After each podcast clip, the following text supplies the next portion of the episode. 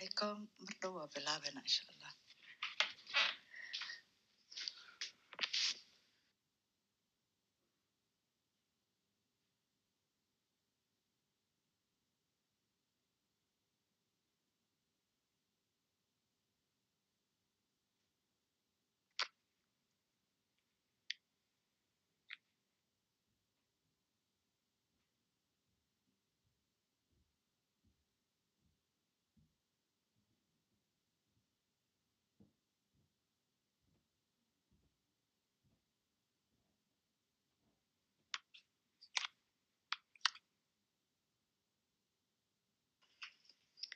asalaamu calaykum waraxmatullaahi wabarakaatu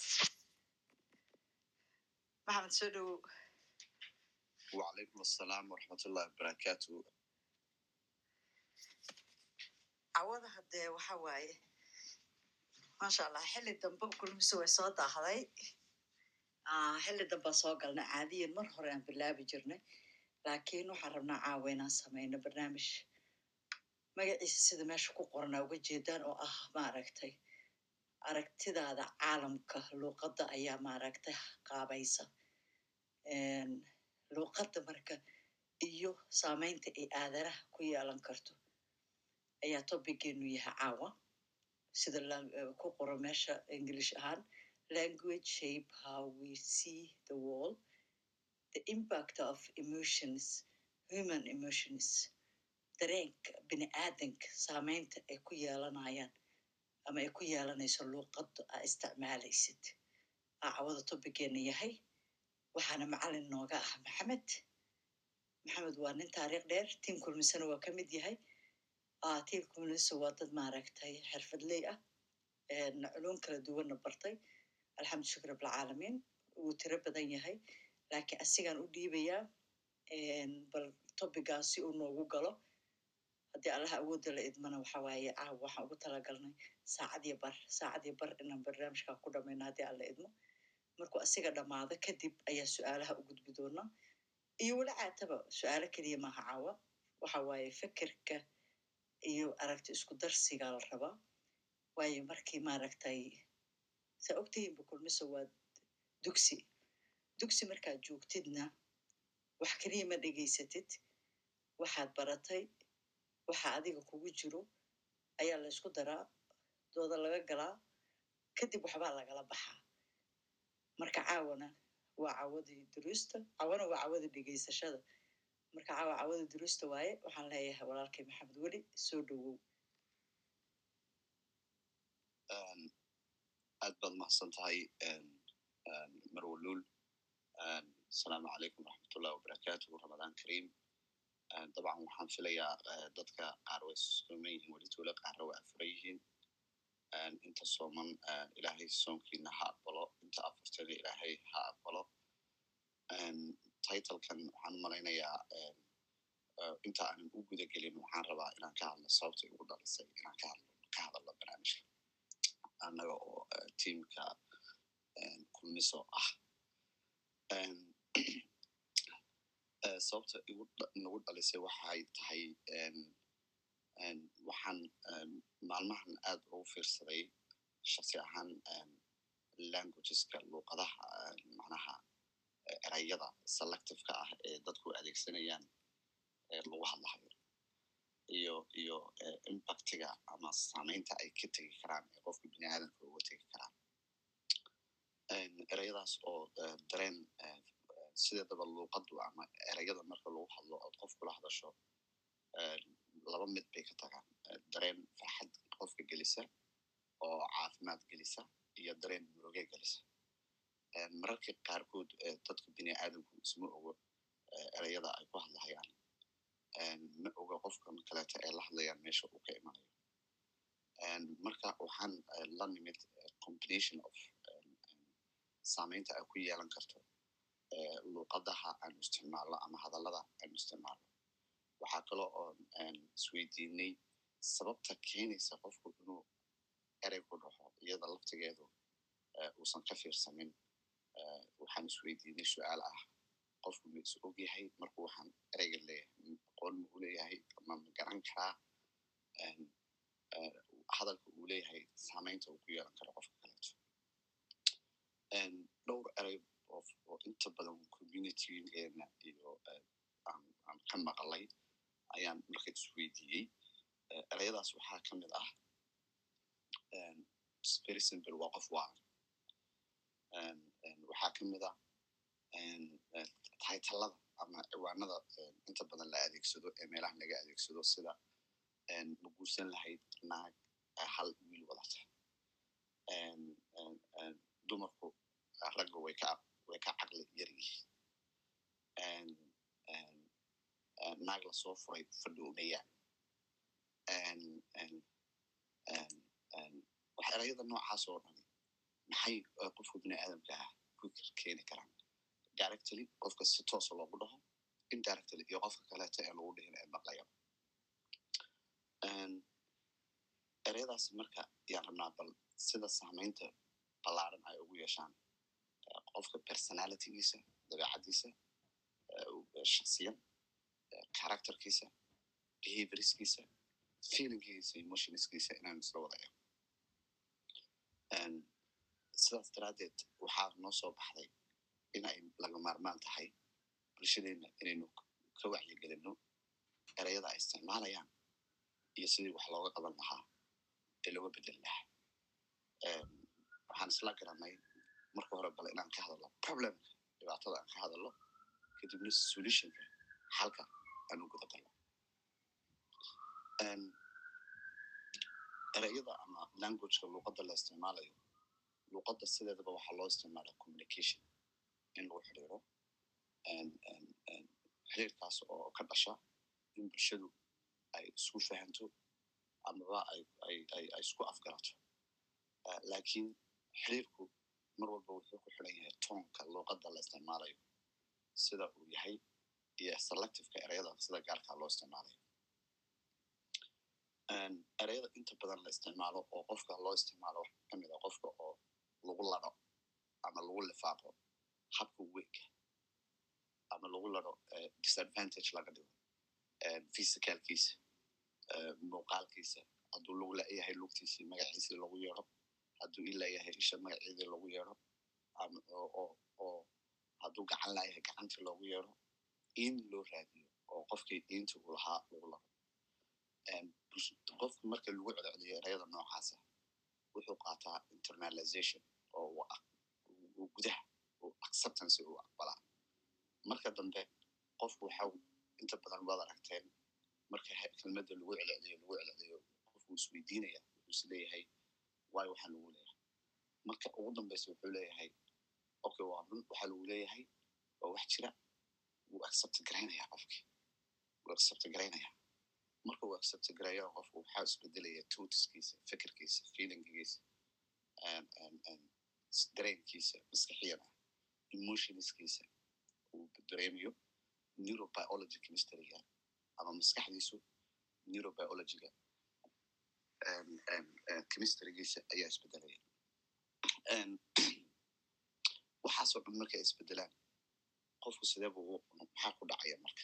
Waa waxyaabaha ugu yar ee rabno inaan maanta ka hadalno. Dabcan waan filayaa meelaha qaarkood suxuur bay u tahay xilli danbay u tahay. Meelaha qaarkood xilli shaqay u tahay. Waxaan rabaa inaan si kooban oo yar aan oga hadalno marka ugu horeysa why we choose specific language maxaynu u dooranaa luuqada gaar ah waa su'aasha aan rabo inaan ka isweydiino marka aad luuqadda doorato gaarka ah ama ereyga gaarka aad selected door bito inaad qofka ku dhaxdo adiga oo tusaalooyinkii aan horey u soo sheegay soo qaadanayo qofka physicalkiisa sida uu egyahay qofku sida uu ama lixdiisa lixaad aad mid kamida aad ku ladho ama agekiisa aad ku fiiriso statuskiisa xaaladda uu ku sugan yahay aad eegto ama raiskiisa raiskiisa ama isirkiisa aad ku ladho isnigiisa aad ku ladho waxa weeyaan qofkaasi emotionally impactiga aad kaga tegayso wuxuu keeni karaa mararka qaarkood xataa inuu qofku ku fekero hadduu iimaan uusan lahayn qawi ah inuu ku fekero xataa inuu isdilo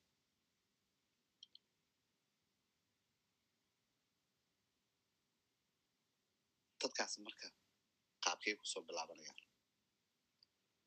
number ko shaksiyaadka ku soo koray nolosha adag nolosha duruufaha adag ku soo koray ama iyagoo ay yaraayeen ay soo gaareen dhaawacyada nafsiyanka ay soo gaareen mar walba dadkaasi waxay ahaayeen kuwo markii horeetaba xanuun badnaa la soo darso.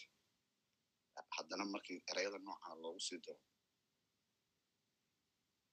dabcan xanuunada ugu dhacaya ee ugu horreeya maadaama ay qabeen personalityga issues fara badan oo dabeecadoodu ay isbedeshay self esteemkoodu isbedelay long time soo bedelay sababta keentayna ahayd severe languagekii ama habkii loola tacaamulay markii ereyadii lagu sii celceliyo dadkaasi xanuunada ku dhacaya waxaa kow ka ah xanuunada guudba si guudba xanuunada mental healthiga disorderka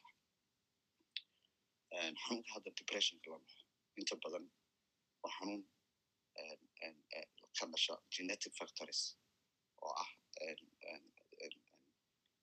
biomedical modelka marka la eego dheecaamada hormoneska changiga isbedela hase ahaatee duruufaha circumstancega social factorieska uu dadka qofkaas ku nool yahayna way keenaan ha noqoto cunsuriyadda ha noqoto saboolnimada ha noqoto social pressureka bulshadu ay dadka ku hayso ha noqoto isolationka takooridda cunsuriyadda waxyaabahaasoo dhan. Marka ma laga yaabaa in adiga oon is ogeyn dhibaatada u geysanayo oo aad qofka ku tiraahdo uu dhaawac maskaxida loo geysto sidina waa gudbi karaa number one. Waxa ugu muhiimsan waxa weeyaan inaad og tahay adugu self awareness aad leedahay. Oo aad og tahay ereyga aad isticmaalayso waxyaabaha u geysan karto. Number two waa in aadan afkaagu hadalkan intuusan ka soo bixin aad controli karto ama aad u fiirsan kartid number three waa in high emotional intelligencegaagu uu mar walba wanaagsan yahay laakiin dabcan waxaan ognahay mar walba emotional intelligencegeenu ma wanaagsan sababtay tahay emotional intelligencegu waa waa waxa nahaga en qofka kaleeto ku akrin karo inagoo on welitooda xaradar inaga soo bixin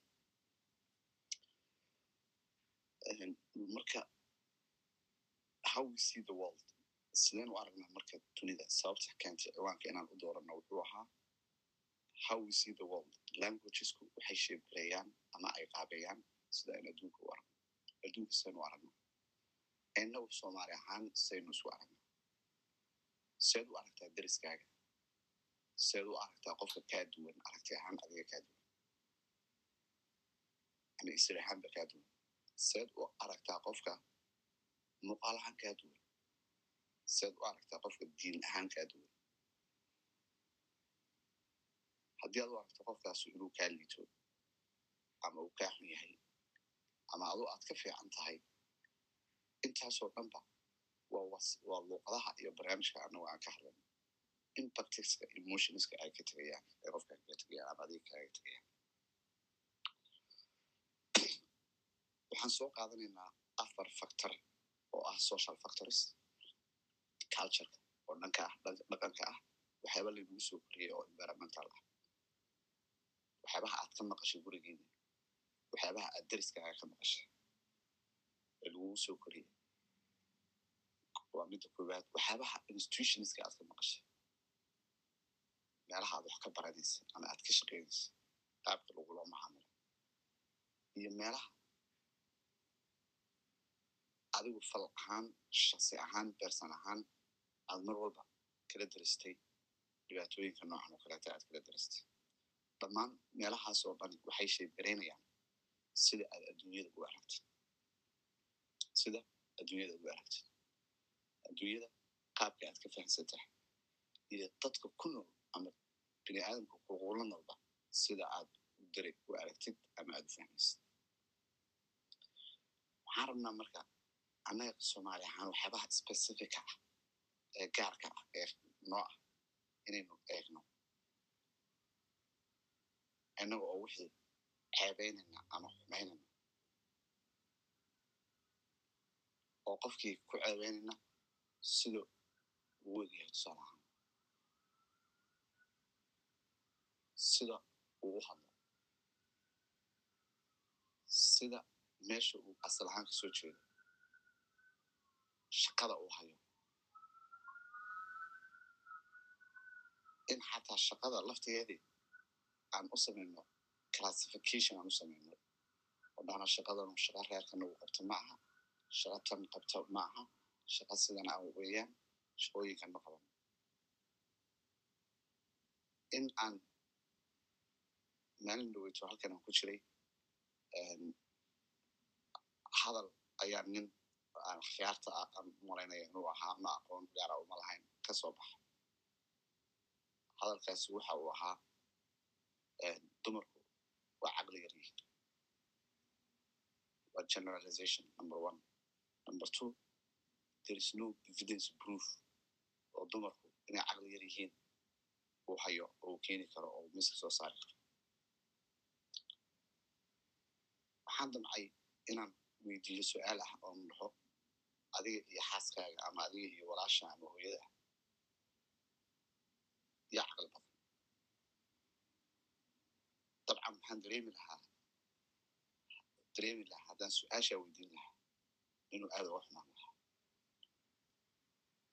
haddana waan ka aamusay sababto ay tahay waxa aan ka hadlaya hadda laftigeeda yaa qaban lahaa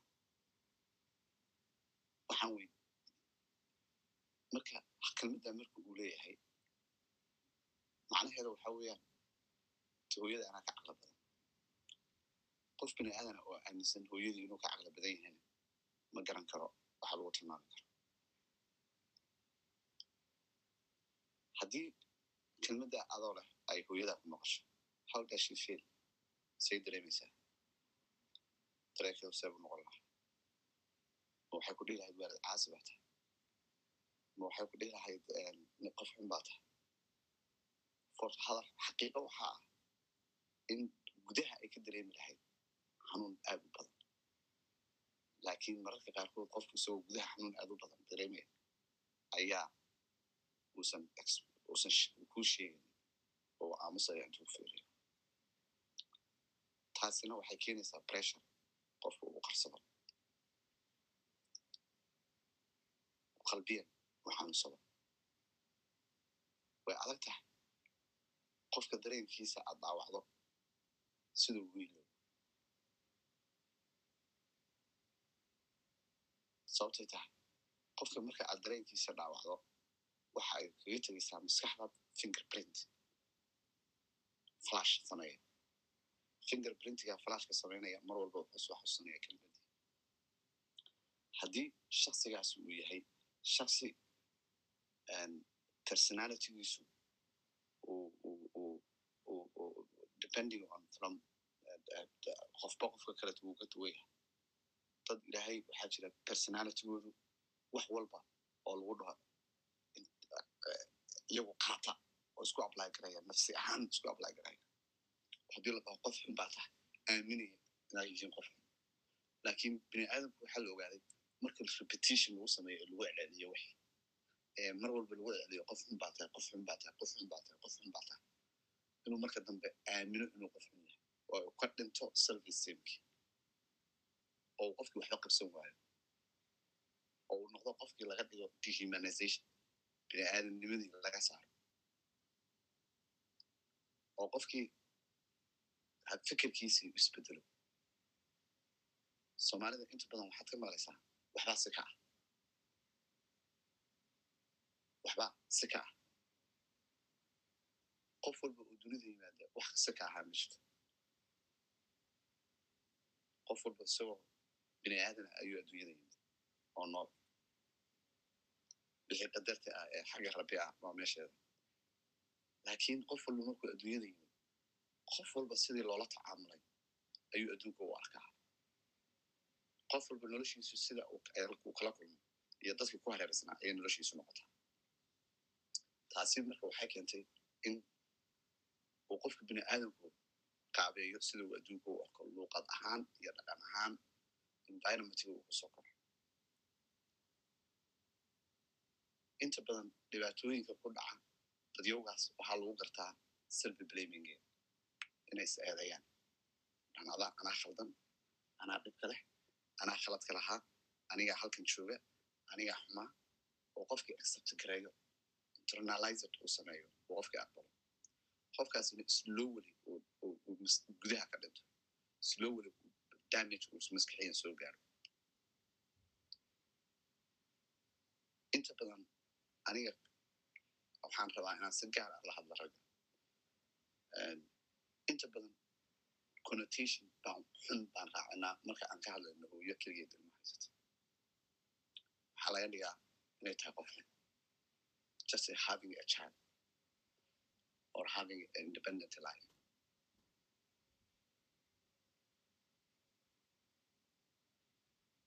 iyadoo laga yaabo markii horeto inay dhibaatadii ay ay haysatay ee nolosha ahaa ee adkaa saboolnimada ahaa ama cultural barrierka ahaa ee dhaqan ahaan wadamadan aan ku noolahay mar loo arko inay tahay muslim mar loo arko inay black tahay mar loo arko inay ay tahay qof aan aqoon lahayn haddana communitygeedii laftigeedii ay kala kulanto languages aad u xun ay kala kulanto oo la level gareeyo statuskeeda lagu level gareeyo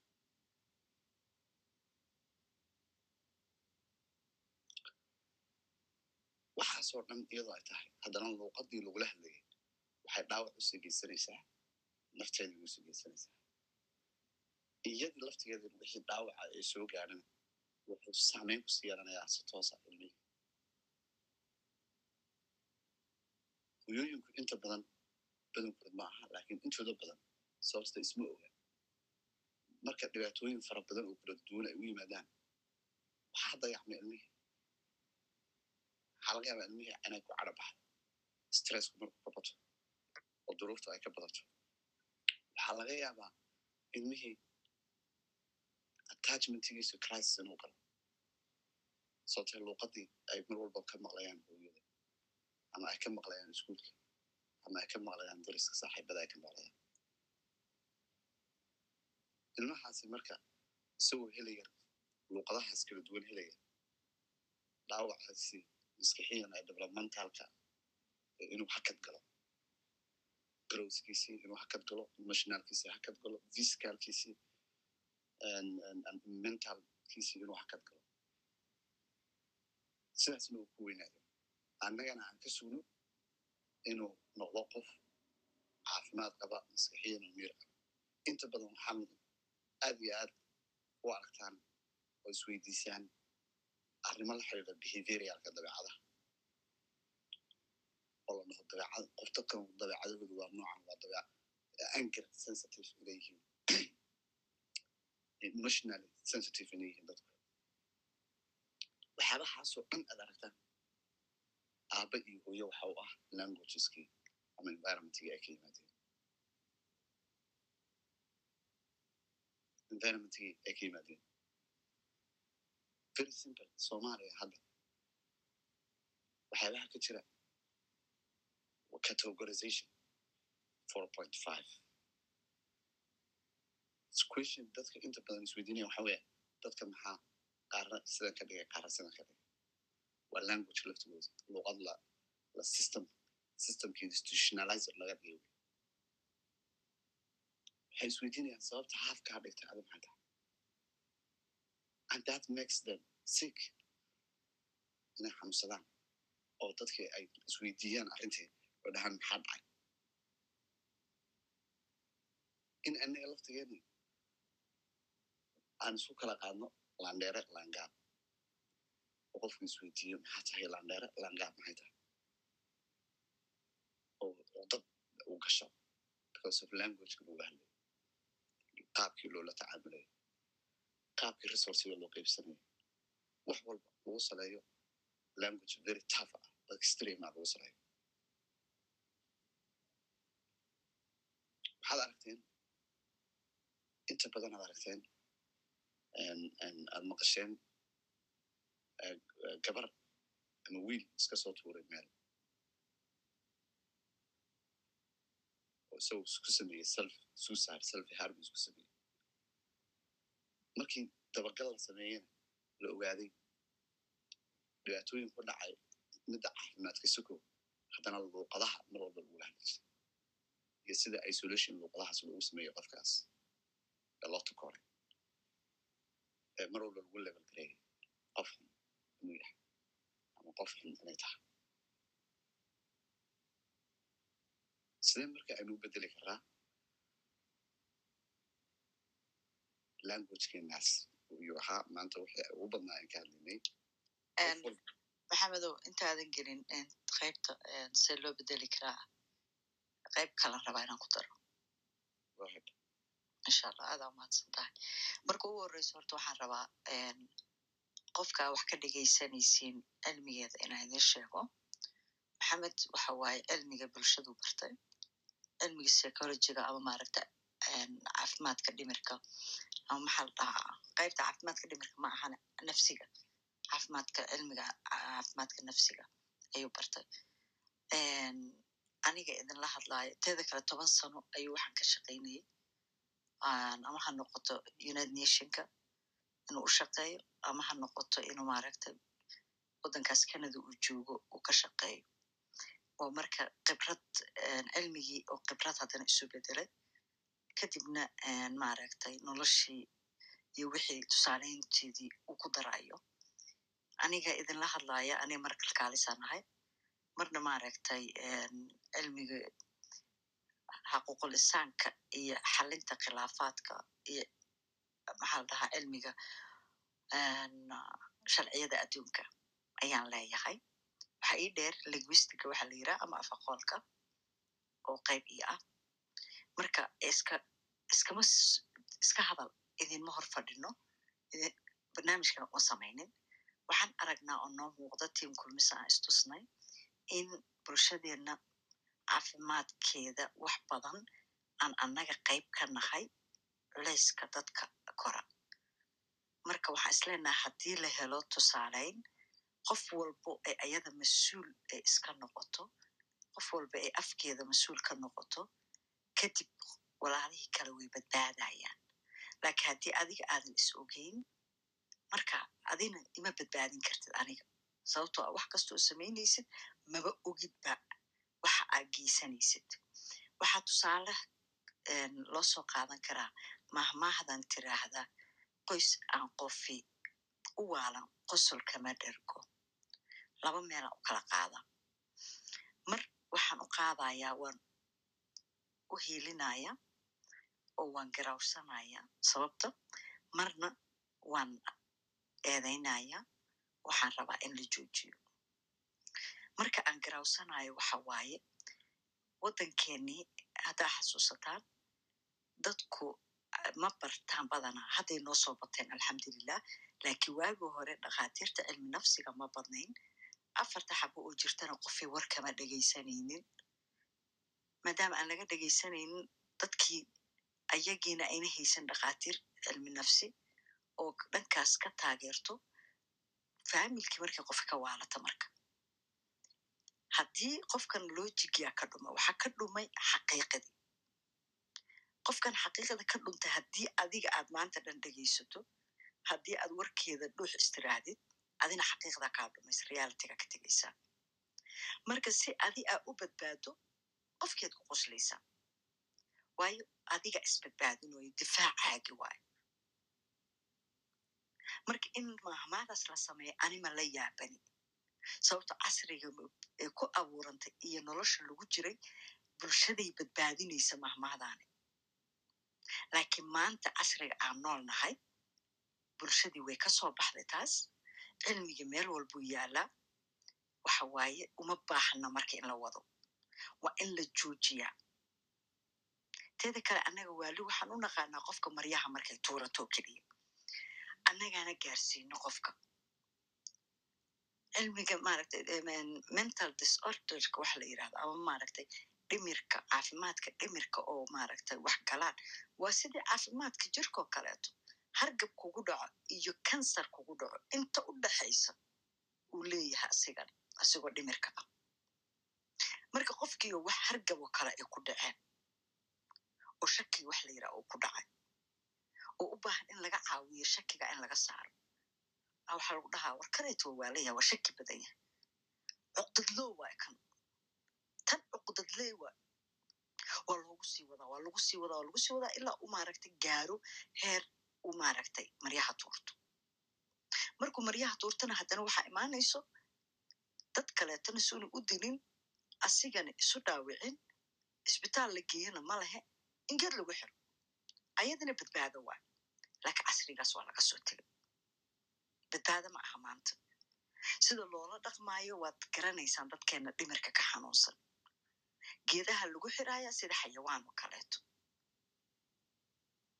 runtii sawirka ii muuqdo laabtaydu gubaaya marka dhankaaseeto waxa waaye afkeenna inaan mas'uul horta ka noqono mahmaahooyin badan insha allahu tacaala habeenka arbacada ah tobiga dhana ahba mahmaahooyinka fiitada leh inaan kala saarno oo kala shaandhaynaan rabnaa kuwa dhaawaca geysanaya la baro dadka la tuso si looga dhex saaro luuqadda haddii allaha awoodala uu idmo waxaa kaleeto hadeertaa noo soo biiray dagaalkii markuu dhacay kadib waxaa jiro wax walba oo qurux badan ereyadii loo isticmaalayo waa laga guura waxaa loo guuray ereyadii xumaanta loo isticmaali jiray ayaa waxaa laga dhigay kuwii wanaagga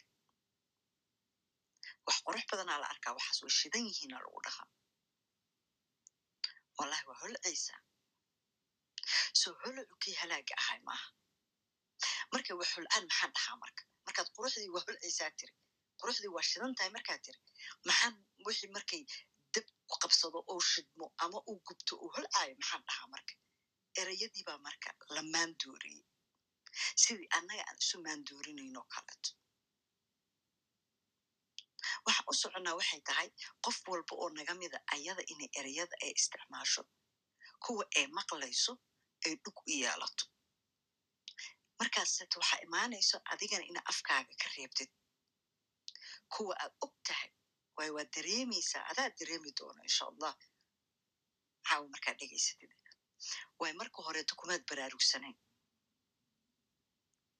Caafimaadka dhimirka marka la yiraahdo waxaa jiro qayb ka mid ah oo ah qofku inay maanta dhan nadaafadku ay ku waalato. Gabadhi waxaa ku dhexaysa inay maanta dhan wax tirtirto. Inay meel ma arki karto meel yar oo bus yar ay ku taalo. Maanta dhan waxay dhaqe maanta dhan waxay dhaqe maanta dhan waxay dhaqe dhulka ha noqoto derbiga ha noqoto. Caawimaaday u baahan tahay daaway u baahan tahay waxay u baahan tahay wax fadhiisiya xasiliya xasilkii ha ka dhumo instead amaana looga dhiga waxaa leeya oy gabadhaas waa gaariyad gabar ka gaarisan adduunka ma noola. Inta caawimaad heli lahayd waxa waaye wixiyaa lagu sii badina. Culaysaa loo sii kordhinaa wiilka naftarkiisa sidoo kaleeto. Ma asigan dhinac kale waxaa la dhahaa gaari waayo ma la dhahaayo asig. Waxaa la dhahaya war ninkan inta naagmiya asig. Tirtir badana maanta dhan. Muxuu laha tirtira war naga fariiso so labadooda midba meel calanka loo saaraya. Waana bini aadan ilaahay culays yar ku soo kordhiyey annagana nogula itixaamaya garab joogno caawimaadna u baahan.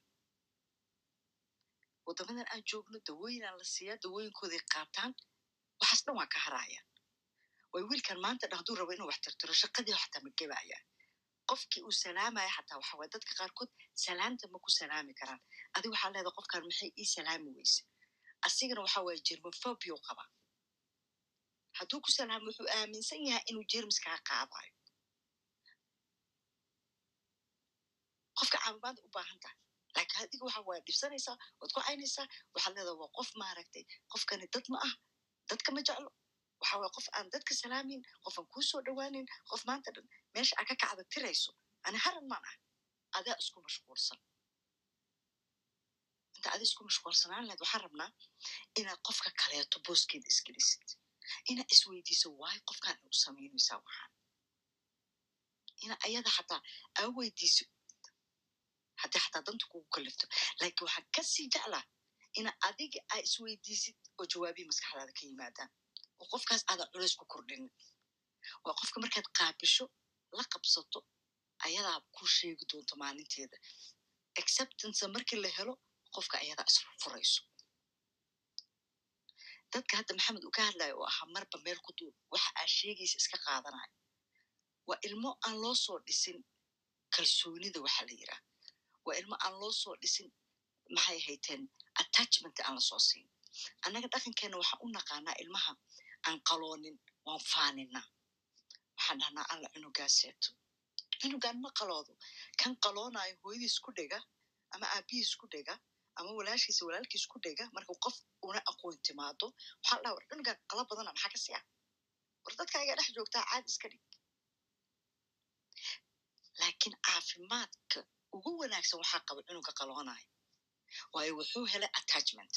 Xiriir dhow uu helay oo qofkaas uu ku dhegaayo iyo kalsooni ku qabaa qofkan cusubna ma yaqaano ilmahaas berrita wuu isbadbaadinayaa qaladna ma laga geli karaa xataa. Wuu iska qabanayaa qaladkii. Laakiin kan aan qaladaba aana xiriir dhan aan la helin dadka uu la nool yahay. Ee aan qaloonayn meel walba ku dhacaya waa midka meel walba loo qaadayo hadhowti hir walba wuu la socdaa wax kastoo ku dhacana adigii barbaariya mas'uulka ah ilahay ka sugo ilaa uu shan iyo toban sana cunugan ka gaaro waalidkiyaa mas'uulka ah cilada kaleeto ayadana jirto marka ilmaha ay noqoto dhankaas aan tegaynaa waxay tahay hooyadii iyo aabbaha dhalay ee mas'uulka ilaahay uga dhigay mas'uuliyadoodii waxay qayb kaga dhigeen macallinkii iskoolka cunugii waxaa la dhahay aabbaha iyo hooyada ho kale waay macallinkii iskoolka yes waa xurmo uy wanaagsan tahay wuuna yahay macallinkii laakiin qayb uuna lahaynaa jirto cunugaas inuun waxba ku samayn karin dhibaata ah taas maya waalidnimada kaba mid ah waalidka dhalan ku samayn karin macallinkan ku samayn karin laakiin annaga ilmaheena macallin dugsiya loo geynaa sow rabo u garaacaya hadhowtiin maxaa la dhaha lafaahisa ha jebin jirkiisa waxaa rabta ku samayn cunugaas hada maxaa marka masiixiyan ku soo kordhaya waxaan u baahannahay luuqadeenna inaan dib u fiirino maskaxdeena inaan dib u fiirino annaga inaan isxisaabino.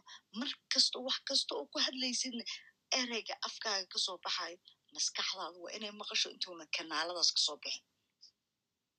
Marinadaas uu soo maraayo intuuna soo gudbin una afka banaankiisa ka imaanin aad aan u jeclaa mahmaada tiraahdo afdaboolan dahab sababtoo intuu afkaaga xiran yahay wanaagaagaa badan markuu afkaaga furmana waa inay maskaxdaada iyo isla socdaan dareemadaada waa inay isla socdaan jawiga aa ku jirta iyo dadka kugu heeran kadibna markaaseeto ay tagto maxamedaan ku celinaa maadaama xalka aan gaaray markaan maxamed waa mahadsantahay ku qabso aad baad mahadsan tahay lul waxyaaba badan oon rabay inaan ka hadlo aad ka hadashay marka thank you. waktiga waan soo gaabinayaa dhankayga waxaan rabaa waxyaabihii aan ka soo horay oga soo hadlay iyo lul ay ka hadashay bal sida maskaxda bini aadamka ay u sheeb gareeyaan inaan saddex qaybood keli ah ka eegno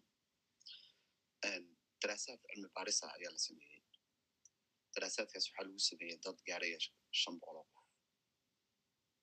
oo inta badan ah dadka laba boqol iyo konton waxaa ahayn dad loo maleynaya aan dhihi karaa anugu inay ku soo koreen meel environmentgeedu uu ahaa very friendly sax environment degan oo oo nolol fiican ay soo heleen iyo dad dhibaatooyinkan hadda aan ka warramayn ay saameeyeen noloshooda ay soo saameeyeen ay ku soo dhaceen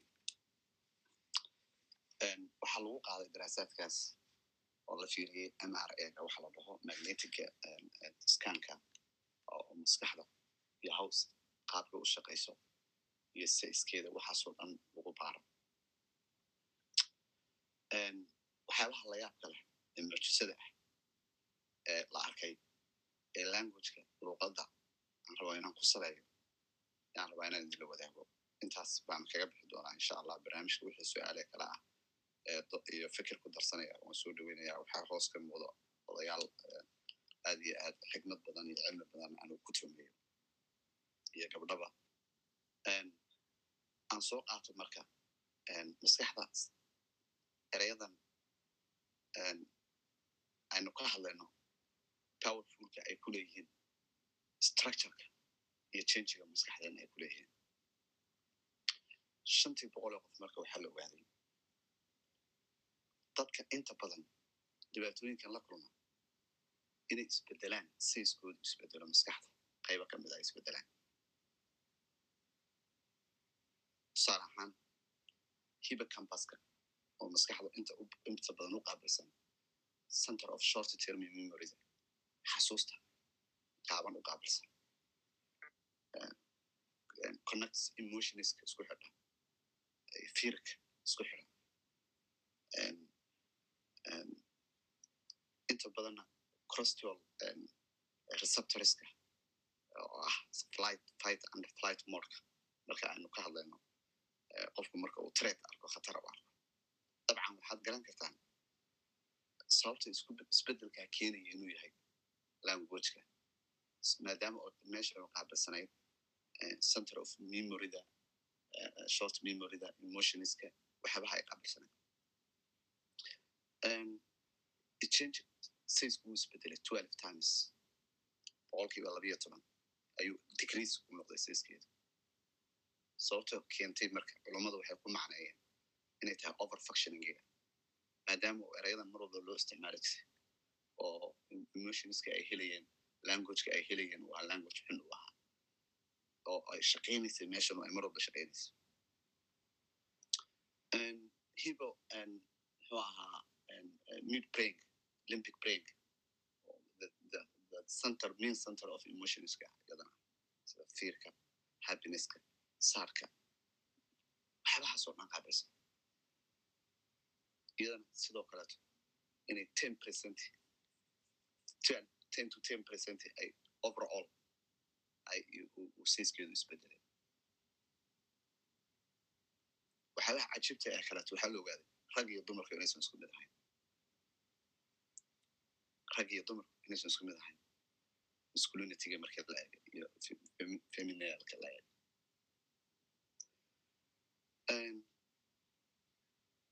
dabcan waxaan fahmi karaa cilmi ahaan ama logic ahaanba sababta dumarku ay uga sii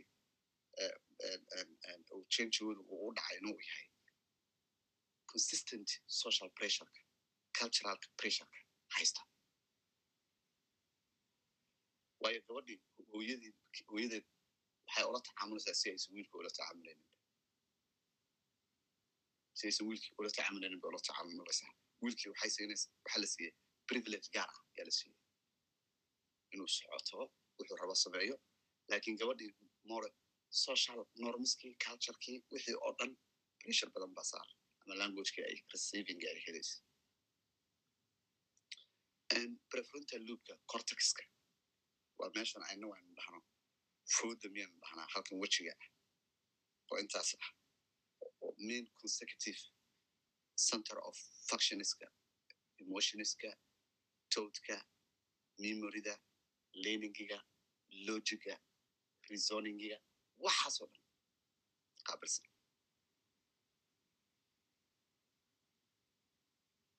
iyadana waxaa la ogaaday waxaasoo dhan inay isbedelaan haddii meel yar aan marka idinka tuso maadaama oo meeshaasu isbeddel uu ka dhacay waxaa isbedelaya waxii ay ka shaqeynayso o dhan oo ahaa fakerkii dareenkii xasuustii garashadii cognitivekii wixii o dhan baa isbedelaya marka waa meelaha marka aan eego aan dhaho dadku sababta ay u dhahaan waxbaa hebel si ka ah ama heblaayo si ka ah ay u dhahaan they don't know where this person came from. ama noloshiisa qofkan uu soo arkay bini aadamka uu soo arkay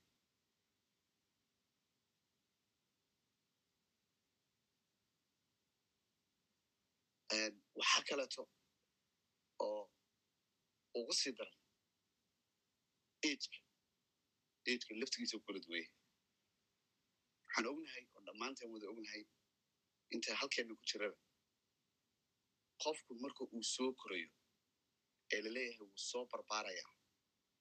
Oo barbaarintiisiibuu ku jiraa xilligiisi uu ku jiraa inay tahay the most critical time ay tahay. Ee maskaxduna develop garaynayso in adulthoodka qofku markuu weynaado maskaxda welitooda way develop garaysaa qaybo kamida gaar ahaan hiba campuska welitooda waa qaybta keliya ay sii weynaatay ay sii kortay. Inta kaleo dhan waxa weeyaan agekaas ku wada xidhaya maadaama marka qaybtaasu inagu age ahaan ay dadku soo korayaan su'aasha aan rabno inaan isweydiino waxay tahay what language? Oo qof walba oo halkan ku jooga uu helay marka uu yaraa uu soo korayey waxaynu helnay language caafimaad qabta waxaynu helnay language wanaagsan mise language aan wanaagsanayn oon caafimaad qabin baynu helnay depending on that marka intan oo dhan hadda ka soo hadlay mid brainka limbic brainka hiba campaska hoos ima profrontal cortex loopka intaasoo dhan saameyntoosay ku yeelanaysaa marka this is ujeeddada ugu weyn aan topican maanta u samaynay kaas waa aha these languages they don't only change. Physicalkeena laakiin they directly change about all chemistrygeena brainkeena structurekiisa ayaa change garaysaa sidee marka annagu dad bini aadama haddaynu nahay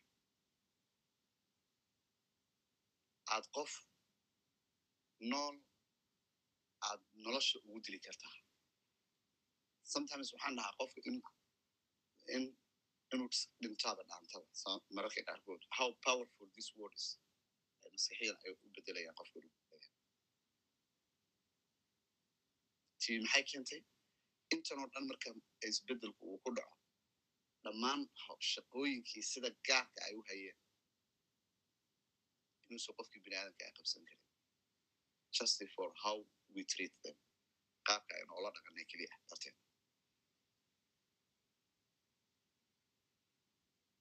Marka dadki ma og yihiin marka? Ma og yihiin waxa ay samaynayaan ama ay ku hadlayaan impactiga ay leedahay ama dhibka ay leedahay.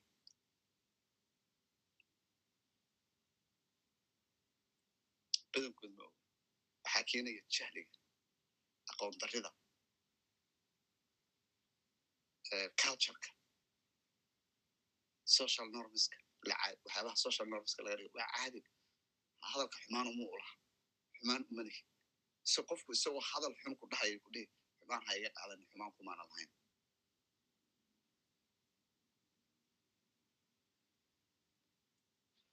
Waxaasoo dhan marka waxaa ka dhashay oo oo dhammaantood ka wada dhashay xanuunadan faraha badan ee dhimirka ku dhaca eed arag aynu maalin walba aragno aynu maqalno. I believe waxaan aaminsanahay. Markii laga yimaado colaadaha iyo displacementiga dagaaladii waxaan tegey more than sideed xero oo qaxooti ah ayaan tegey. Soomaaliya ku dhex yaalla ethoopia sudan libiya masar. Dadkaas qaarkood xabadda iyo qaxootinimada ka soo qaxay waxaa oga sii daraa dhibaatooyinkii marka ay yaraayeen ku dhacay ee uga yimid society uga yimid. Languagekii ay helayeen ay ku noolaayeen day to day ay ku noolaayeen. Waxaa isugu darsamay tii oo meeshii taalla iyo tii kaxa iyo dhibaatada oo meesha taalla. Ha noqoto exploitationka sexual exploitationka ha noqoto dhibaatooyinka cunfiga oppressiveka ay lagu hayo injusticeka cadaalad darrida ereyada waxaasoo dhan ee lagu hayay haddana colaadii ugu sii darsantay. Xanuunadii marka waxaan oo dhan productiga ka soo baxa ee dhibaatooyin ka soo baxa waxay noqdeen xanuuno aan la nool nahay oo la socono oo ah p t s d ga post traumatic disorderka traumada depressionka anxietyga bipolar. Xanuunadan aad maqlaysaana midba mid kalu isku sii dhiibaya sometimes. Bipolarka neniyada waxaan oo dhan isku sii wada waxee isku wada dar. Waxay noqotay how we get languageka aynu ka helo iyo commun environmentiga impactiga aynu wada waxa marka ugu wanaagsan ee anigu aan tala ahaan soo jeedinayo waxa weye don't hurt if you can't help them. Ha dhibaataynin haddii adan caawin karin qofka bini aadamka oo luuqadda aad kula hadlayso aad aad iyo aad uga fiirsatid. Waan dareemi karaa bini aadamku marka ay cadhoodaan ay xanaaqaan ma controli karaan emotionkooda laakiin mar walba inaad emotionkaada controlshid oo luuqadda aad ku hadlayso controlshid waa wax ku xiran laftigeeda dadkan hadda aan ka hadlayno qaarkood luuqadooda ma controli karaan emotionkooda sababtay tahay qaybihii maskaxda een ka soo hadalay oo ahaa qaybihii decisionka samaynayay qaybihii languageka selective ku samaynayay qaybihii waxaasoo dhan dhaawac baa kaga jira marka saas darteed maadaama uu dhaawac kaga jiro ma controli karaan marka waxaan aad iyo aad marka u soo dhoweynayaa inaynu hello grassroot social movement.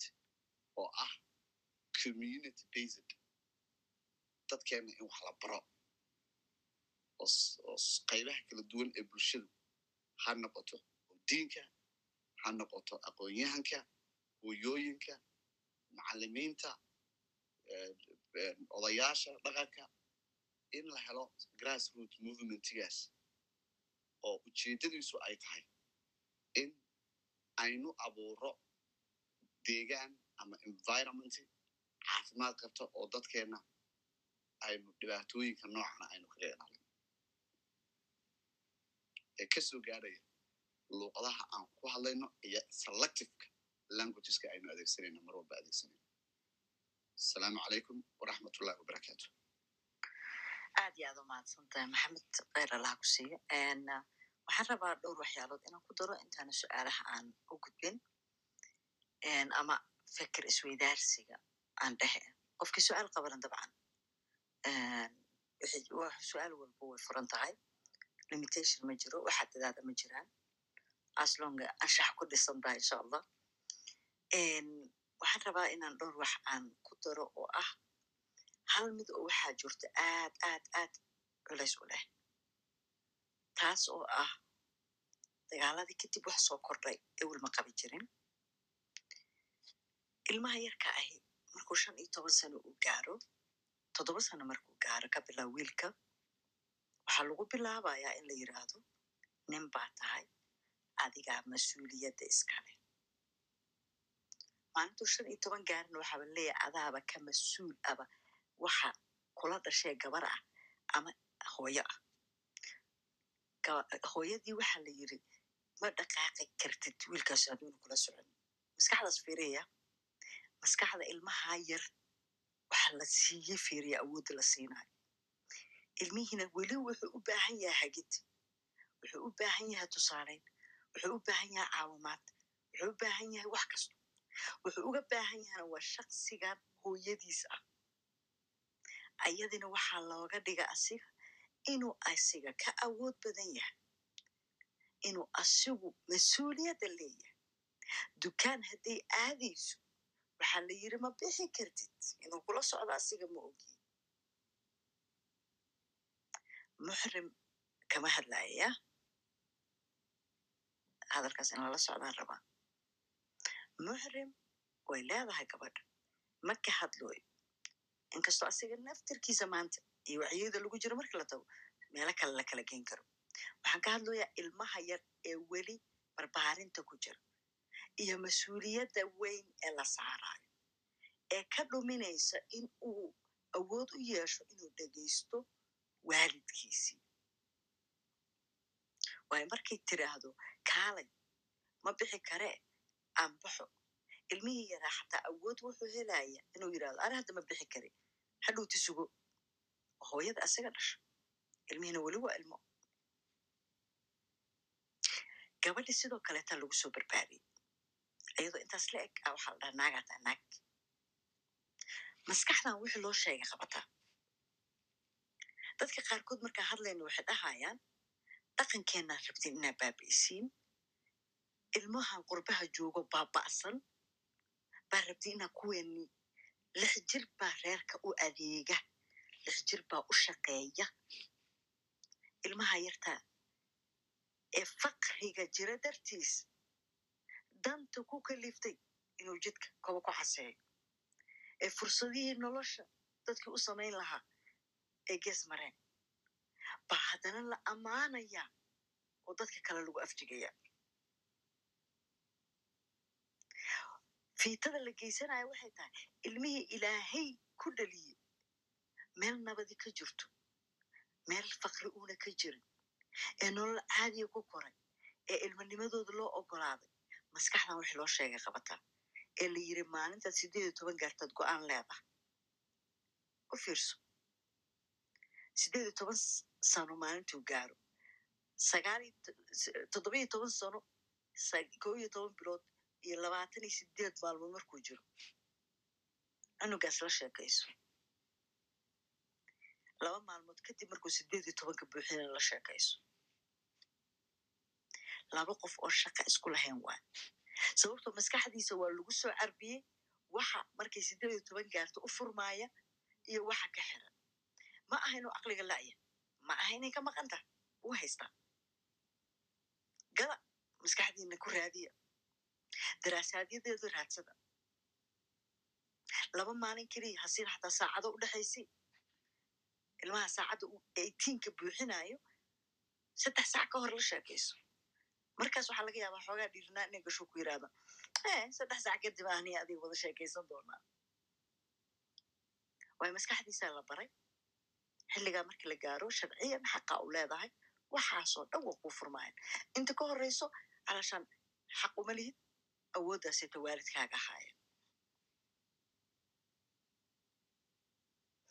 aniga maqaal aa qorayaa jiro oo magaciisa la yiraahdo da'da baaluqa iyo qaangaarku waa kala laba waxaana qoray weli caataba markii wadaadadeenna ee saxuufiyiinta ah waxaan walaalaheen idiin sheegayaa markaan dhameeyo su'aalaha aan furo gacmaha ayaad helaysiin waxba gacan haddaan soo taaginina fadlan waayo waxaad dareemaysaa inaan lagu soo qabanin gacanta markaad soo taagato welina lama gaarin annaga hadalka wadna waan ku imaanaa insha allah haddii allah awooda loo idmo waxay ahayd wasaaradda haweenka ayaa waxay soo diyaarisay sharci jandarka ah sharcigaas xukuumaddii way soo ansixisay baarlamaankaa la keenay baarlamaanka markii loo keenay culummadeenii marjici culummada ayaa soo istaagay bares conferencey qabteen alashaan shir jiraa'iday qabteen. Waxay dhaheen annagaa la rabaa inaan la gaaleeyo haddaana la leeyahay gabdhaheeni saddex dhalka ahaa waayo siddeed iyo toban jir saddex dhalahaa joogta eh. In la yidhaahdo waa carruur. Waayo siddeed toban sana ku qorayd qofkaas hadduu maskaxda igu jirto isku maqli lahaa wuxuu geli lahaa kursiga hoostiisa wuu xishoon lahaa waayo waxa uu u doodayo u cararayo asigoo konton jir ah waxa waaye gabar siddeed iyo toban jir ah saddex dhal uu ku faanaya uguna dara hadday rabto waa furan tahay waa garoob kan guursadoo furayna ma aha siddeed iyo toban jir kaleeto shan iyo toban jir shan iyo toban jir guursada ma ahayn weli yaa arkay shan iyo toban jir shan iyo toban jir guursada. Weli yaa arkay lix toban jir lix iyo toban jir guursada. Weli yaa arkay toddoba iyo toban jir toddoba iyo toban jir guursada. No ma dhacdo. Ma dhacdo. Labaatan ka bilow ilaa lixdan ku gey. Way wax guursanaya gabdhihii ayagoo saddex iyo toban jiro ayagoo afar iyo toban jiro ayagoo shan iyo toban jiro ayagoo lix iyo toban jiro waxaan haynaa gabdho kafkooda isku go'ay sababtoo ah ilmaa calooshoodii galay ilmihiina awooddaase jirkeedii ma gaarin physical way baaluqdahaa laakiin ma gaarin haddana. Marna cilmi waaye marna hadal waa hadalkaas uu saas ku leeyahay gabdhihii meeshaa ku noolaa wuxuu ka dhigayaa labayo toban jir baa ismooda naag inay tahay. Gurigaa looga bilaaba hooyadeeda qayb ka ah. Cuntada maanta hadday gubto waxay leedahay. Cuntada samaysa maxay ayaa ku guursanaya jaaba maskaxdeedii dhanba waxaa laga dhigay. Waxaa tahayba malaha adiga. Hooyadaasina ma oga waxay samaynayso. Doodaha markii la gelaayo waxay moodaan dadku in ragga iyo dumarka ay sheekadu taa no mujtamaca soomaaliyeed waay. Ragga iyo dumarka ma ah waa dhaqanka habdhaqanka labadaba dhaqanka iyo habdhaqanka waxaan idinka codsanayaa markaan meeshaa furno si dadkeenii maskaxdooda ay u gasho haddaad su'aal qabtid waadna weydiin kartaa haddaan kugu dhaanno waa kaaga jawaabaynaa laakiin qolka caawa waxaa u jeedaa in wax laysku dhaama ayna jirin waxaa moodaa inay isugu yimaadeen miidiis dadka waxaan ku faraxsanahay inaan duubayo oo barnaamijyada kulmise ka baxo bodcastiga ku baxaan bulshadu way gaarayaan marka farxaday gelinaysaa intiinaas ii muuqata oon ogahay shaksi shaksi oo aqaano cilmigiina iyo khibraddiina aan ogahay inaa caawa joogtiin. Waxaana rajaynayaa in aad badankiin aad soo kortaan adigoo waktiga maaragtay ka faa'iideynaya bulshada u faa'iideynaya aad meelahan ka taataabano meela aan ahayn ka taataabataan. Waayo hoga tusaalayntu casharaday ka mid taha qofka marka hoga tusaalayn la siiyo fursaday siinaysaa. Hal dhinacna ma aha bulshadoo dhanaan rabaa in la daweeyo annagaana isdawey karna ilaahay ka sukoo waa israaqadda ilaahay wuu qoray haddana waxaa laguri lugahaaga dhaqaaji. Ficilay rabtaa without ficil ficil hadduuna jirin wax ku imaanaya ma jiraan. Ilaahayna wuu awoodaa dharka inuu kaaga soo daadiyo. Dahab iyo dunyaba laakiin adaa lagu dira. Anaa la ii dira. Qofka ugu horreysa gacanta u taagantaan soo qabana insha allahu tacaala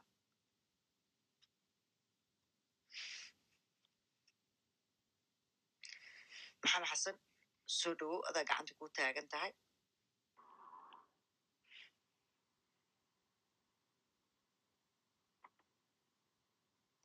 walaal waad soo kortay waana ku siiye qabso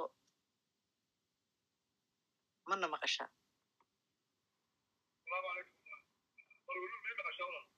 codkaaga wuu naga fogaya haddaad soo dhowaan karta way qurux badnaan lahayd hadduu dhagaha kuugu jirna ka saar badanaa saasuu sameeyaa kalabaas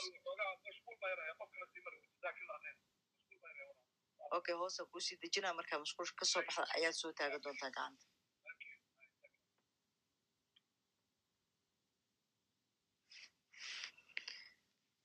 aadaa umahadsantihiin kole qof kale gacan u taagantaha ma jirto anii maxamedaa sii wadanayna intaas markii saacaddeena la gaarana waan ku dhamaysanaynaa okay adeer sacid soo dhowo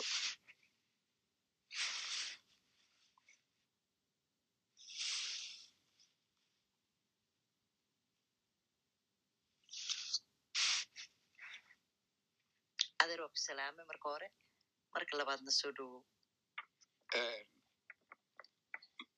marka hore sidaad sheegtay madasha qadarinta iyo maamuuska mudan aad iyo aad baan u salaamaya taas waa marka hore tay xigta waxa weeyaan waxaan mahad weyn u celinayaa maxamed iyo luul maxamed cawaale iyo luul cilmiga qiimihiisa iyo anfaciisu wuxuu mar walba aynu ku garannaa oo inuu ku baxaa danta weyn weyn ee aynu hawlaheenna ugu fushanno mar walbana sida ugu habboon ee ugu qurxoon ee la isku gaadhsiin karaa lagu kala korsan karaa waxa weeyaan marka dad eebaheen sad wanaaggaas ku igmaystay oo ku maamuusay sida haddeerto maxamed cawaley iyo luuliyo ay iyagu dad u kuurgalay soo bartay ku dadaalay isku tacallujiyey taklifadii oo hawl weyn u galay marka ay soo jeedinayaan. Inta kalena ay ka dhegaysanayso oo ku maalayso maskax fiyow iyo caqli degan oo wax kororsanaya. Intaas waa in guud oo iga salaan iyo bariida kal iyo laaba. Waan madasheenna aan jeclahay u soo jeedinayo in yar kolkaa haddaan ku darsado waxaan arkay gacmihii dadka meesha jooga. Inta badan waan la kulmaayo halkan dee sariirtaydan aan jiifo aan iskaga yara bukaan socod baan ahayo baan kala socda oo kasta magacyadu ii wada cadcadyihiin ma maxamed ba ma najma ma hani ba ma faaduma ma cabdillahi cali sidi ma amira mana gidi waan wada aqaan halka horkaasaan kala socdaayo aad baan ugu diirsaday habeen walba markaan kumca shuyuukhdeenna iyo inteenna kale o dhan haddeer kolka haddaan in yar oo ereyahoo kooban uno waa ku darsi ee su'aalaan idi weydiinayo maaha ku darsigaygaas waa maxay afka afka lagu hadlaa sida uu nolosha bulshada u saameeya waxa weeyaan si aad iyo aad u weyn labadeeda dhinacba dhinaca waxtarka leh iyo dhinaca waxyeelada leh dhinaca waxyeelada leynu iminka ka sheekaynay ee dhaawaca weyn geysataa waa dhinacii aydin qaadaa dhigayseen ee aydin u kuur gasheen cilmigii aad soo barateen idinkoo la kaashanaya cilmigaas waa maxay? Cilmigaas waxa weeyaan si yardaan u soo urriyo sidaydin u sheegteen cilmi nafskii uu haddeerto maxamed cawaali kala dhigdhigayey iyo human rightskii iyo cilmilafeedkii iyo bulsho shaqayntii iyo danaha ma garatay bulshada ama haadoo dhadigaado ama laba haadee wada shaqayntooda iyo wada jirkooda ay luul mar walba ku hawlan tahay kolkaa waxaan leeyahay afkaa lagu hadlaa ereyadaa laysdhaafsadaa ee ka bilaabmaya guriga ee hadhowto tegaya dugsiga ee hadhowto tegaya shaqada ee hadhowto tegaya fagaaraha laysugu yimaado ee hadhowto tegaya qalabka warfaafinta ee meel walba laga maqlayo ee hadhowto ka sii gudbaya ee tegaya goobaha lagu nasto ee murtida iyo maaweelada. Wax soo midhan ereyada iyo hadalkaa laysdhaafsadaa mar walba wuxuu leeyahay saamayntiisa dhinac aynu haddeerto a wada sheegteen oo ah marka aan loo fiirsan ee aan laga fiirsan ee laysaga arko inuu wax fudud uu yahay oo bulshadu iska wadato iska wada garanayso dhaawaca uu qofkaa ku reebayo weliba markuu yaraanta la soo koro ilaa markuu weynaado dhaawaca uu ku reebaya waa dhaawaca mar walba ku sii hadha bulshadaasi markay sii socotoba waa cudur la soconaya oo mar dambe ay keenayso niiftiisu ay keenayso dhibaatadaas. Intaas markaan hadalka la hadlayo ee languageka afkaa sheego ayaan odrhanayaa oon leeyahay cilmigana horta aynu sheegaynaa waa cilmi cusub yani waxaa sheegaya psychologyga iyo psychiatriga iyo linguisticska iyo philologyga iyo social mar scienceka iyo intooda oo dhan markaynu eegno macaa kutubtan laga barto macaa dalalkan iyo dunida tan haruu maray macaa jaamacada tan aynu ka soo baxayno marka aynu eegno iyaga laftooda ayuu ku cusub yahay oo waxaad moodaa boqolaalkii sane u dambeeyey mooyaane hore inaanay u jiri jirin ee dadku ay ku hawlanaan jireen waxyaalo kale oo nolosha magaratay ugaga muhiimsan ugaga muhiimsan markaan le waxa weeyaan meeshii la degi lahaayo gurigii la hesaxan lahaayo cuntadii la cuni lahaayo caafimaadkii la heli lahaayo waxaasoo ka sii horreeya baa marka kan dambena kolkaa hoos loogu soo dhaadhacay in siduu ilahay madaxiisa raje maxamed cawaalo iminka sheegayay iminka in loo soo jeesto in la derso maskaxda bani aadmigu intay u kala qaybsanto iyo qayb waliba howlaha ay u xil saaran tahay oo inoo kala dhigdhigayo dee magelayo waa cilmigii uu garanaya isagu soo bartay. Anigu kolkaa inta keliyaan kaga baxaya iminka waxay iigu muuqataa inay tahay afku cidle kama yimaado. Afku mar walba wuxuu la dhashaa la koraa la jaan qaadaa bulshada ku hadlaysa.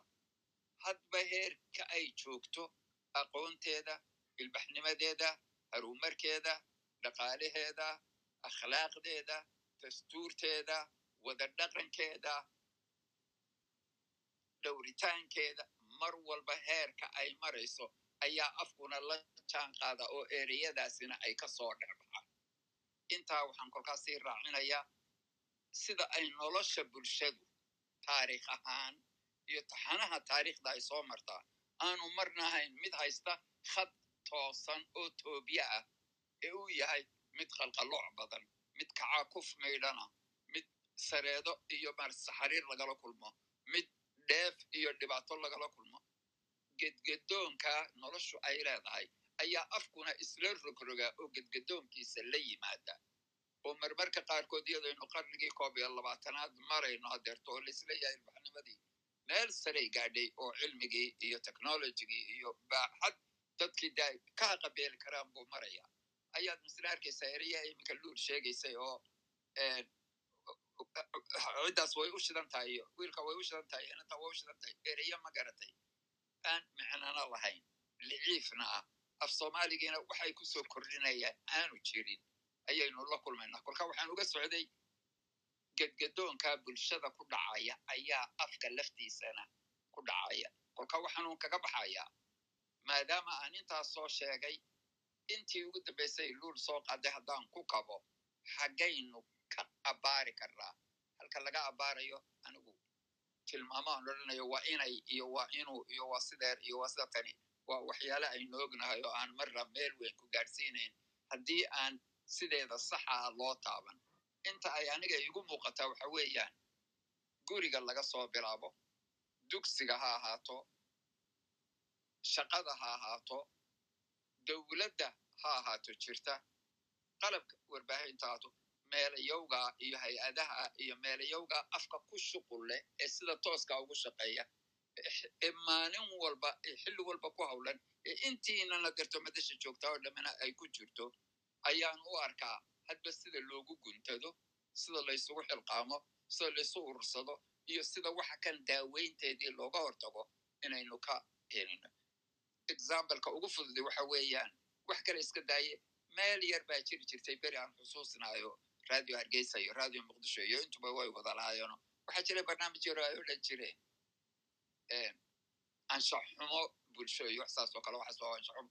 Kolkaa intay tilmaamo yar ka soo qaadaan anshax xumooyinka jira ayay halkaa ka dhaleecayn jireen. Kolkaasa qofka magaalada jooga ee dhegaysanaya hadduu awel iska tuurtuuri jiray ereyada marka ka dambe markuu arko in la cambaaraynayo ayuu la dhuuban jiray ama ka aamusi jiray ama ka xishoon jiray ama ka biqi jiray intaas ayaan jeclaystay inaan kaga baxo wixii kale ina ku soo kordhana aad iyo aad baan idinku bogaadinaya aad baan noo jeclay inaynu halkaa ka sii wadno anigoo aad iyo aad u og in dad badan oo madashan jooga ay indoora ku kordhin doonaan intii ay inoo soo jeedeen iminka maxamed xawaale iyo luulba aad ba umahadsantihiin gacaliya aad iyo aad baad umahadsantaa adeer saciid ilaahayna caafimaadka kuugu deeqo insha allahu tacaala cimriga uu ku siiyo caafimaadka kuugu daro waa xaqiiq maaragtay wasaaradda aniga hadeertaanito waxbarashada waxaan mar kasta ka dalbaa qaybtii barbaarinta in la soo nooleeyo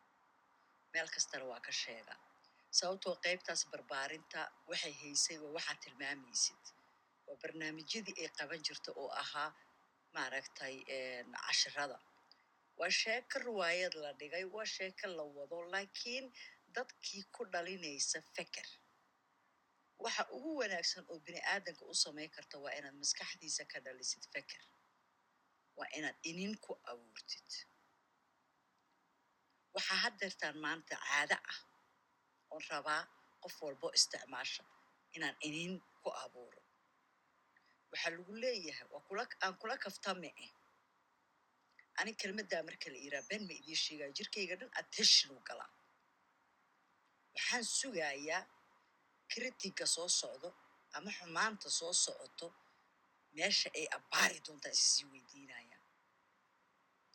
Sababtoo qofkan marka kelmaddan difaacu ka sii dhigana wuxuu rabaa hadhowti inuu yiraahdo haddaad ka xumaato hadalkii ama haddaad dhibsato hadduu ku taabto oy dhankaas uma soconin aniga aniga saysaas iigu dhicin marka. Waxaa la yidhi afeef hore lahaw ama adkaysi damba lahaw qofku markay i tiraahdo aan kula kaftame waxaan dhahaa ha ila kaftamin waxa ii sheegi rabto oo kaa guuxaayo toos iigu sheeg si aan aniguna toos ugu qaato ama uga jawaabo. Waxaan soo dhaweynayaa waxaa moodaa caawa tiam kulmisale inay soo korayaan. nolosha haddaa aragtaa qof aan green u saaray waa tiam kulmiso qofka kaloo martida ah way ka muuqanaysaa shamsi soo dhowow haluul assalaamu calaykum waraxmatullahi wabarakaatuhu. Barnaamij aad iyo aad u fiican oo aan xiiseynayay caawo dhan waan la socday. Waxaan rabay su'aal maxamed hadda wuu naga degtay aan umalayn hadda. Waa ka waa joogaa iyo adeer siciid iyo adigaba. Waxaan arkaa mararka qaarkood ma aragtay en, arrintan maxamed uu ka hadlay ee caburinta maskaxda iyo ma aragtay shaqsiga luqadda lagula hadla iyo kobcintiisa isku kalsoonidiisa siday ma aragtay saameyn weyn ugu yeelan karto. Ma laga yaabaa xataa hadda markii ma aragtay laga fiirsho adduun ahaan oo aan aragno erey bixinta loo isticmaalo africa markasta la yidhahdo waa dunida saddexaad. Halka reer galbeedkana ay isku magacaabaan dunida hore u martay. Inay ka mid tahay waxyaalaha afrikaanka dhan maaragta maskaxda laga ge- laga geliyo maaragta inaanu nahay dad aan waxba qabsan karin oo markasta u baahan in gacmaha ay horsadaan oo sadaqa iyo aid iyo wax la siiyo. Ma ka mid tahay maaragta dagaalka qarsoon ee looga soo horjeedo horumarka qaaraddaas? Waa mahadsantihiin. Maxamed waa mahadsan tahay shamso luul ama shamso xoogaa yar khadka iga xumaaday shamso horta meel fiicana ka soo qabatay annagu waxa waaye waxaa la dhaha horta intiisa dayaato kale ku daro moogta marka afrikadan qayban ka nahay oo teeniyay ka mid tahay dadka kale waxay nagu samaynayaan waxaa lagu sii daraa weli caatimida annaga isku samaynayno waa maqashaa afrikaan dherge ma shaqaysan karayo qoftu baa niya ay u gelaysaa waxaad arkaysaa qof walaalkaa ku dhahaya ani waa dhergayaa qahurda ay hayso. Oo seexana. Taaseeta ma aha inay hurda hayso laakiin mentaliya uga dhaadhacsan tahay hadduu dhergo inuu hurdaayo dan maskaxdan wixii ka dhaadhacsanay aaminsan tahay ayay ku shaqaynaysaa dawadu waxba ma tarto haddii aaminka aad aaminsan tahay uunan la soconin qur'aanku waxba ma taro haddii aaminka aad aaminsan tahay uunan la soconin boqolkiiba laba boqolaa dhahayaa boqolkiiba boqol xataa ma dhahaye. Qayb weyn oo baaxad leh oo mug leh oo aan la koobi karin oo bad ah ay ka tahay. Waxay ka tahay calaashaan in gacmo hoorsi aan u joogno. Waxa waaye oo aan arki weyne khayraadkeennay qayb ka tahay. Waxay qayb ka tahay inaan nafsiyan xataa culays annaga aan isa saarno maantana wayba ka sii dartaba. Soomaalidu mentally haddaad fiiriso dib u fiiriso waxaas way ka caafimaad qabtay. Mana taaban jirin sababtoo ah dowladdii maxamed siyaa barre wixii rabaa lagu eedeeyo dhankan quweynta iyo qabka aad bay u sarraysiisa. Taasaana xataa qayb ka noqota ayadiina inay dadka afrikaannimadii ka goyso. Maadaama afrikaankii kaleeto sawirkaas samaysan ayagu qaateen.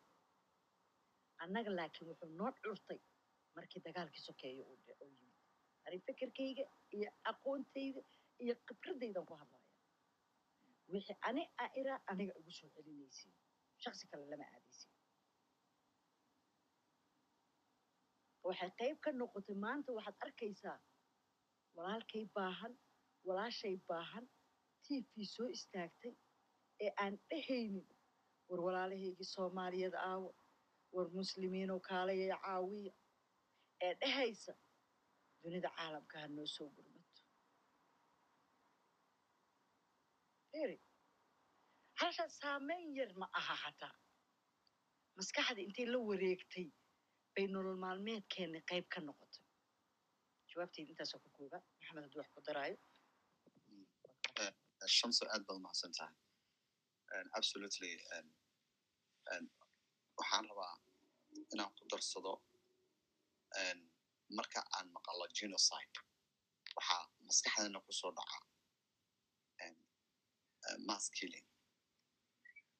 waxaa maskaxdeena ku soo dhaca starvation dad gaajo lagu dilo waxaan qabaa genocideka ugu xun caalamka ka jira gaar ahaan waddamada reer galbeedku ay wadamadaas soo koraya sida ay u dhigeen kelmadda waxay ka wadaan macnaha industrial ma aha bay ka wadaan laakiin waxaan qabaa marka la leeyahay waddamada soo koraya laftigooda kelmadda soo korayada ah ayaa waxay tahay kelmad ay ku jirto wiiqis ay ku jirto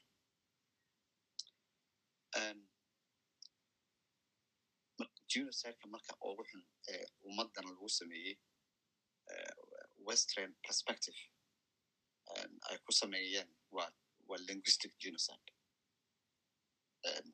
hal hadaf bay ka lahaayeen oo keliya ah hadafka keliya ay ka lahaayeen wuxuu ahaa removal of culture. dhaqanka in ay remove gareeyaan oo oo oo indigenous dadkii loo waddanka deganaa qaaradda deganaa ay ku sameeyaan language. Removal ay ku sameeyaan oo dhaqankii ay ka saaraan taas si loo hirgeliyo ururo baa jira la samaystay sida ururada mataqaanaa isha waxbarashada oo kaleeto in waxbarashadii oo culturekaagii laga dhiga culture xun waxbarashadaadii laga dhiga waxbarasho xun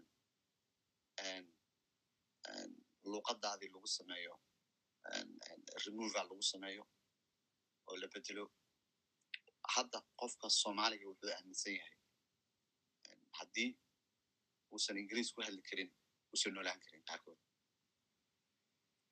inuu shaqo ku helayo inuu wax walba ku samaysanayo marka waa dominant language. oo luuqadii waxaa laga dhig dominant meesha luuqadii kaleeto lagu sameeyey ama culturekaaga lagu sameeyey suppression lagu sameeyey oo hoos loo dhigay dabcan arrintaas marka waxay keentay in xataa language titlekeenan ku saabsan language shape how we see the world. In loo arko qofka barta luuqadda ingiriisku inuu yahay aqoonyaha lagana yaaba inuusan aqoon ba. Lahaynba oo just language yahay waxa u bartay. Meesha qofka aan luuqadda ingiriiska aqoon ee ku hadla luuqadda soomaaliga lakiin aqoon iyo xikmad iyo caqli siiye lagu level garaynayo maadaamoodan ingiriis aqoonin you do not qualify this language. Marka darky comparison waxa la dhaha jirtay oo oo laga egay linguistic genocideka laga egay luuqadda markii genocideyada lagu sameynayay. Wadamada u fiirso colonialku indigenous peoplekii la soo xareeyey residtional schools la keenay kadibna caruurtii laga bedelay identitygoodii laga bedelay culturekoodii laga bedelay wax walbo ay lahaayeen laga bedelay oo identity u ahaa religionkii laga bedelay si achievementigoodu ay goolka ay gaarayeen uu ahaa inay genocide ku sameeyaan traditional ama indigenous cultureki ay ku sameeyaan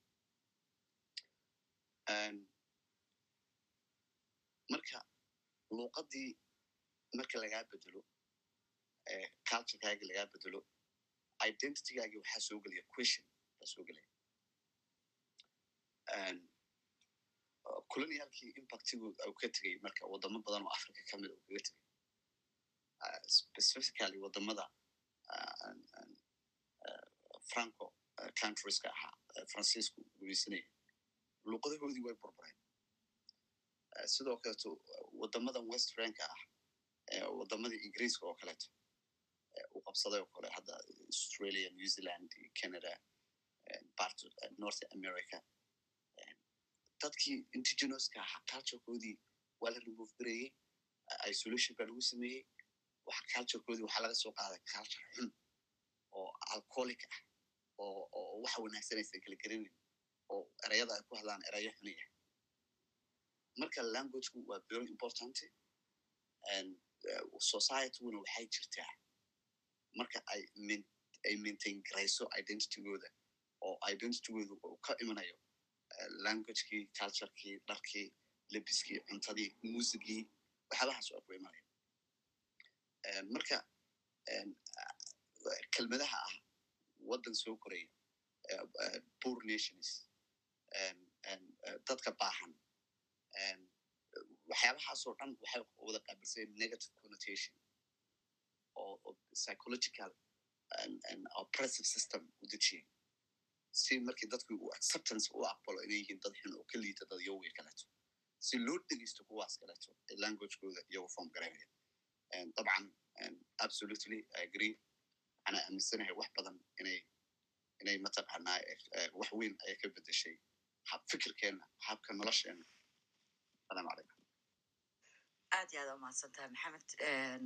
Waxa waaye maadaama ay maxamed iyo faaduma soo koreen maxamed amiin iyo faaduma ay soo koreen aa nala jooga marka hore waxaan rabaa dhan kaleeta inaan idinka hoga tusaaleeyo annaga markii hal abuur aa maqashid ereygaas lama barbar dhigtid filosof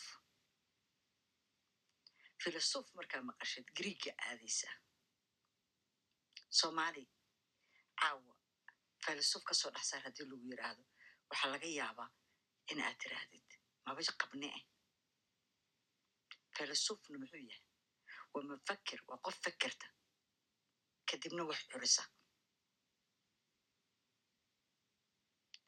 xaawo jibriil iyo hadraawi markaa soo qabatid hal abuuro gabyaa ayaa loo yaqaanaa laakiin qof ku dhehaysa male waa filosof waxaan rabaa marka maxamed amiin iyo faatuma dhankaaseeto in aad ka qabataan si bulshadeenu u aragto afkeenna iyo hankiisa maxamedaan ku soo hormarinaa maadaama asigu ku soo horreeyey faatumaan ku xijin doonaa maxamed soo dhowo maxamed amiin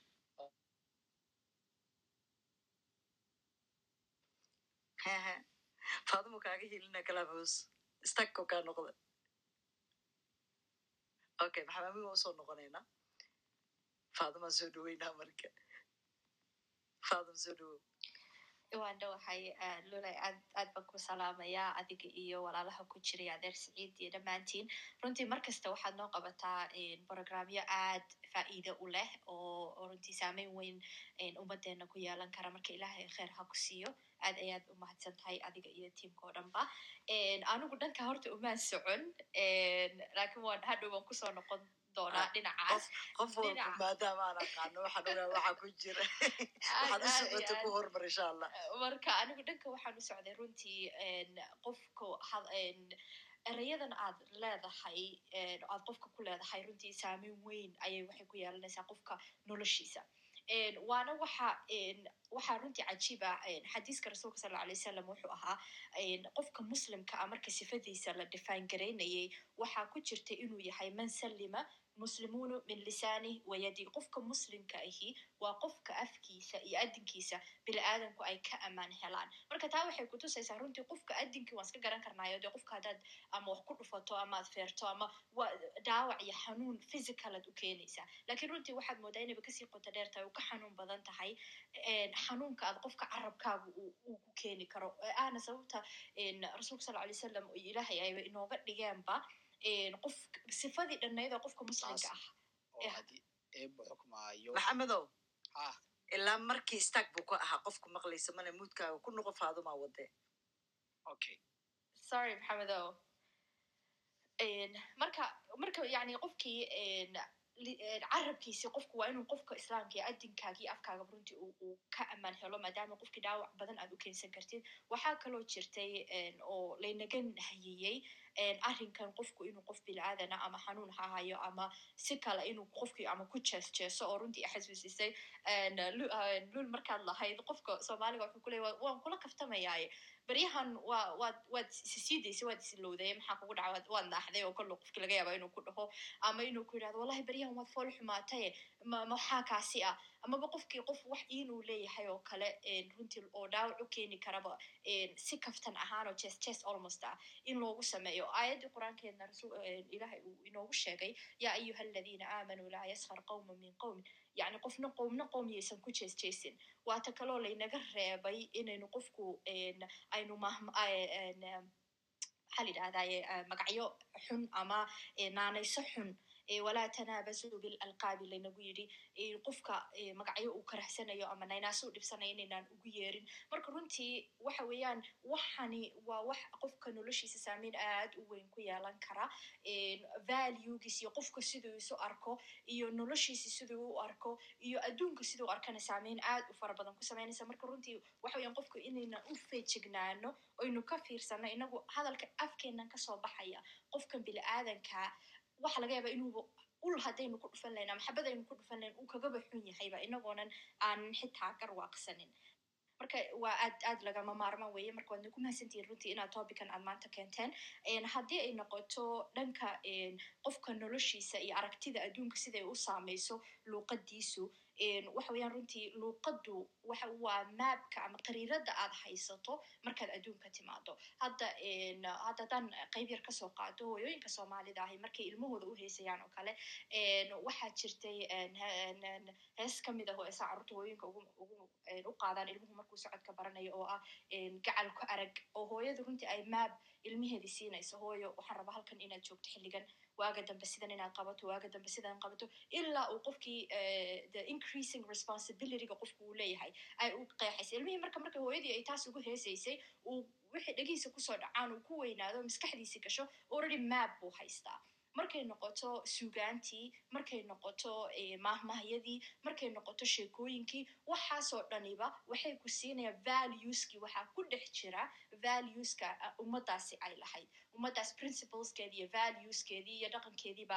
afkeedu ku dhex jira mahmahyadeedu ku jira sugaanteeda kalu ku jira gabayadiibu ku dhex jiraa iyo maansooyinkii kale wuxuu ku dhex jiraa sheekooyinkii. Marka runtii luuqaddu waxa weeyaan qofka dhan kastaba noloshiisa way ka saameynaysaa hadda tusaale yar haddaan idinka siiyo waa waxaa jirtay xaafad waxaan deganayn aan dad muslimna iyo soomaali toona agteyda may joogin marka xaafaddii baan isugu nimi annaga iyo ehelkeyga dad badana marka buuqii baa kor u yara kacay dadkii waaweynaayo ka mid ahaa qof wuxuu ku yidhi war bal hoosoo hadla islaamka qaylada ka daaya marka taas waxay kutusaysaa dadka soomaalida intayni badnayd intaynan waddamada kale aynan ama tegin ama aynan dadka dhexda ku jiro oo kale inta badan soomaali iyo muslimba dhinac kasta inooga xareersanaa so xitaa viewga ah neighborkaagu yuu yahay the default waxa weeyaan qof soomaali o muslim aynu neighborka yahay. Xitaa markii laynaga soo saaray aynu ilowno. Marka waxaan dhihi lahaa soo luuqaddu runtii waa waxa qofka u badejiyaba aragtidiisa nolosha aragtida naftiisa uu isku arko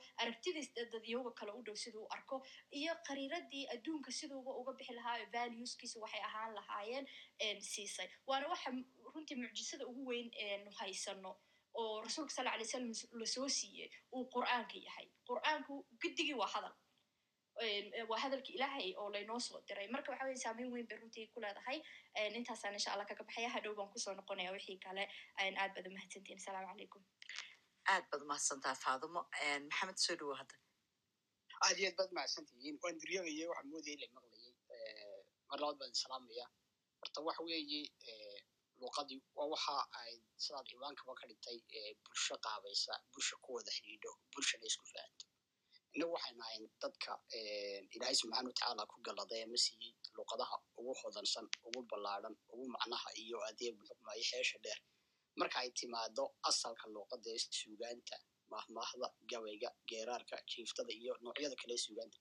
Tusaale ahaan oo kale ilaahay subxaana watacaala hodantinimada afkeena afkeenan uu inagu siiyey aynan garowsan waxaa kamida tusaale ahaan oo kale.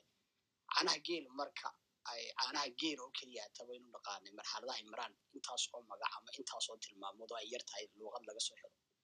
Mar waxaynu odhan jirnay waa lis mar waxaynu odhan jirnay waa sulux mar waxaynu odhan jirnay waa galhood mar waxaynu odhan jirnay mayac mar waxaynu odhan jirnay waa suusac mar waxaynu odhan jirnay waa ilqaad. Ilaa maydhanaan karuur iyo jinow baynu idhaahno marka inagoo ilaahay afkaa ina siiyey oo ma garanaysaa hodintinimada sidaa u ballaadhan uu ina siiyey ayaa ayna inteena badan ama bulshadeenu aanay fahmin qaniimadan aynu haysano ee aynu bulshooyinka kale hadieba xukmaayo aynu kaga duwannahay oo waxaad moodaaba in aqoontii iyo garashadiiba afqalaad laga dhigayo oo aynu ilownay heeskii cali sugale ahaaye afqalaad aqoontu miya maya maya qofka waa intuu eeba gasha siday nala tahay annaga. Waalkii maxamede waxay noqotay in qofkii luuqad qalaad uu ka oridsan yahay ama uu ka awood weyn yahay qofka hadieba xukmaayo ku kooban ama fahansan luuqadiisa tusaale ahaan odaygii professor guush andrewiski oo aad iyo aad u dhex galay bulshadeena soomaaliyeed aad iyo aadna u haltabiyey ma garanaysaa qoraallo fara badan iyo gabayo fara badan oo oo aadna uga shaqeeyey muuse galaal oo ahaa magaranaysa de philosoph aynu tilmaami karaynaba inuu yaraa mid la mid ah oo soo maray ilaha u ayaa waxaad arkaysaa marka ay sharxayaan ama tilmaamayaan suugaanta soomaalidu inay yar tahay suugaan la dhumuq ah la asal ah haddii buxukmaayo la taya ah. Hadraawiga allaha xafidaa waxaan ka haya afka soomaaliga waa afka uga qanisan marka laga reebo afkan carabiga qowlka alle subxana wataala ku soo degay because waa af ma garanaysaa dee koobsanaya xikam kala duwan xikam cilmiya xikam haddii buxukmaayo diini ah. Waa af hodan ah oo tilmaami karaya qiyamkeenna iyo sawraceenna iyo sinjigeenna laakiinse waayey dowlad ilaalisa horumarisa haddii buxukmaysa tayaysa ku bedesha aqoonta loo baahan yahay caalamkaasi ma garanaysaa laga daraaseeyey u bedesha u haltabisa afkeenii waa af waaye uun doorkii dowladnimada. Kadibna marka uu waaye afku haddii buxukmayo ciddii horumarin lahayd xanaanayn lahayd koolkoolin lahayd dee wuxuu noqday af khaysay oo uu haddii buxukmayo dominate ku sameeyey waxyaalihii qalaada islaamka ahaa ee ma garanaysaa suuqdiga ahaa ee haddii buxukmaayo ina soo galay. Tusaale ahaan oo kale maanta waxa ayaan daraa inaynanu technolojiyadda erey bixin fara badan aynanu haysan inaynu haddii buxukmaayo wixii ka dambeeyey dowladdii kacaanka ah aan erey bixino caafimaad la samayn. Oo erey bixinta keliya tee caafimaadee la haya ay tahay turjumaadihii lagu sameeyey xilligii kacaanka buwaagtii haddii buxukmaayo biologiga iyo fiskiska laakiinse intii ka dambeysay aan la horumarin waxyaalihii soo kordhay maxaynu maxaynu ula baxnaasi bulshadeenu u fahantantaa luuqadaha qalada qoran sidaynu ilmeheenna u fahansiinaa si uu noqdo mid wax soo saar leh? Sidaynu cilmiga loo baahan yahay ugu turjunaa afkeenna? Waxaasoo dhan waa wixii doorkii dowladnimada ay lahayd. Imika halkan aan ku noolay sweden. Sanad kastaba akademiyadda ee ilaalinta afka swedishku waxa ay soo bandhigtaa. Ereyadii cusbaaye loo diiwaan geliyey inay ku soo biireen luuqadda swedishka. Ereygii bay u abtirisaa ilaa iyo magarasa asalkiisii safkiskiisii kadibna markaasaa ereygaas loo codeeyaa inuu noqdo erey hirgeli karayo la isticmaali karayo iyo erey ma garanaysaa aan ku fiicnayn akademi ahaan in loo isticmaalo ama luuqadda lagu soo daro. Doorka aynu tabaynaa waa kaa si aynu u luuqad ina matalaysa luuqad ina sheebgaraynaysa luuqad soo bandhigi karaysa haddii buxkumaayo haldoorkeenna mufakirkeenna indheergaradkeenna. Waxaynu u baahan nahay dadkeenna ma garanaysaa inaynu luuqadeenna ka ergeyno oo aynu ka qareenno oo aynu haddii buxukmayno kuwa luuqadaha qaladtaa bartay ay sida ugu xirfadsan ugu macquulsan ay u haltabiyaan hodantinimada afkeenna oo ay bulshooyinka kale haddii buxukmaayo u tusaan inaynu haysano afqani ah oo ballaadhan oo wax badan laga barin karayo oo cilmi badan ku duugan yahay. Marka muhiimaddu waxa weeyuun in la helo nidaam soomaaliyeed oo haddii buxukmaayo dhaqaalihiisa wata oo aqoontiisa wata oo ma garanaysaa garanaya inay bulsha af tahay dhaqan tahay ilaalintiisuna ay waajib tahay si loo ilaaliyo jiritaanka ama waaritaanka bulshadaasi. Intaynu jirna waa intaynu is afgaranayno ama aynu isfahmayno laakiinse markaynu toban luuqadood oo kala duwan ku hadalno de wax weye sinjigeenu baa isku eeg sawraceenu baa ismatela laakiinse dee bulsha isla jaan qaadi karaysa ama isfahmi karaysa manihin marka mawaadiicdani waa mawaadiicda ay tahay in hoosta laga xariiqo oo ay tahay ma garanaysaa inaynu daraasayno luuqadda iyo saameynteeda luuqaddu sidaynuu matalayso sidaynu u ilaashan karayno sidaynu u horumarin karayno sidaynu inteeda wanaagsan haddii buxukmayno aynu u koolkoolin karayno ilaa aynu ka gaadhno hadafka aynu leenahay ah jiritaan ama waaritaan waa saanaan u qabo marka doorka inaga maqaan ilaa imka waa door inaga ka baxsan awoodeenna waa doorkii ah meeshaynu xuduudda iskugu geynay dowladnimada dowladnimada iyo adeebu xukmaayo in dheergaradku marka is helaan ayaa ummaddaasi loo ilaaliyaa hantideeda. Marka ilaa inta aynu ka helayna aaminsanahay ciddii mas'uuliyadda qaadi lahayd waan iska kacaakufayna lakiinse ma aha afkeenna af loo werwarayo inta ilmo soomaaliyeed dhalanaya waa af jiraya oo adeebu xukmaayo dee ka awow ka awow lagu hadlayo la dhexlayo tayadiisu haba liidatee. Oo tusaale ahaan suugaantii hore ee qarniyadii hore la tirin jiray suugaanta maanta la tiriya isku erey maaha isku dhumuc maaha isku taya maaha isku kaafiyad maaha.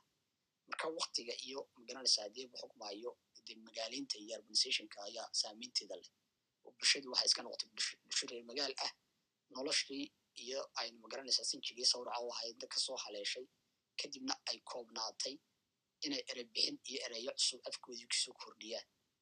Oo ma garanaysaa maahmaah la sameeyo amaba adeebu xukmaayo la tiriya de waxay nagu dambeysay qarni waxa la sameeyaa iminka waa hees ama gabay ama sugaantaa kale lakiinse miyaad aragtay mahmaahad la hal abuuray. Nin baa mar yiri mahmahan hal abuuray de waa iska hadal wuxuu ahaa un ma garanaysaa tiraab ah oo macno lealo macno ku fadhiyaani jirin. Mahmaayaheedii horena waa halkeed saddex erey halkii dooni sodoyaana kaa qaada hal mahmaa waa macno dhan iyo nuxur dhan ku siinaysay oo tusaale dhan soo koobaysay. Taasi waxay kutusaysaa inaynu ka gaabinay adeebu xukmaayo wax soo saarkii iyo soo bandhigii hibadeenna oo aynu qayb dhan oo afkeena muhiim u ahayd aynu ilownayba oo aynu qaamuuskii iyo diiwaankiiba ka saarnay. Si taa loo helo waa in la helaa nidaam jira oo adeebu xukmaayo xoogan oo magaranaysa afku sawrcu yahay oo adeebu xukmaayo afka iyo siyaasadda iyo waxaan intu kala saaran lakiin si ogaada afku inuu umadnimada yahay. Inta afkeenu jirana ay umadnimadeenu jirayso. Intaasaan ku soo yara koobi lahaa intaan saseshin aad iyo aad baad umahadsantaha maxamed nimac soo dhowo asalaamu calaykum waraxmatullahi wabarakaatu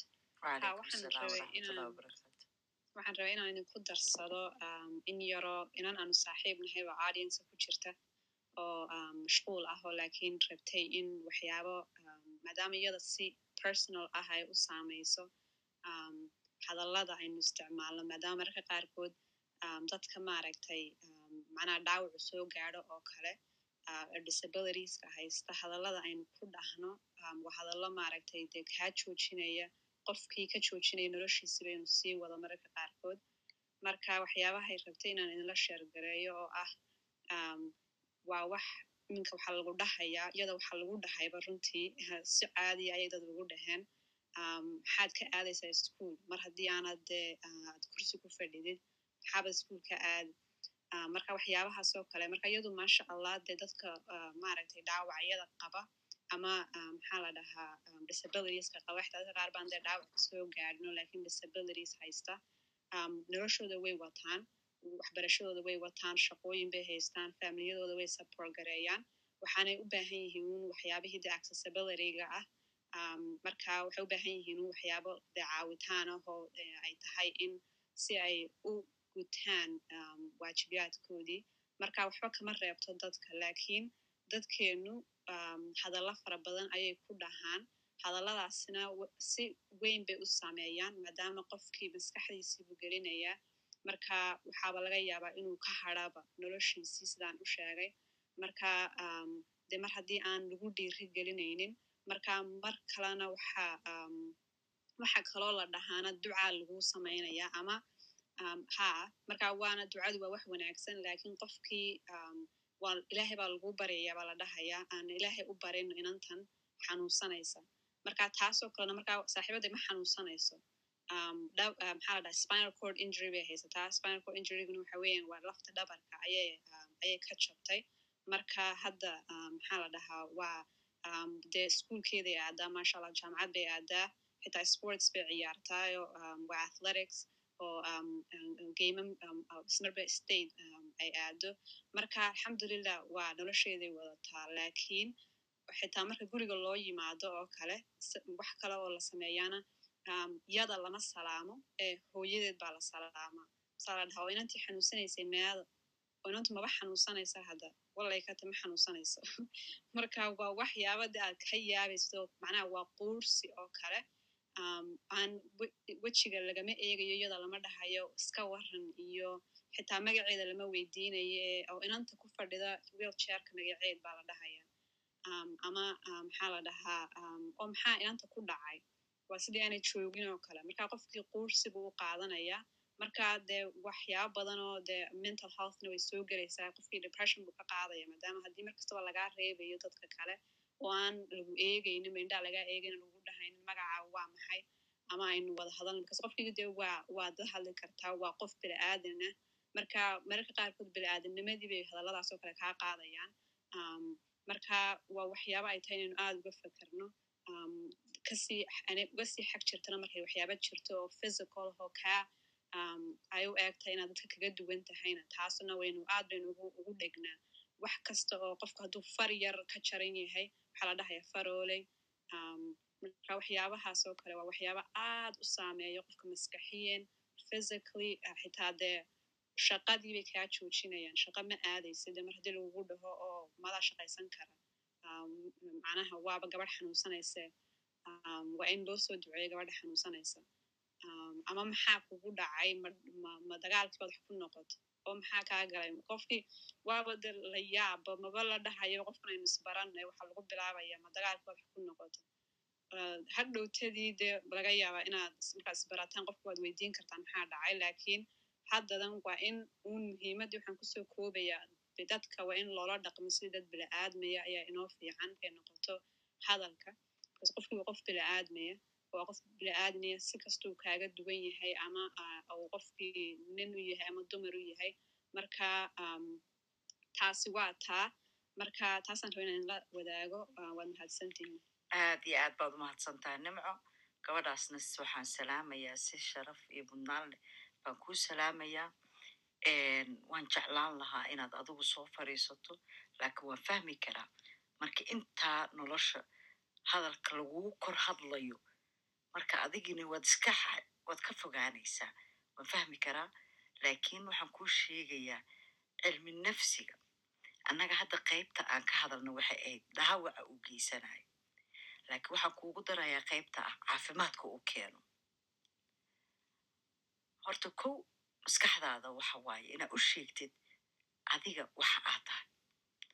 Maskaxdaadu markay taa ogaato marka dadkaas ayagaa iskaa barayo maskaxdaada markaad taa ka dhaadhiciso kalsoonida aad siiso maskaxdaada adigana aad isku qanacsan tahay hankaagana aad sarraysiisid dadkan waxa ay sheegayaan ee kaa dul hadlaya waxay noqonayaan riwaayad aad daawanaysid oo aad marna kaa qosliya marna runtii meesha ay xumaanta kaa gelinaysa maanta waxay isu bedeli doontaa mid farxad ku gelisa sababto markaa qosasho jirkeenu wuxuu sameeyaa shimikaal la yidhaa endorphin. Shimikaalkaaseeta wuxuu hididiladaadu sii badinayaa marka taasina waxay keenaysaa in wixii baa isbedelaya. Marka adiga isbeddel waxaa iska bedeshaa adiga saa u fekeraysid.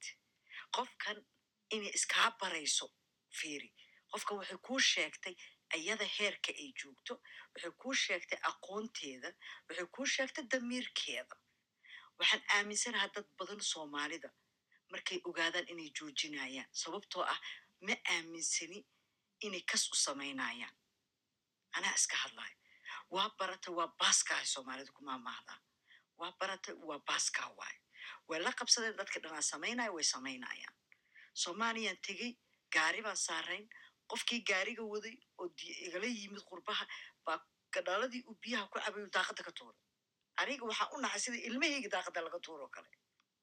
Waxaan ku yiri way aa u samaynaysaa wuxuu yiri maaragtay waa la wada samaynayaa? Xataa kii wax bartay. Hadhowt waxaad leedahay qofka way waalantahay ma waalno. Maskaxda bini aadanka waxa ay ku fekerto waxa ay aragto haddayna aqliga isticmaalin ayna iska qabanin maskaxda ayadaa ku marsiinayso. Maskaxdeenu waa mashiin meeshaa ku yaalla waxay noo haysaa aalado kala duwan oo jirkeenna ku soo daynayso oy amrayso unugyo kala duwan say u soo daayaan. Midna yididiinuu ku gelin midna naxdinuu ku gelin mid xumaanuu ku gelin. Marka haddaad taasoo dhan aad og tahay fursad waxaad helaysaa marka in jirkaagu maskaxdu ay ku siiso oo keliya waxa farxadda ku gelinaya waxa ku tusaya xumaanta. Laakiin xumaanta adiga aan ku gelinaynin waxa ku tusaya wanaagga adigana kuu soo celinaya insha allahu tacaala waa laga gudbayaa duruustu hadday bilaabatay waa anagu koley kama hari doono. Haddii alla idmo waxaan rabaa inaan soo dhaweeyo. Lunga soo dhawo walaalkey lul waan ku salaamaya walaal adiga iyo akhyaarta kale barnaamij aad iyo aad u qiimo badan baad keentay. Anigu wadad iyo ogolaat ilaa saddex janib baan wax ka dhigi lahay hadalkada aad gabadha ugu jawaabaysana waan rabaa inaan ku soo gebagabay. Dee luuqaddu waxay ka turjuntaa oo baaxadda garaadka oo ummadda ku hadasha luuqadda. Hadba sida luuqaddu u xadidanta buu garaadkuna u xadidan yahay ummadda oo wada jir ahaan sideedana waxa layaha luuqaddu waa awood. Awooddu awoodda tabinta keliya maahane waxa weeyaan awoodda curinta curinta annagu de waxaan ka egnaa u naqaanaa sugaanta iyo gabayada. Lakin way ka baaxad weynta waa in aqoon la curiyaa. Dadyo badan aqoonta waxay ka curiyaan from zero bay ka bilaaban dadna dee aqooma ka horreeya intay soo turjumaan oo luuqadoodii u turjumaan ay kobciyaan sida hadda muslimiinta oo kale markay aqoonta greega ay turjumayeen innaga luuqadeena somaaliya haddaan u soo noqdo waa luuqad xooggeedu miyiga ka yimid aniga dad de culumana way joogaan oo adeer saciidiyan mar uga jeeday meesha waa la oran karaa sheekh ibrahimna wuu nala joogaa insha allah waxaan ka hadlaya luuqadda culuma ku ah waa la oran karaa waa luuqad luuqada qaniya laakiin anugu si baan arrintaa u saluugsanahay oo laga yaabo inay qani ku tahay miyiga iyo hal abuurka miyiga iyo cabirka cabirka loo baahan yahay markii la joogo dabacadda miyiga laakiin ummadda garaadkeeda waxaa laga arkaa markay magaalowdo ummaduhuna waxay ku tartamaan oo dhaqanka xadaaradooda soo bandhigaa waa xadaaradda magaalada iyo xadaaradda miyiga maaha markii magaalo la yimaada aqoon la curiyaa weliba aqoonta insaaniga ah oo humanitieska hataa scienceska maaha culeysku wuxuu ka yimaada humanitieska marka annagu magaaladooyinka de maadaama wakti dhow ay bilowdeen waxaad moodaa aqoonteena curinta aqoonta bini aadanka inay aad iyo aad u gaabanta aad u yarta. Erayo tiro badan oo de maanta daarabta inaad akrisad kitaab book falsafada af soomaali lagu cora aad lagu coriya aad bay u adagta hal abuur tiro badan waxaad arkaysaa aad ada soomaali ku cabiri karayn dad badan oo ka cawanaya waa arkay synisku waa mudda inuu ka yaro fudud yahay oo ereyo badan la turjumay waagii hadda soddonkii sano dowladnimadu jirtay taa marka waxaa ka dhalanayo waxaa xadidmayo kobaca garaadka sababto aqoon badan baa luuqadii soomaaliga inta la fal gasho ay ku dhex taranto ku dhex kobacdays waxayse ka mid noqonayn xusuusta wada jirkaha ummadda mar kasta waxaa marti loo ahaana luuqad qalaad marka taa horta waxaa qaba af soomaaliga haysataan u arkaa inay meelaha usan qaniga ku ahayn waa la dhihi karaa dabcan dowladnimaha dowladda lagu dhisi karaa waa laga gaaba waa la dhihi karaa laakiin de xataa soddonkii sano dowladda lahaa ama labaatankii sano luuqadda ay qoreen dhowr iyo tobankii sano inta anuu dad hadda kala sheekaysanayay anugu qurbaan ischool ku dhigtay soomaaliya kumaan dhigan luuqadda humanitieska soomaaliga ku qoran aad buu u gaabinayay taa taa taa waa mid waana naga muuqataa hadda cabirkeena iyo qaabka aan u fahansannahay aqoonta casriga aad bay nooga muuqataa markaan af soomaaliga ka hadlayn taa waa mid midda labaadna waxa weeyaan dhaqamada bulshada de fixid maaha mar kasta meel rasmi oo daa'imo iska bedela ma joogaan way guurguuraan dee iska webi socdo oo kaleeto innaga miyaan ku qasbanna mar walba dhaqankii miyiga inaan ilaalino qaabkii dhaqanka miyiga loo cabiri jiray inaan mar kasta halabuurkeena iyo cabirkeenu ku dhisnaado oo luuqadeena ay ku salaysnaato oo gabaygii iyo su- iyo sugaantii iyo mahmahdii inaan ku mar kasta cabirka aan joogno. Ana waxaan qabaa may kuma qasbani waxaa taxadiga iyo challengega u yaalla qofka soomaaliga waxa weeyaan inuu la yimaado hal abuur ka baaxad weynba eh, ku curi ku- eh, is- eh, dhaqanka cusub ee magaalaysan ee dowladaysan ee xadaarada leh ee aqoonta martidu waa inuu wax ku- abuuri karo. Ta saddexaad hore inaan ku gebagabeeye waxay tahay arrintan nimca ay ka hadlayso adigana aad commenti garaysayo ereyada negativeka ama dadka aan u isticmaalno hadda aniga ahaan tusaale ahaan intii taqaane taqaane dadka naafadan ka mid ahay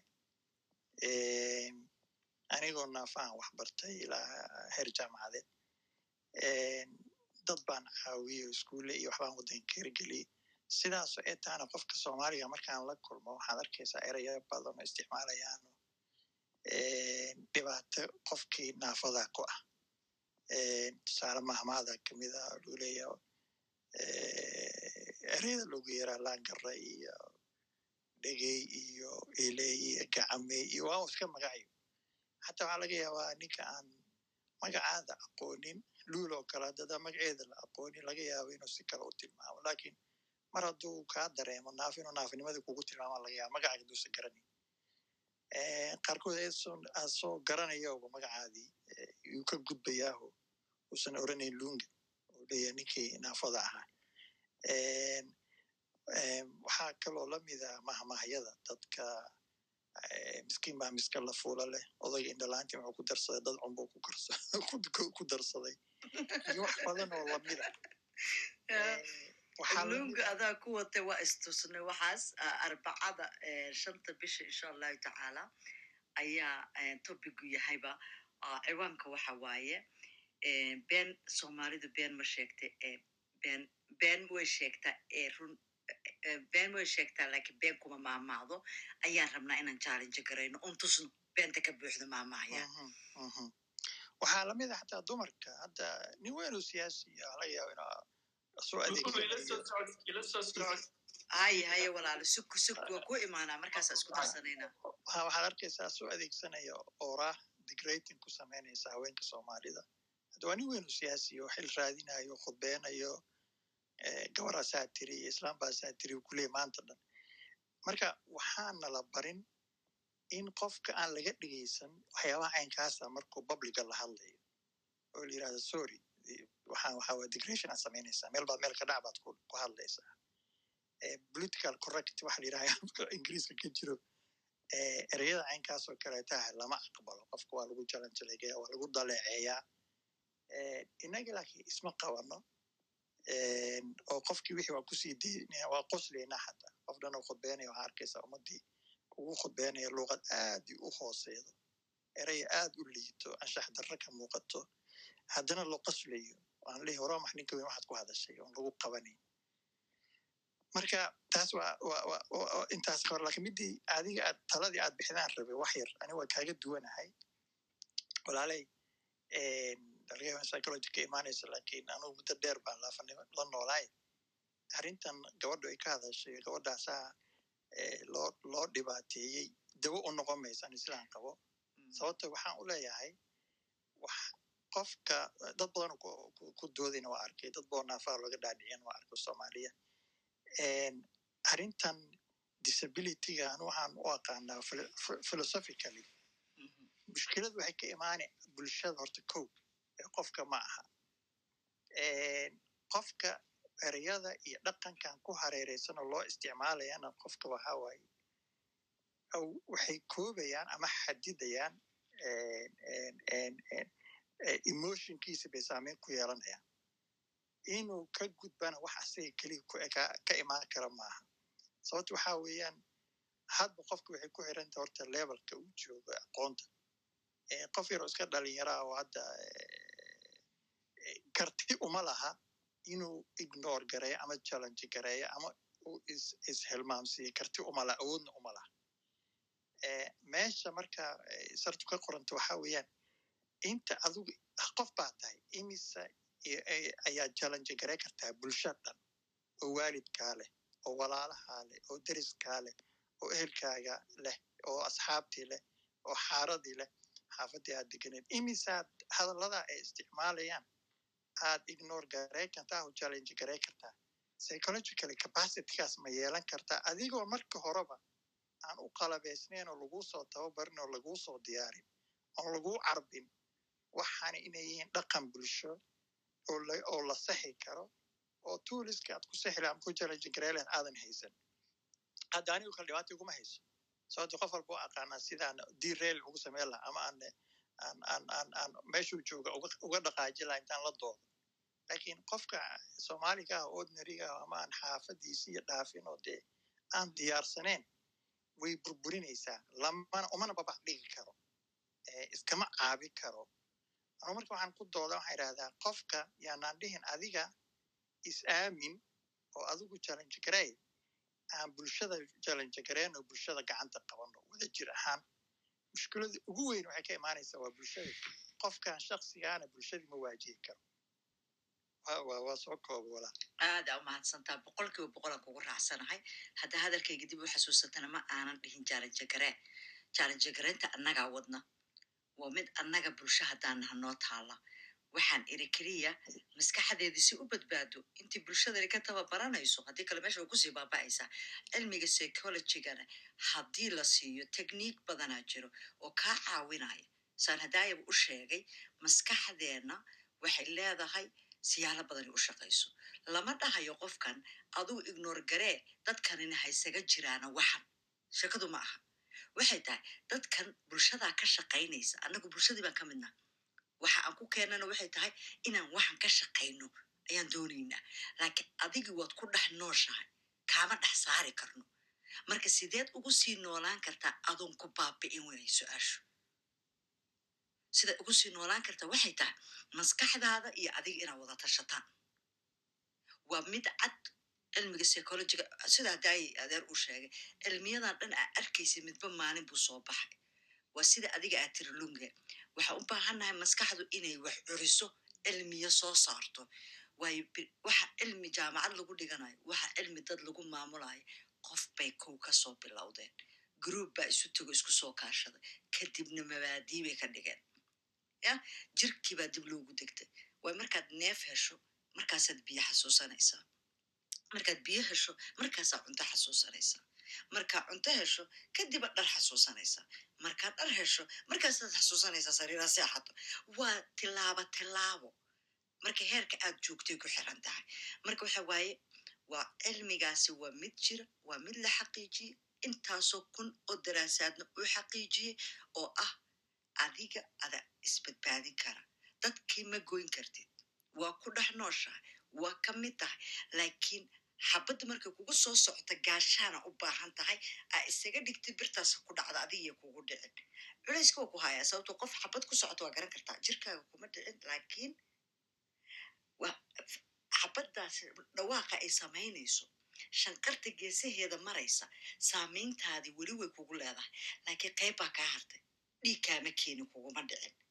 Markaa gaashaanka isaga dhigto marka tekniikyadan loo sheegayo dadka ma aha in la haddii loogu sheegay dadka iska daaye adinku uun iska shaqeeya hadda dad aan cilmiga ehel u ahayn baa wax u sheegay. Marka taasaa horta ku garan kartaa xabadda tusaalaha u soo qaatay ayaa ku garan kartaa. Iyadoo xabadihii geesaha ka dhacayaan gaashaan u bad haysataa laakiin weli waxaa taagantaa goormey kugu dhici doontaa. Goormey gaashaankan ka soo dhex gudbi doontaa walwalkaas mentally caafimaadka midka ugu xun waayo walwalku kurbada ilaahay nama geliyo dad badanna nolol maalmoodkoodan ka dhigna oo waxa cashirkaa nagu kalifay inaan keenno aad baa umahadsantaha lunga cabdulqaadir soo dhowow asalaamu calaykum dhammaan eh, luley waa mahadsan tahay walaashay. wacalaykum assalaam waraxmatullahi dhammaan inta akhyaarta sharafta leh gabdhaha ku jeeda jiro dhammaan waa idin salaamayaa salaan ka bacdi dhul aada u mahadsan tahay. Sida mar walba aad baraarujinta iyo barnaamijyada wanaagsan oo qiimaha leh aad mar walba eh, halkan eh, platformkaagan aad u soo dhigto aad baan runtii u xiiseeyaa inaan aan mar walba dhegeysto iyo sida aad u maarayso sida aad eh, xushmada uga dhigto iyo sida maarata kala dambeynta ah aad isugu barido aadaa ugu mahadsan tahay taas. Hadda aniga aad baan uga helay hordhici aad samaysay iyo maxamed eh, warbixintii dheerayd uu sameeyey quruxda badnayd. Laba su'aal keliyaan qabaa waana waana halna luul bay ku socotaa halna maxamed bay ku socotaa. Luul meel muhiim ah baad taabatay.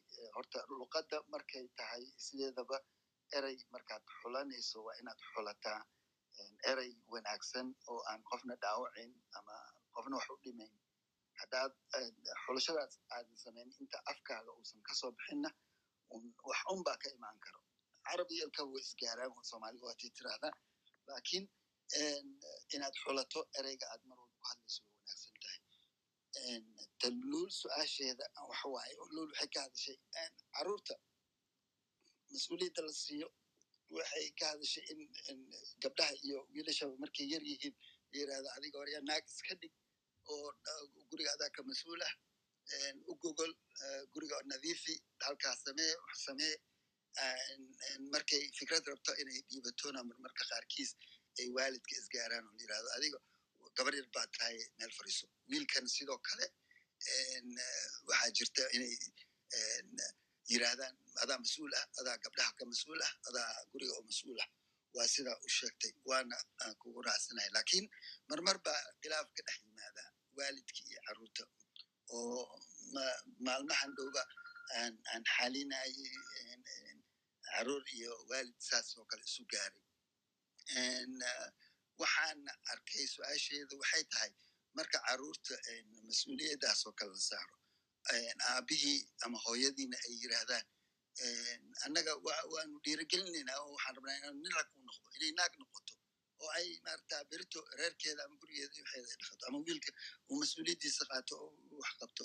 Haddana wiilkii gabadhii yareed ay ku leeyihiin aaba iyo hooy mabana dhegaysanayaan wixii maxaan ku irahdaa annaga aan u soo jeedino war waxaa ogtahay malaha meel laga fariiso ayna yirahdaan Me- su'aashaas waxaan ula jeedaa luley en, sidee eh, waalidkii en, hooyooyinkii ama aabihii eh, loo baraarujin karaa oo looga dhaadhicin karaa in loo baahan yahay xataa in la dhegeysto caruurtii en, janis la siiyo oo aanan marna la dhihin mas'uul baa tahay marna waxaad ogtahay ciyaal haddaa meel fariisa la yiraahdo aysan jirin su'aasheeda labaad maxamed baan ujeedinaya sina maxamedna ka hadlay maxaan ku irahdaa dhibaatada eh, dagaaladii iyo dagaaladii ka horba dhacday in soomaalida intooda badan dadkeena inteena badan aanu ama aan ognahay ama aanan ogeynba in maxaan ku irahdaa ay jiraan dad ama paranoia ah ama en, eh, en, eh, post traumatic disorder qaba ama maxaan ku irahdaa schizophrenic qaba ama maxaan ku irahdaa bipolar qaba saas ay tahayna inta dadka intooda badan ma oga. Ama qofka waxay ku tilmaamayaan inuu qofka waalan yahay ama inuu qofka maarata jin u qabo ama qofka inuu maaragta wax si ka yihiin oo la yiraahdo "War, ninka waxbaa si ka ah war naga leexiya naga fogeeya. Oo qaarkoodna ama geed lagu xiro ama xarig lagu xiro ama chain lagu xiro oo aan indhahayga saaray aniga mar aan soomaaliya joogay walow halkan en, markaan yurub imidna dadka noocyadaas ah daawooyin la siiyo aad u dejisa macnaha weliba controlan oo ah. Marka sidee eh, early warning ama sidee loo ogaadaa mar hore inta aysan gaarin heer aad u liita ama heer xun oo aan ka soo noqod lahayn? Marka waxaan arkay dhalinyaro qaarkood oo soomaali ah oo en, ama ha ahaato dalka ingiriiska ama hadda meesha aan joogo dadka holland ah oo u resort gareeyeen ama u leecdeen dhinacii eh, maxaan ku irahdaa drugs. Ay ku yirahdaan maxaa maxaan kugu qasbay markaan weydiiyana ay igu yirahdaan en, waxaan isku ilowsiinaynaa eh, waxyaalaha aan aragno. Qaarkood waxay ku leeyihiin dadka qaarkood markaan u tagno oo aan aan niraan waxaan leeyihiin waa yirahdaan marka waxaan ugu qasbay qof aan la hadalno ma hayno haddaan meel aadnana eh, oo nala soo leeyahay waad waalantihiin sidee arrintaas oo kale dadkii looga dhaadhicin karaa ama ama ah, maxaan ku irahdaa baraarujin loogu samayn karaa dadkii loo bari karaa inay jiraan symptoms dadkan tusaale ay la yimaadaan oo dadka aanan lagu dhibaateyn ama eri xun lagu oran oo la caawiyo hadday noqon lahayd daawo iyo haddii kale intaasaan uga baxaya hoosna waa ii dejin kartaa luley waa mahadsantihiin aadaa umahadsan tahay gacmihii la taagayo waan xiray. Intiina joogtaan ku dhamaynaynaa haddii allaha awoodalo uu idmo waktigii wuu dhammaadayba laakiin nuxur ka socdo ayaan raacaynaa. Labada su'aalood horta horeeto waa laba su'aalood oo isku falkisan. Waa isku dhex jira. Labadooda marka laakiin waxaan isku dayaa inaan waalidka ku ekaysto oon dhalinyarada u daayo maxamed insha allahu tacaala. Markuu ka baxo haddaan isleeya waxbaa dhiman markaasaan ku dari doonaa. Tan waalidka. Dhaqan wax walba oo naga qaldan oo shaksiga ka qaldan waxay ku noqonayaan dhaqankii. Dhaqankeenii ayaa abuuray habdhaqanka habdhaqankii ayaa abuuraya dhibaatada habdhaqanka marka dhaqanka u abuuray maxaa waaye ilmaha lalama hadlo cunugana waa cunug waxaa lagu leeyahay firi waxaa la barayaa mas'uulaa tahay laakiin lama baraayo wixii mas'uulnimada ay ahayd lama baraayo maxay ahaydeen qaybtii ahaa gabadhay wiilka caawa hadday intay iska helaan isguursadaan they don't know. labada qofa isqabta waxaa ka dhexeeya maxay tahay waalidkii dadka kalama bari karaan iskooladiina lagama barayo waalidkii bari lahaana? Ceebaaba laga dhiga arrintaa horta. In lagala hadlo. Ah ilmaha yaryarka la fara xumaynaya xataa. Waxay ku gaaraysaa ayagii ma ma garanayo markiis astaanta qofka fara dhacdhaca leh. Markay timaado cunugani ma garanayo. Sababto waalidkiis ma barin. Jirkiisa meelaha ah brivatka meelaha haddii qofi ay saa u taabato cunugaas inuu ka dida ay tahay lama barin waxyaalo badan waxay ku noqonayaan marka dhaqankii. Laakiin middaa maxaa looga bixi karaa waxaa looga bixi karaa communication. Waxaa looga bixi karaa waalidku inay bartaan. Ilmahaasi markuu hadaaq bilaabo horta waa inay la sheekeeyaan. Waa inay u sheekeeyaan. Markuu hadaaqayana hadal ma haya hadaaquu jooga hadal ma gaarin. Waa inay dhegaystaan ay aamusaan ayagu. Kow sida cunugga inuu u sheekaynayo atashidkooda dhan siiyaan ay ka koobiso uu ka koobiyo haa maxaa tiri haa iwad bayniya dhiirigelintaasaa gelaysa hadalkiina wuu ka imaanaya markuu hadalka keeno marka waa in la dhegaysto haddii wax qaldan uu sameeyo markaas waa inaan reaction waalan laga bixin sababtoo cunugaas mar damba ma samaynayo qaladkii. Laakiin qaladkaas uu sameeyey waxaa laga yaabaa inuu ahaa waddadii wanaagga. Ah go'aan qaadashadii ay qayb ka tahay. Haddii maalintaasi taliraa okay hadeertaaneed maaha.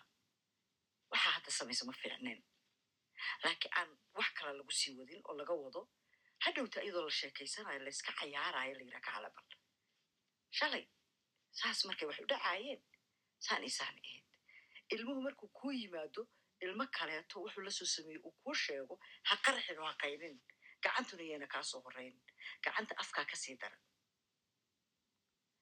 maalin kale adigoo sheekaysanaya jawi farcad ay ku jirto sheekada adiga ha kuugu qoraata meel maalintaas soo qaad waxaad tirahdaa maalintaaseeto waxaas waxaasaa ka hadlaysay saan iyo saanay ahayd saasna ma qurux badnayn saanay saana ka fiican tusaalihii fiicnaan waa inaa siisid. Cunugii connection marka ma ka samaysmaya ah waxaa hooyo u sheegtay ama waxaa aabbo u sheegtay waxa cunay ahaayeen. Way taa dhacdadii iyo hadalkaagan connection ma laha. Isku maalin ma aha isku wakti ma aha isku jawi ma aha. Iyo in la dhegeysto. Tusaale yar gabadhayda allaha nabad yeelo allaha dhowro maanta shan iyo labaatan sanay jirtaa laakiin tusaale waxaa jiro aan mar kasta sheego marmarka qaarkood waxaa is idhahdaa ishu waa wax jirta ee gabadha afka aad ku haysaa maad iska daysaa laakiin waa tusaale aad u wanaagsan. Ilaahay ha dhowro waan u wacay waan u wacay waan u wacay anoo qol kala jooga. Ayadana fadhigay joogta afar sano may jirta lix sano may jirta shan sano may jirta i don't know. Adigu da'ahaasii jirta. Heblo heblo heblo heblo aan dhahay. Waan soo baxay waan kor imi ma imaqlaysid mi ahaan ku dhahay waa ku maqlooyaa laakiin ma ku dhegaysanaya iigu jawaabta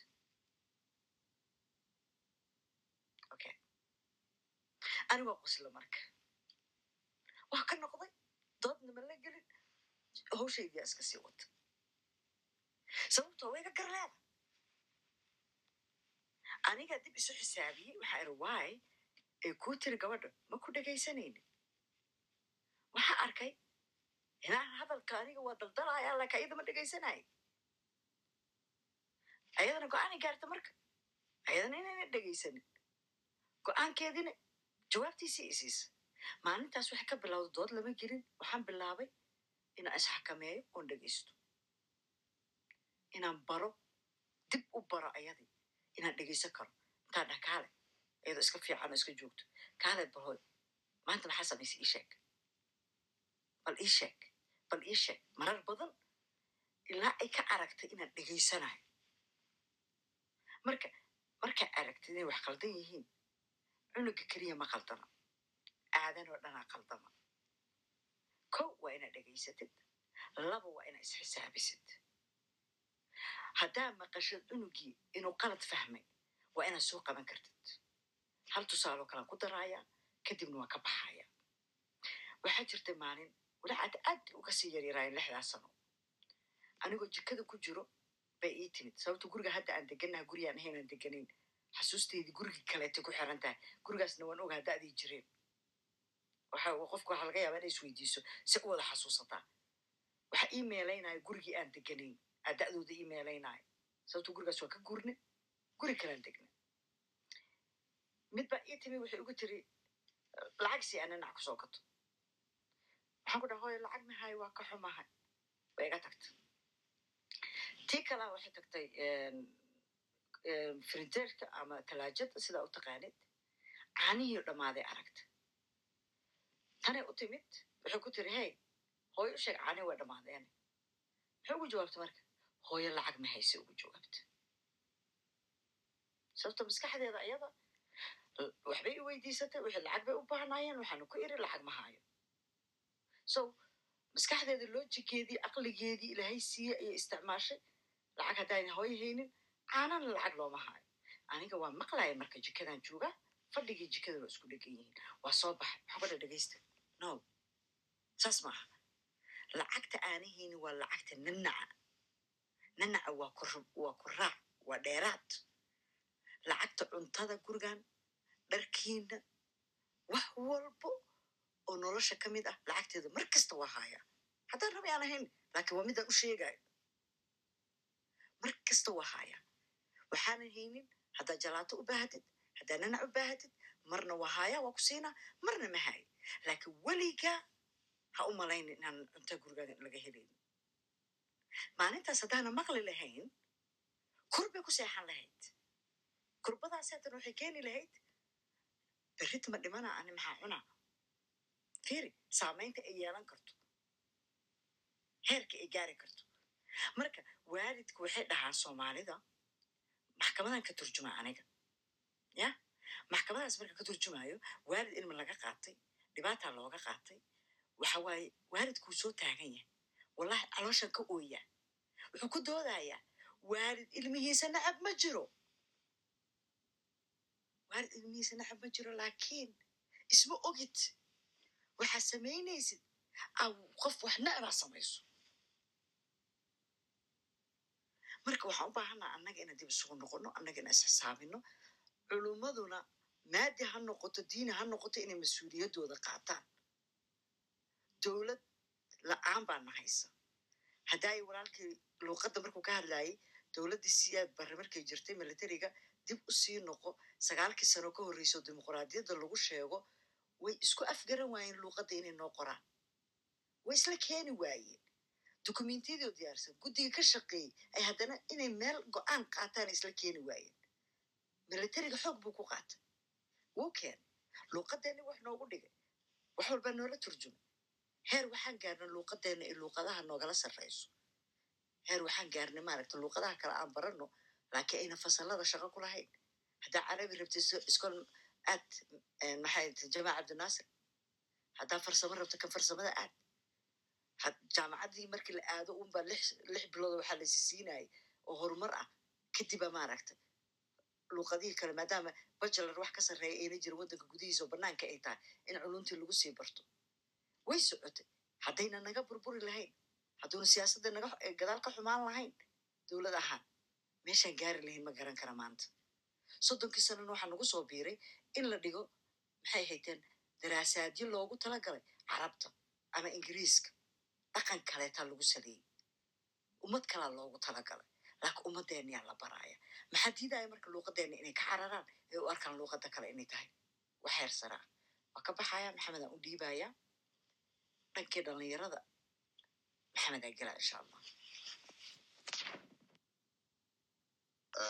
Asalaamu calaykum waraxmatullahi wabarakaatu waxaan u malaynayaa haddii aan su'aasha si saxa u fahmay in ay tahay sidee loogu wacyigelin karaa marka aan si kooban u soo dhaho dhallinyarada isla waaridkii ku noqonaysaa ha soo ma ahayn. Ha sidee loo wacyigelin karaa ama sidee loo gaarsiin karaa bulshada dhan dhalinyarada dhibaatada ka haysato ama hadday tahay p s t s d ama hadday tahay paranoia tahay bipolar all those symptoms sidee loo loo loo wacyigelin karaa? Aad baad umahadsan tahay runtii waa waa hawl aad iyo aad u weyn waana hawl aan dhihi karo. Waxay u baahan tahay shaqo culus wakti badan dhaqaale badan. Dabcan marka annaga aan isticmaalayno inaan howlahan wax ka qabanno waxay u baahan tahay horta waa system. Waxaa bedela system baa wax bedeli kara. System baana keeni karaa in dadkani aqoontan looga hortago. Maanta systemkii nooca ahaa mahay waxa keliya systemkii maadaamanan haynin aan u arki karo inay xal tahay waa waa social movement. Oo dhaqdhaqaaq bulsho. Dhaqdhaqaaqa bulsho waxaan odhan karaa mid aan doonayno oo oo oo wacyigelin grassroot societyga qaybaheeda kala duwan academic levelka ha noqoto culimodiinka ha noqoto dhalinyarada laftigeeda ha noqoto iskuullada ha noqoto goobaha waxbarashada goobaha dadku ay isugu yimaadaan in goobahaas la geliyo dadaal badan oo wacyigelin ah taasi oo aragtida laga leeyahay ama hadafka laga leeyahay ay tahay marka hore in aynu u yeelano acceptancy dhibaatooyinka dadkaas haysta inaan aqbali karo. In aan aan ka soo qaadi karo in dadkani ay yihiin adoo kale ay yihiin annagoo kale ay yihiin anigoo kale ay yihiin in waxa ku dhacay adiga berri uu kugu dhici karo. Marka dadku ay yeeshaan fikir noocaa oo loo abuuro empathetic relationship oo xidhiid ay la yeeshaan qofkii ay dareemi karaan nafsi ahaan ay dareemi karaan dhibka ku dhacay ay markaas aqbalaan. Waan telefonka waan ka fogaa. Mar waxaa jirtay qof hadlayay oo yiri socialka stadiska soomaalida luuqadda humanityga way ka maqan tahay.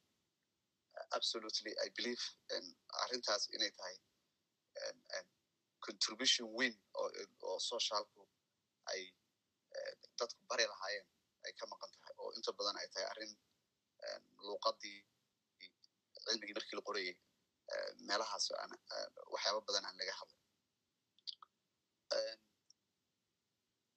Hadda aniga waddankan aan joogo may tobankeeda ilaa afar iyo tobanka may conference baa jira aan aadayo. Conferencegaas wuxuu ku saabsan yahay sida dadka qaba dhimirka ay u sahmayn karaan safetiga ammaanka iyo prevention strategiga iyo strategiyada laga hortegi karo.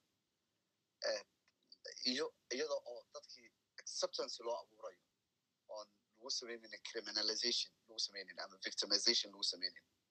Sidee?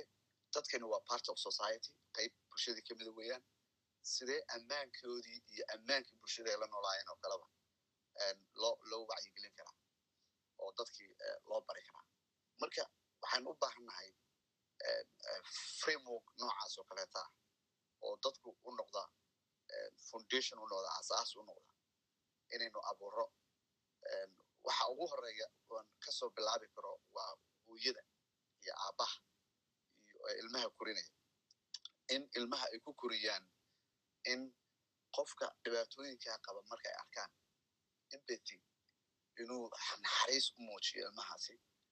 Ilmahana haddii isaga aan naxariis loo muujin ilmuhu naxariis ma yaranayo naxariistu waxay ka timaadaa environmentiga uu qofku ku nool yahay. Waad aragteen qofka maanta dhimirka qaba ama dhibaatooyinkaas qaba dhagax baa lala dhaxaa meelaha qaarkood. Silsiladaa lagu xidhaa isolation baa la geliyaa. Takoorid baa lagu hayaa. Inagoo dhan baa halis u wada ah waxaasoo dhan nagu dhici karaan brituri haddii aan sida dhibka nugu dhaco. Sidee marka dadkii loo bari karaa waxyaabaha ugu badan waa iskuulada meelasha ugu badan ee carruurtu tagto masaajidada dadka aqoon-yahanka ee community leaderska ah in iyagu ay dadkii la hadlaan in la abuuro institutionno wacyigelin sameeyo oo awarenessgaas mental healthiga ka hadla.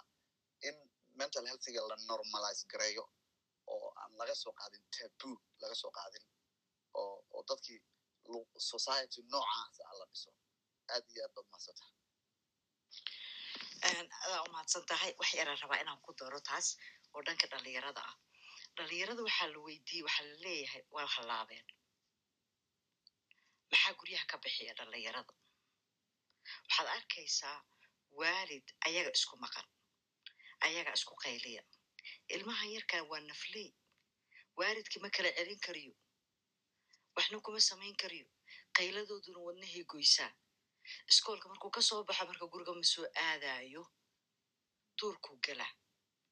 Wuxuu ka cararaya qayladiinuu ka cararaya qayladaas markuu ka carara intuu tegaa marka gaashaan malaha bahaluu dhex tegaya ummad kaluu dhex tegaya waktiga ku dhamay intuu is leeyahay waa la jiidanaya waxaa ragna anaga ilmo looga qaaday iskoolka markuu yimaado oo kursiga ku hurdaa ilmahan lama dhaqaaleeyo baa waalid dhan looga qaaday hadhowti maxaa soo baxay aabbahay hooyada mar kasta isdagaala aabbuhu hooyadu gacanta u qaadaa wiilkani marka awoodna ma laha uu aabbo gacanta uga qabto ama uu ku dilo ama hooyo uga celiyo.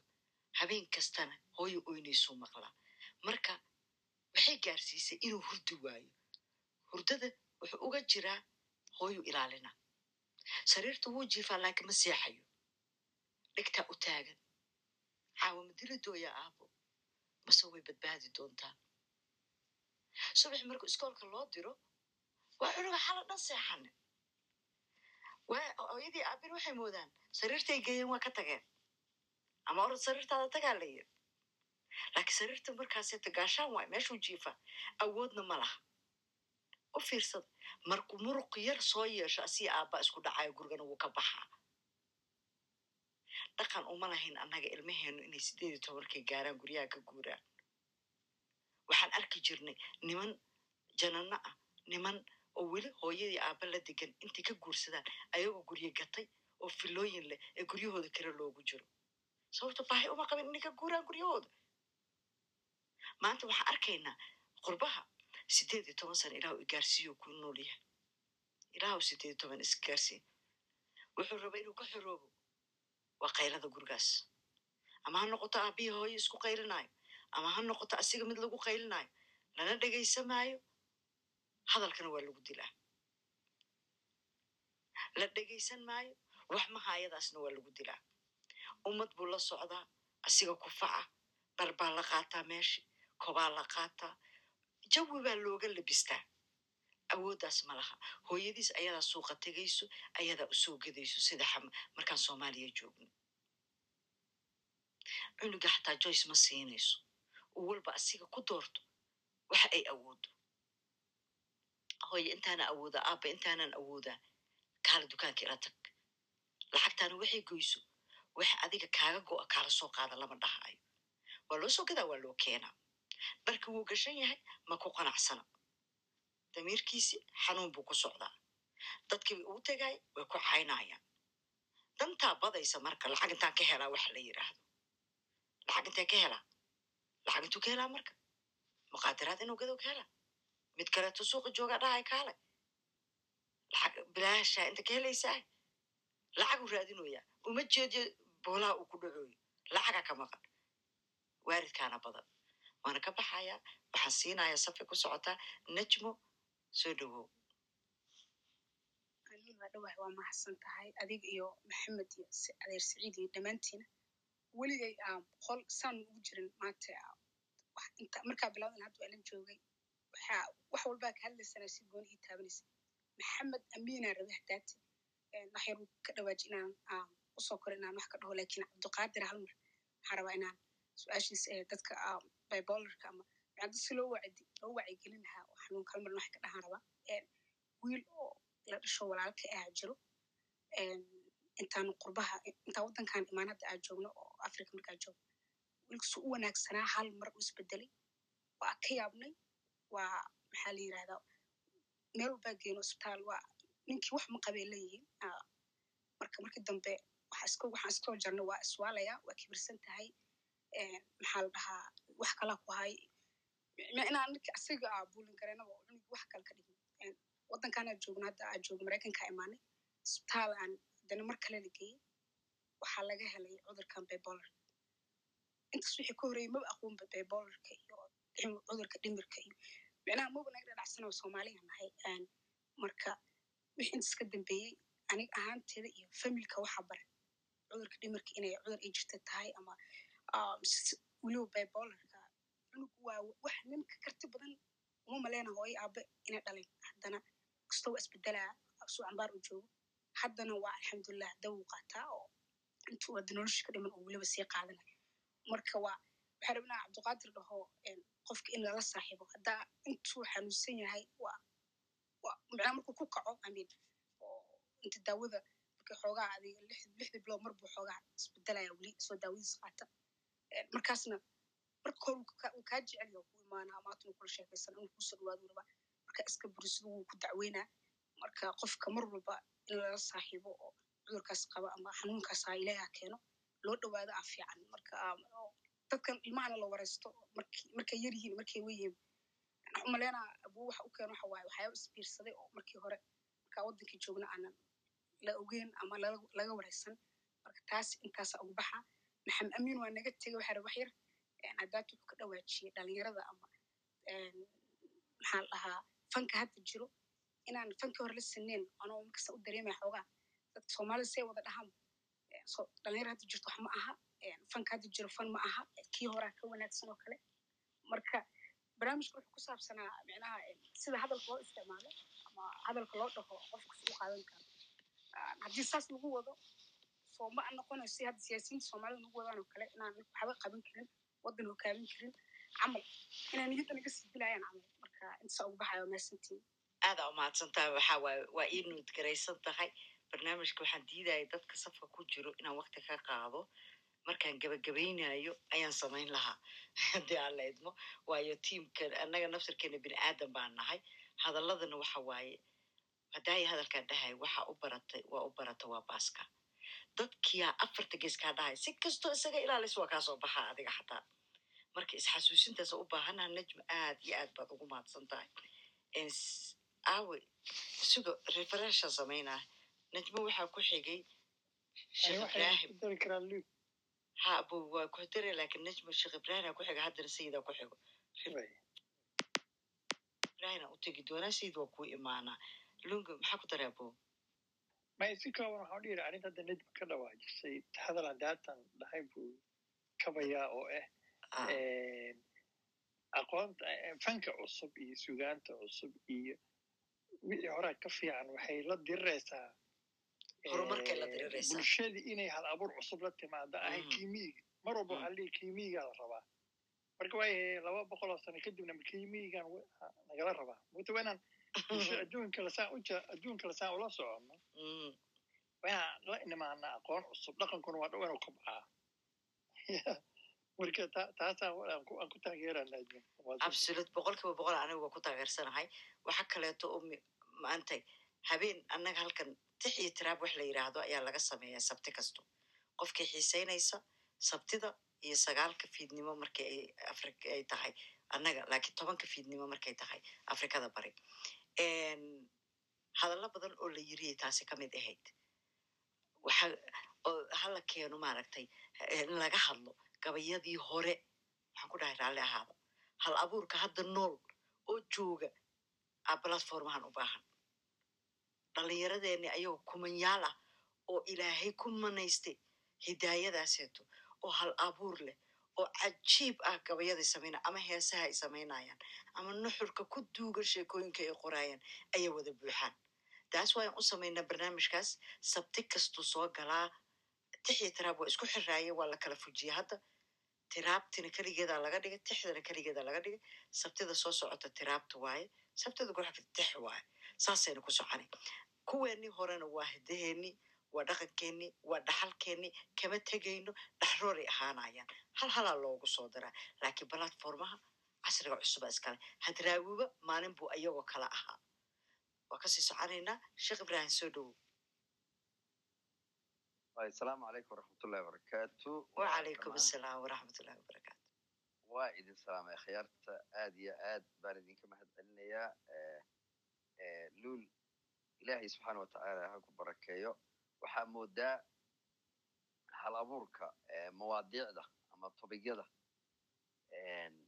maadaama aad qof social workera tahay oo yani khibrad waxyaabaha u leh weli mawduuc aad qalqaalisay ama qabanqaabisay oo maaragtay yani aan meesha ay u dhimatay ahayn maan arag walahi alxamdu ilaahay maaragtay subxaana watacaala caqliga iyo caafimaadka iyo garashadaba adiga iyo tiimka kula shaqeeya iyo dhammaan dadka doodaha halkan yimaada ilahay ha barakeeyo.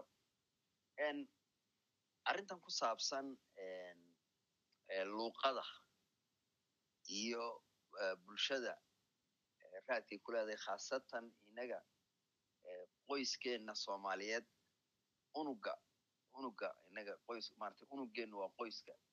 Kadibna de wuu korayaa ilaa mujtamac dowladeed aan gaadhno oo bulshadu luuqadu kolba heer bay taagantay ama waa unugii u hooseeyey ama waa xaafadii ama waa degmadii ama waa gobolkii ama waa dalkii iyo qarankii oo dhan raad bay la leedahay cilmiyan dadka xagga maadiga waa taxliiliseen oo yani wax badan oo loogu noqdo ma laha annaga dhaqankeena siduu yahay. Maaragtay sidaan bani aadamka markaa aanu arkayno inaanu qofkii bulshada u sarreeyey ama averagekii ahayn waxa ka muuqda. Inaan ku ceebayno bahdilo dadku siday u eg yihiin in magac loogu bixiyo. Mujtamac iscaaya inaan nahay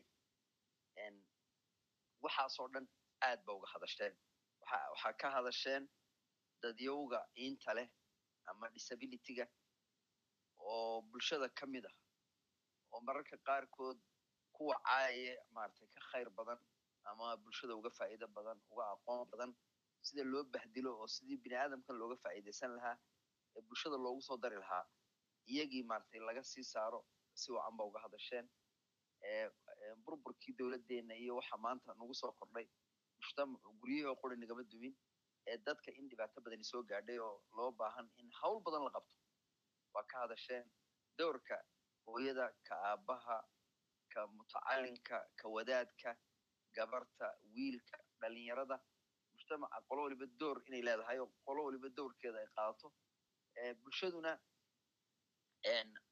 hadalka ay ku hadlayso qalbigu ka yimaadaa ficilkuu soo maraa dabeedna carabku ka yimaadaa oo bulshada dhan inay bulsho aqoon leh oo luuqadii ku cabirta horumarkeedii iyo wanaaggeedii iyo bulshadii isu soo jiida oo qaranka sidaa ku dhismo iyo inay noqoto bulsho burburtay hadda waxaan la yaabay waxyaabahan club houseka markaad soo marto waxaa la yaabaysaa halkan imanka containayna ku jiraa shan boqol oo qof meelay ku jiraan toddoba boqol oo qof oo qabiilo iscaaya loo goleeyey manaha waxay ku tirsinaysaa burburka bulshadeenna waxaanaynu ka hadlayno halkii laga dawayn lahaa baabay u soo ururayaan inay dadka sii beleeyaan oo jaamacado iyo iskuullo laysku caayo oo laysku baabi'iyo oo yani maanta ayagoo club house haysta oo adduunkii tegey oo qurbihii arka oo horumarkii arka oo kii bulshada arka kii dhaqaalaha arka kii diinta arka kii dadnimada arka. Bulshadu waxay kala fahaysa iyagoo arka oo dhex jooga. Ayaa waxay ka hadlayaan waxyaabo yanihii caqliga iyo bashariyadda iyo dadnimada aanay qaadan karin. Calaa kulli xaal aniga marka haddii hadda maadaama nin weliba dowr buu leeyo caawa anaa wadaadadii ka jooga sharciga islaamku ilaahay inoo soo dejiyey bulshada soomaaliyeed siday maanta u burbursan tahay ayadoo oo jasiiratul carab u burbursan baa ilahay nebi maxamed soo diray sala allahu alay wasalam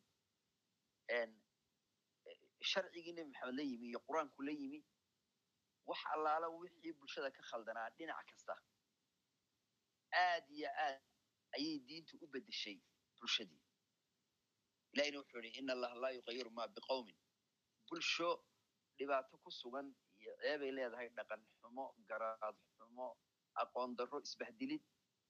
Ma bedelaan oo arrintaas uma guntadaan. In allaha laa yuqayiru ma biqowmin xataa yuqayiru ma bianfusihim. Ilaahay ma bedelo ilaa iyagu ay bedelaan oo ay arrintaa u guntadaan ka bulsho ahaan. Ilaahay subxaana wa tacaala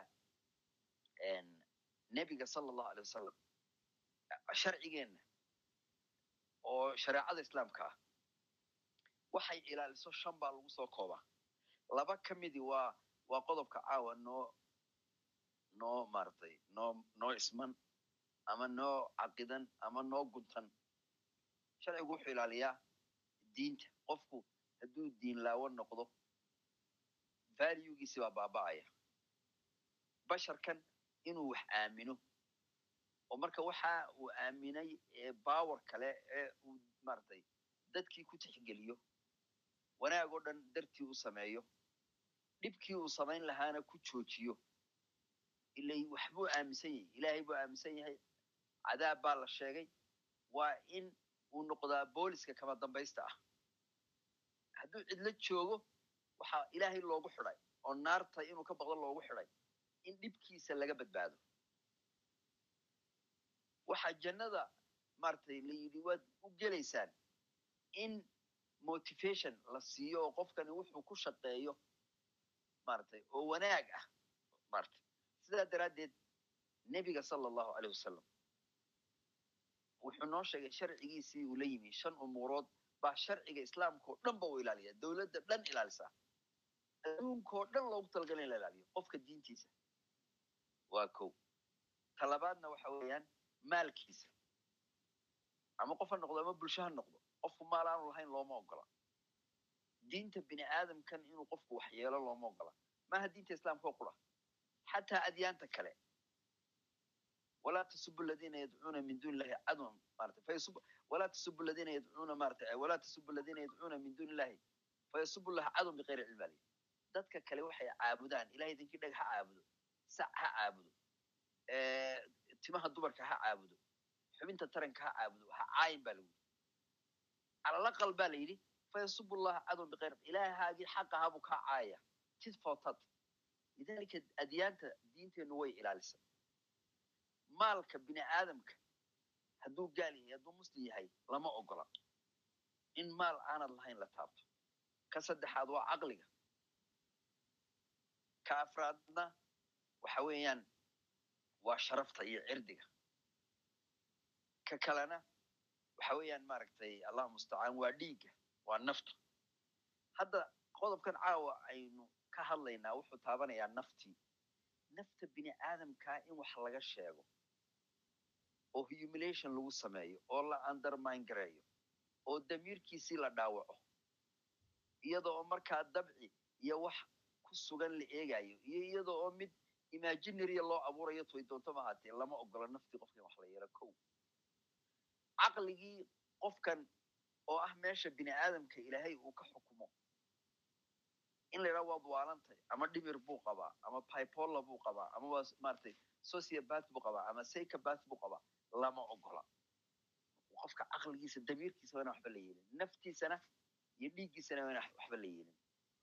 Qodobka saddexaad oo hadda aynu ka doodaynaa oo shanta qodob ee islaamkuba ilaaliyo waa inaan sharafta qofka waxba la yeelin oo macnaha qofku sharaftii dignitigiisii waa inaan waxba la yeelin saddexdaa qodob waxaa maqan oo qura diintiisii oo iyana soo geli karta oo qofka haddii diin ahaan loo caayo oo dadka inuu ka hooseeyo loo ego iyana waa dangerous waa xanuunadii waxaa marka ka maqan oo quraba in maalkii oo qura ka maqan afartii sharcigu ilaalinayaba macnaha ciwaankan buu ku soo kooban yahay nebigu wuxu uhi sala allahu alay wasalam xadiis saxiixa laa tu'duu cibaad allahi war addoommo yahow addoommada ilaahay ha dhibina walaa tucayiruuhum war ha ceebaynina walaa tadlubuu cawraatahum cawro ay leeyihiin oo idinka qarsoonna ha baadhbaadhina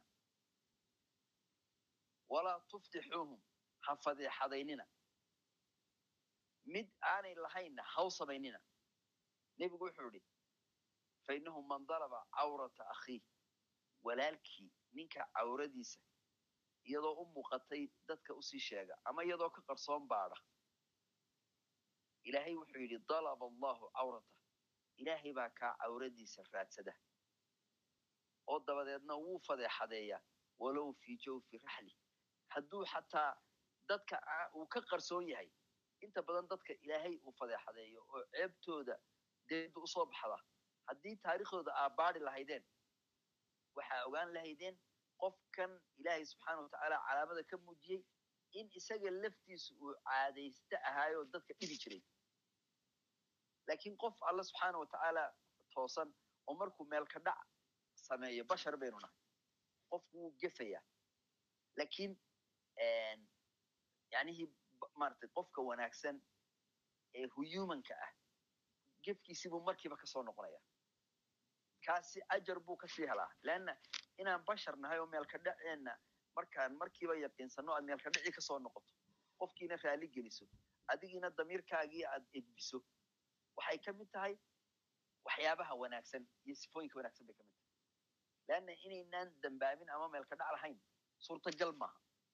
Malaa'ig baa laynaga dhigi lahaa. Malaa'ig laynagama dhigin. Bashar baa laynaga dhigin.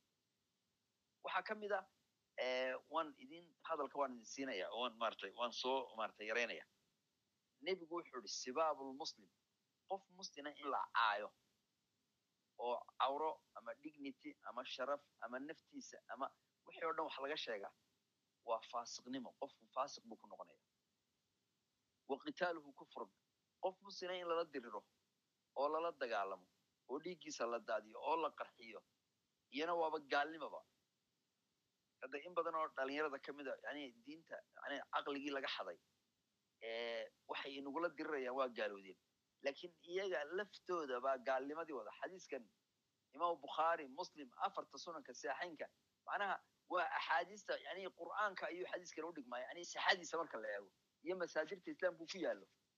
Waa sharcigii oo dhan in qof muslina dignitigiisii sharaftiisii caqligiisii diintiisii in wax la yeelaa waa faasiqnimo qofku daacadii rabbi buu ka baxaya. In aad disho oo dhiiggiisii hub u qaadataana waaba gaalnimaa ka dhalanaysa walciyaadu billah. Taasi marka waxa weeyaan walciyaadu billah. Waa sida sharcigu u ilaaliyey ee inooga ilaaliyey. Maxaa la yidhaahdaa inaynaan qofka waxba yeelin. Hadduu carruur yahay marka waalidkii buu aabihii hooyadii bulshadii iskuulkii kalaaskii xaafadii jaarkii ilmihii meeshuu tegayey okay qodobka marka kaasi waa sida loo ilaaliyey qofkii isaga maxaa la gudboon? Islaamka laftiisu wuxuu traingareeyey qofkan dulmanaa ah ee dhibku soo gaadhay laftiisa. Rada ficilkuu samaynayo marka ay bulshadu dhibaato u geysato. Iyagiina maaragtay isagiina dee sharcigu wuu la yimi oo tusaale ahaan maaragtay nebiga sala allahu alayhi wasalam nin odaya oo gaboobay baa masaajidkiisa soo galay oo reer baadiye ah markaasaa meeshii dadkii ay fadhiyeen ee nebigii la dhegeysanayay buu kaadi ku qabta dadku technolojiyadiina xumaysan masaajidada rasuulku ciid bay iska ahaayeen lidaalika culimmadu waxay u raadisaa daliil ma lagu tukan karaa gogol laakiin dhul ma lagu tukan karaa iyadu daliiluma baahna leanna masaajidkii rasuulkaaba ciid ahaaba waayo diinta xaa kale isu hadda waxaad arkaysaa qof meel nadiifa isagoo jooga daydaayo maro uu ku tukado. War maxaad daydaysaa maro ama sijaayad? Leanna waxaa aaminsan yahay inaanay sijaadlaan salaada kaga ansaxayn. Asalkuna waxay ahaydba in dhulkan ilaahay qofka lagu aasayo dhulkuna mar hadduu nadiifiyo nijaas ka ogeyn inuu maarata marka nebigii isagoo saxaabadii la fadhiya buu ayuu ku kaaji waa nin reer guuraaya oo jaahila oo waktigii dee jaahiliyadii carabta nool oo ilbaxnimadii yar tahay oo gaaladu maaragtay inta badan markaan dhaqanka islaamka la tareerin garaynin cawradooda maaragtay meel bay raggu maaragtay iyagoo qaaqaawan bay maarata iska wada qubaysan jireen dumarku iyagoo qaaqaawan. Macnaha xayadaa inta badan yaraatay sharcigu inta badan dadka xayadoodu ilaaliya. Marka maadaama nin reer guraayo diintiina ay ku yartay imaka soo islaaman yahay dhaqankii islaamkana aan ahayn kaadi buu ku qabtay masaajidkii. Saxaabadii ninkii aad bay maratay waxay damcanay gacan wax kaga qabtaan. Waa bashar. Nebigu waa dhex fadhiya.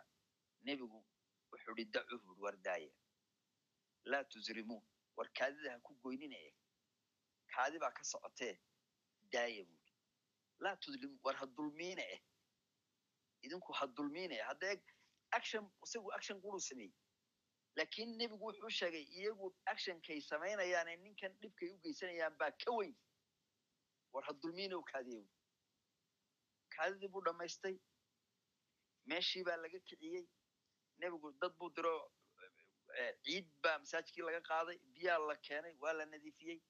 Nebigii baa ninkii u yeedhay sala allahu alay wasalam markaasaa wuxuu yihi halkani waa masaajid ilaahay baa lagu xusaa.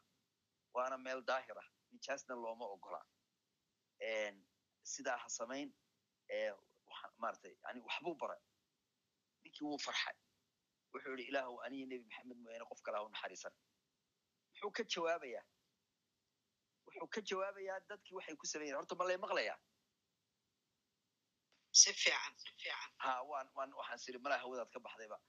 Burcaada haddaan siri raalli may burcama aadan aadinay qolka kulmiso waa laysku dhegaystaa sax ilaahay ku barakeeyo ilaahay ku barakeeyo waan waan soo gebagabenaya ninkii wuxuu yidhi ilaahu aniyo nebi maxamed mooye qof kale ha u naxariisan macnaha muxuu u jeedaa wuxuu ogaa dagaalkii ay ku qaadeen. Ilay dadkii qaarna actionkoodii uu fiiriyey qaarna ku soo kaceen. Nebigii baa qoslay. Wuxuu yihi sala allahu alay salam laqad xajirta wasacan raxmad waasi ah oo qof walba gaaraysa. Baad labadeena qura inagu soo koobtay wuxuu ihi baasha ballaadi baasha ballaadi macnaha ninkan dulmigu ku dhacay isagiina waa loo hiiliyey oo bulshadii tareerin buu nebigu siiyey. Isagiina yacnihii in uu maratay cuqdadii ka baxdo ayaa nebigu u sheegay sala allah alay salam walidalika qur'aanka o dhan hadda akridaan wacibaad raxmani aladiina dadka la amaanay maratay wacibaad raxmani aladiina yanshawna cala alardi hawna addoomaha raxmaankii siday dhulka u socdaan waidaa khaadabahum aljaahiluuna marka lagu xadgudbo ee ama sharaftooda ama caqligooda ama dhiigooda maratay loo geysto wax dhibaato geysanaya qaaluu salaama waxay odhanayaan maratay war nabad nabad bay odhanayaan radu ficli samayn maayaan aargoosi samayn maayaan waidaa samicuu laqwan acraduu canhu marka dhibaato lagu sameeyo way ka jeesanayaan waqaaluu lana acmaalna walakum acmaalakum salaamun calaykum bay odhanayaan warniyon aan nabad gelino laa nabtaqi ljaahiliin qur'aanka oo dhan waa ka buuxdaa yani nebigu wuxuu ihi sala allah alay salam abubakar sidiiq nin mistax ibnu asaas la idhahdo habarwadaag ruma ahaayeen. Baa nebiga makuu ka keenay way soo wada hijiroodeen madiinuu joogay dadkii foqorada ahaa ee saxaabada nebigu ahaa. Abubakar baa korin jiray leanna waxaa dhashay inaabtidii ruma adeer buu ahaa. Marka caaisha radi allahu canha qisatulifki qisada suuratu nuur ku soo degtay. Dadkii ka qayb galay caaisha inay xumaan samaysay munaafiqiintu caaisha cayday ku sameeyeen. Buu ka mid ahaa. Markaasaa abubakar baa dayriyey. Ilahay subxana watacaala qur'aan buu ku soo dejiyey. Ilahay maratay maratay walyacfu walyasfaxu baa layidhi cafiya oo dhaafa. Alaa tuxibuuna an maratay maratay maratay an yacfu miyadaan jeclayn ilahay inuu idin cafiyo faman cafaa wa aslaxa qofka dhib loo geystay cafi iyo islaax kala yimaada fa ajruhu cala allah marka xadiiska ugu dambeeyaan ku soo gebagabaynayo soomaalidu wax nafsi la idhaha bay sheegtaa nafsi waa tit for tat waana dadka calaamo ilaahay marka inta badan uu ka muujiyo qof kasta oo fiican oo bulshada daadihiya oo ahlu khayra ilahay magaciisa iyo maamuuskiisaba uu hagaajiyaa waa wax rabbi waa wax xagga rabbi ka yimaada qof kasta oo bulshada maamuuskeeda iyo magaceeda dila ilahay calaamaadka ah wuu ka muujiyaa si uu qofkani uu dib ugu laabto oo isaga laftiisu isu hagaajiyo rasuulkuna wuxuu yihi sala allahu alay wasalam marata xadiiska saynu ku gebagabeynayaaye ninka walaalkii ninka walaalkii ceebeeya man cayara akhaahu diintu mar walba walaalkaabay ka soo qaadaysaa wax walba waa walaalkaa xataa markii la yidhi walaa taktuluu anfusakum ba la yidhi iyadoo nin lala hadlaayo war dadka ha dilin ba la yidhi war naftiina ha dilina isagii la odhan maayo war hebel oo hebel ha dilin leanna qofkan markaad qof disho adaa is dilay weye sharcigu waa sidaas lidalika rasuulku wuxuu ihi man cayara akhaahu ninka ceebeeya ee luuqo khaldan u adeegsada oo qof meelka dhac ku sameeya maskaxdiisa iyo dignitigiisa iyo sharaftiisa ayuu wax yeela waxa uu rasuulku yidhi lam yamut. Qofkaa ceebta qofkan u geystay ma dhinto xataa yacmaluhu ilaa uu camalkii ku dhaco. Lidalika annaga sharciyan haddaad qof xumaan samaynaya aragto lama sheego. Diinta islaamku ma ogola. Nabiyullaahi ciise ayaa wuxuu arkay nin kalluun xadaya waa nebi ilaahay. Markaasaa wuxuu yidhi ila wuu arkaya ninkii lahaana wuu garanaya meesha dhigtay. War kalluunka nin hebel baa leh oo meesha dhigtay maxaad u xadaysaa buuri markaasaa wuxu uhi wallahi maan xadin. Ninkii baa yiri tuugaha markaasaa wuxuu idhi kadaba caynay labadayda indhood baa been sheegay. Wasadaqa ismullah. Magac ilahaad ku dhaartay baana run sheegay. Anaa nabilahi ciise ma aaminsanaa qof inuu magaca ilaahay been ugu dhaaran karo lidalika wuxuu indhihiisii ku xukumay inay iyagu beenaalayaal yihiin. Oonu aragba lidalika baa nebigu wuxuu yidhi war qofka dembi ku dhaca ilahay isaga udhexeeya falaa yubdi lana ha isqariyo. Falyastatir bisitrillah ilahay sirigiisa isku asturo. Macnaha lama ogola qofka hadduu isagu dembi galo iyo haddii qof kale uu arko isagoo qofkii dembi gelayaba. Xataa hadday dhacdaba inagu waynu samaynaa oo maratay cawarow ilow maratay lugulow masiibow aslan lama ogolaba qofkanna lama ogola. Isagu ceebta sameeyey inuu bulshada ceebta u soo bandhigo. Mamnuuc. Nebigu wuxu uhi dadkao dhan waa la cafiyaya. Kuwa mujaahiriinta mooyaane. Mujaahir markaasaa mujaahirku waxa weeyaan qofka intuu dembi isaga ilaahay ka dhexeeya galay bulshada u soo saara. Kan kale oo isagu sheegayana waa kan rasuulku yidhi qof haddaad wax ku aragto qari. Diiniyan xataa lama ogola. Hadduu maratay xumaan samaynayo xataa hadday dembi tahay hadday dembi tahay isla markaa dembigaasi publica aanu waxba yeelahayn. Oo bulshada maratay dhiiggeedii iyo nafteedii iyo maalkeedii waxba yeelahayn. Lakin qofkan iyo wax ilaahay u dhexeeyaaye lama ogola inaad sheegto. Nin waxaan ku gebagabeynaya. Nin asxaabi oo la jiray safan ibn umaya baa isagoo hurdaa nin tuugaa u yimid markaasuu maryo uu lahaayo uu barkanaabuu ka xaday. Markaasuu ninkii qaftay markaasuu nebiga u keenay sala allah alay wasalam nebigana haddii xad yani dowladda guud ay ogaato oo public interestka la doonaya in loo daneeyo macnaha qofkaa maratay maxkamaddaa la saaraya. In maxkamad la saara baa la dabcay maratay safan umaya baa marka kaalad qabay wuxuu sidaa umaan jeedin. Wuxuu yidhi nebigu maxaad iigu keentay markaasaa nebigu wuxuu saxaabadii ku yidhi war midkiin hadduu dembi galo qariya kii galowna dembiga maratay iska qari adiguna walaalkaa qari manaha sharciga islaamka wadaadka doorka u yaalla diiniyan waxa weeyaan waan ku gebagabeynaya waa taas waanaanu ka gaabinay wadaad oo quran uma taale dowladdan ummaddan bulsho dhan yani maas dhan bay u taallaa laakiin manaha sharciga islaamku haddaynu yani wadaadku doorkiisa u qaadan lahaa wuu yaraan lahaa discriminationkani iyo dhibkan iyo masiibadani waan ka baxay igana raallihan waan ku dheeriyay wallahu aclam aad iyo aad aa umahadsantahay sheekh ibrahim barnaamijka caawasaa ujeedaba waxa waaye ereyada askartoodii baan nahay. Meel wanaagsan baad horta dhigtay. Hal mid keliyahan xasuusin ay iga tahay waayo hadalkaagii kow ilaa dhammaad marka la raaco ay ka caddahay in aad saxda ku waday lakiin waayo markaad tusaalaha soo qaadatay waa aad tiri qof haddaad aragtaan facshir ceebi ku dhacday qofkaa taariikhdeeda haddaad dib u baari lahaydeen ayada ayaa ahayd waxaas oo ilaahayna tusaaleyn uga dhigaya. Waxaa kaaga horreysay laakiin qofka ayadu la yiri ha fagfagin cowradaa qarsan ha fagfagin oo ha raadinin hadday bannaanka taalana ha sii faafin oo meel kale ha geynin. Marka qofkii hadduu qofkani asiga yahay ka waran qofkii ayada ayadoon dembigaas gelin qofna ku samaynin laakiin la fafagay ee wixeedii bannaanka la geeyey qofkaasi haddii lagu arko marka wixii taariikhdii maskaxdii waxay qaadanaysaa ah okay qofkana ayadaa xumaan jirtay marka waa ciqaab loo soo diray. Marka labadaa qof sidee u kala saarnaa adoo raalli ah?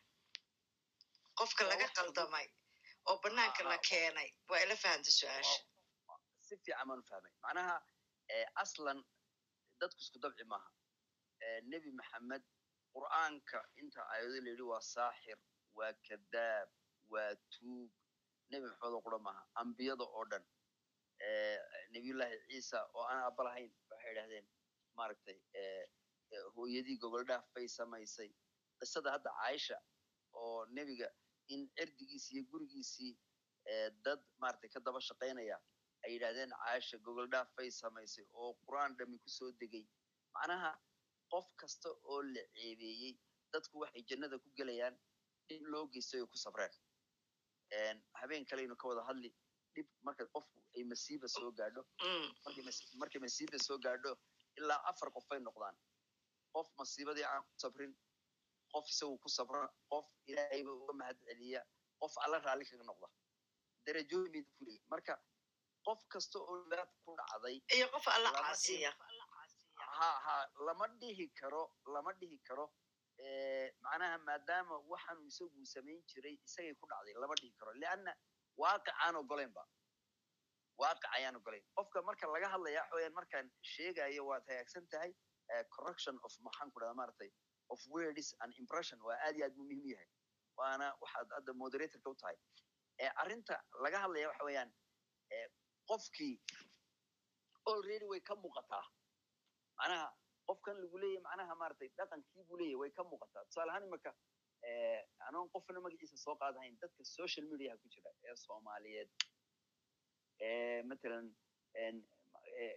dhibaatooyinka wadwada ayaan dhaweyd gabar maraykan ka timi oo hargeysa tagtay iyo wiil baa aad faxshar ceeb badan lagu sameeyey dadka wadwada badankoodu ayagu lacag bay ka faa'iidayaan dhaqanka ay arrintan u faafinayaanna maaha gabadha badankoodu inay maratay u danaynayaan ama wiilka u danaynayaan lakiin dhaqan yacnihii maratay aynaan lahayn oo xagga islaamnimada iyo xagga soomaalinimada iyo xagga bulsho ahaan ayay rabaan in yani views ay ku helaan. Waa nooc kale oo yani maratay system warloodnimo oo qofku maratay uu qof kale inuu cirdigiisi iyo sharaftiisi iyo bulsho dhan inuu ceebeeyo uu lacag ku helayo. Oo ay u baahantay xataa mawaadiicda aynu mustaqbalka ka hadli doono ee maratay golahaagan inaynu ku soo darro oo maratay yani hadda xadkiiba maratay ka tallaabay marka lama dhihi karo ee qofka qofkan la leeyahay maaragtay dhibkiibaa ku soo noqonaya waa qof ay calaamaadkii ka muuqdaan. Waanay badan yihiinoo maaragtay dee hadda in waadaa umahadsan tahay intaasaan raba keliya inay kaliir noqoto. Waan u jeeday adiga kumaad wadin laakiin hadalkaa uun meesha ka qabtay moogta kuwii kale adoo ka hadlaaya. Marka aad iyo aada umahadsan tahay.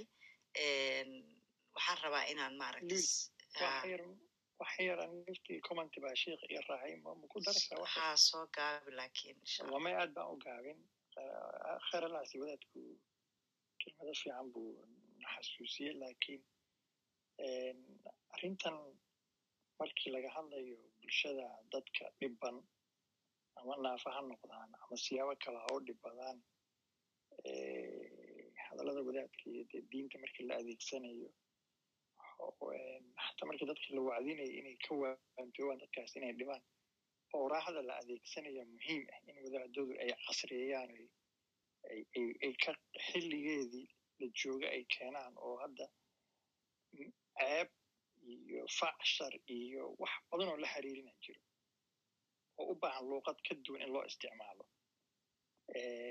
qofka ha dhibaateyna markaa qofka aad ka waaninaysin qofka dhibaateen tusaalehaan qof naafaha inaadan naafinimadiisi ku caayin. Tusaalaha la soo qaadana marka xadiista la aadayo maa in la soo qaato xadiis ceeb tilmaamaya ama facshar ka waaninaya dadka inay inay soo in la soo qaato way ka duwan tahay. Sababtan waa karaamadii qofka iyo dignitigii iyo aadinimadiis baa meel looga dhacaya. Facshar iyo dembi iyo iyo ceeb meel taalloo qofkii lagu xumeynayo lagu sheegayo lagu tilmaamayo ma aha qof markii leeyahay ilay iyo gacmay leeyahay waxa weeyaan waa waa xibno jirkiisa kamida oo la rabo in magac looga dhigo marka markii tusaalaha la rabo in la soo qaato diinta laga soo qaadana si qofka u adeegsanaya ereyadaas qofkan looga waaniyo waa inay ka duwanaataa tusaalaha ka digayo ceebeenta sababtay naafnimadu ceeb maaha tusaale ahaanaan ka wada laftigeeda marka waxaan idhaahdaa waado laftigooda luuqadda ay dadka ku wacdinayaan waa inay relevant u ahaataa topica ay ka hadlayaan waa mahadsantiin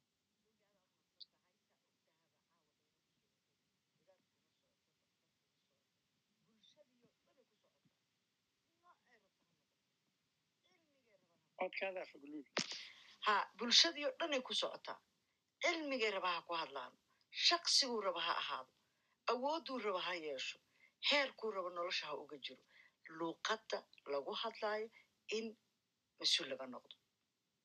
Hees waxaa jirto meel walbana waa ka sheegaa uu axmed aarsha qaado oo aad aan u jecla heestaas markaad dhegaysatid waxaad is leedahay wadaadadu waay. Intaas heestaa ku jirto ay ugu wacdi la'yihiin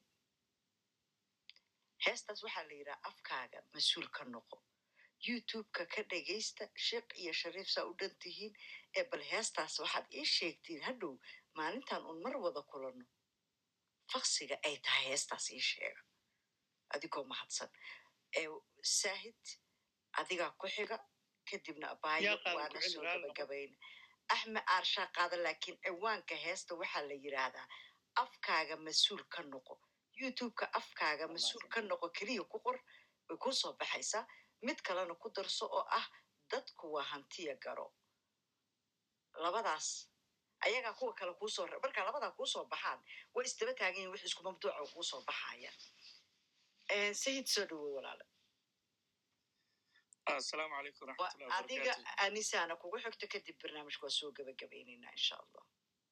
Masha allah.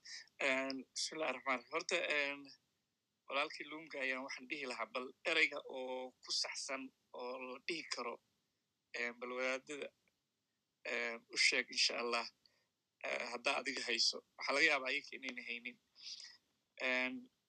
Midaas haddaan ka baxo. Horta aniga xag waxaan ka gelayaa afka afka soomaaliga oo markii la qoraayo dadkii lagu bilaabay aan ahaa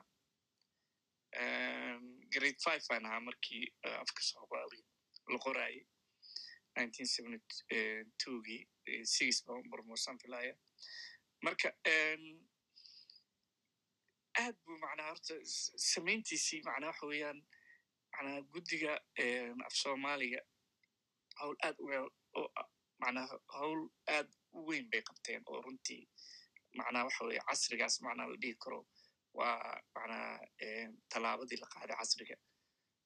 Ilaa maantana aan macnaha dadka soomaalida meel kastay joogaanba eh, iyo waddan kastay ku nool yihiinba macnaha waxa weeyaan ku dhaqma hadda maalin dhaweydaan macna ka maqlayay eh, gobolkan macnaha waxa weye galbeed oo oranaya macnaha waxa weeyaan waa in cinwaanada macnaha waxa weeyaan magacyada magaalada lagu qoraa afka soomaaliga waa in lagu qoraa marka afka soomaaligaen isticmaalaan maasha allah marka kenya sidoo kale meel kasta macnaha jabuuti sidoo kale marka maasha allah waa waa waxa weeyaan wax weyn oo la qabta weeyaan. Marka lakiin markii aan grade sixken waxaa naloo dhigi jiray naxwaha af soomaaliga kolley luulna inay maadaama ay tahay danjirihii macnaha waxa weeyaan af soomaaliga. Macnaha waa laga yaabaa inay ama em, jawaab ka hayso ama wax kale ka haysto macnaha wuxuu noqday macnaha naxwihii af soomaaliga haddii aanan hayninna caawa ilaahay wuu barakeeyey qolka. Hoos waxaa fadhiya aga maxay hayteen wakiilkii aga ee yurub? Aga waa akademiya goboleedka afka soomaaliga. Marka ku Masha soco Allah. maasha allah marka waxa waaye wuu naxwihii wuu istaagay. Maaqaan istaag buu noqday ma horumarin. Macnaha waxa weeyaan sanadkaas sanadka ka dambeeyeyba macnaha waxa weeyaan naxwihii macnaha sidii naxwaha af soomaaliga loo qori lahaa adi hakad buu galay. Kadib wuxuu afkii ku bulaalay turjumadii la turjumay macnaha waxa weeyaan oo loo bedelay macnaha tacliintii oo dhan af soomaali. Macnaha markaas af soomaaliga dhinacaas wuxuu ka sameeyey erey bixin cusub macnaha eh, oo oo macnaha waxa weeyaan eh, wax kasta oo jiray oo macnaha waxa weeyaan eh, oo macnaha af qalaad ahaa waxaa lagu bedelay af soomaaliya lagu bedelay marka halkaas aad buu uga kobcay runtii marka waxa waaye afka soomaaliga telefon ay ugu soo noqonayo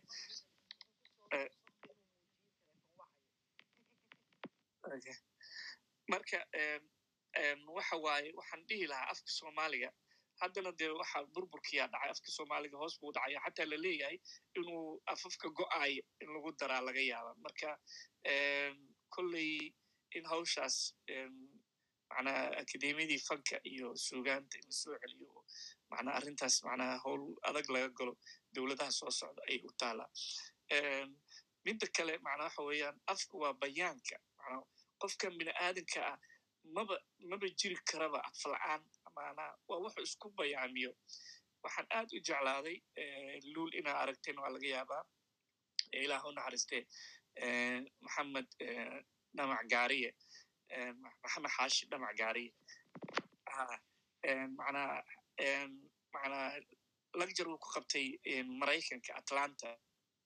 Macnaa aad iyo aad lagjarkaas qofkaan dhegeysana ha dhegeysto macnaa aad iyo aad buu u tilmaamay. Macnaa xataa aayadda qur'aanka oo callamahul bayaan. Macnaa suugaanta ayuu ku tilmaamay. Marka macnaa waxa weeyaan taasna waxa weeyaan waa cashirki waxaa waaye dareemada shanta dareemood ha shanta dareemood warkaas waa maasha allah allah waa aad baa uga helay macnaa eh, macnaha soomaaliga iyo macnaa waxa waaye iyo suugaanta iyo siduu iskugu rakibay iyo macnaa waxa weeye xataa em, wuxuu ka hadlaya xukunka soomaaliga xeerka soomaaliga waxyaabuhu ku dhisan yahay. Waa runtii waa wax aad u fiican wey marka afka soomaaliga wuxuu hadda waa macnaha siduu ku socda waa gablan lakiin waa inuu dad u soo baxaan midda kale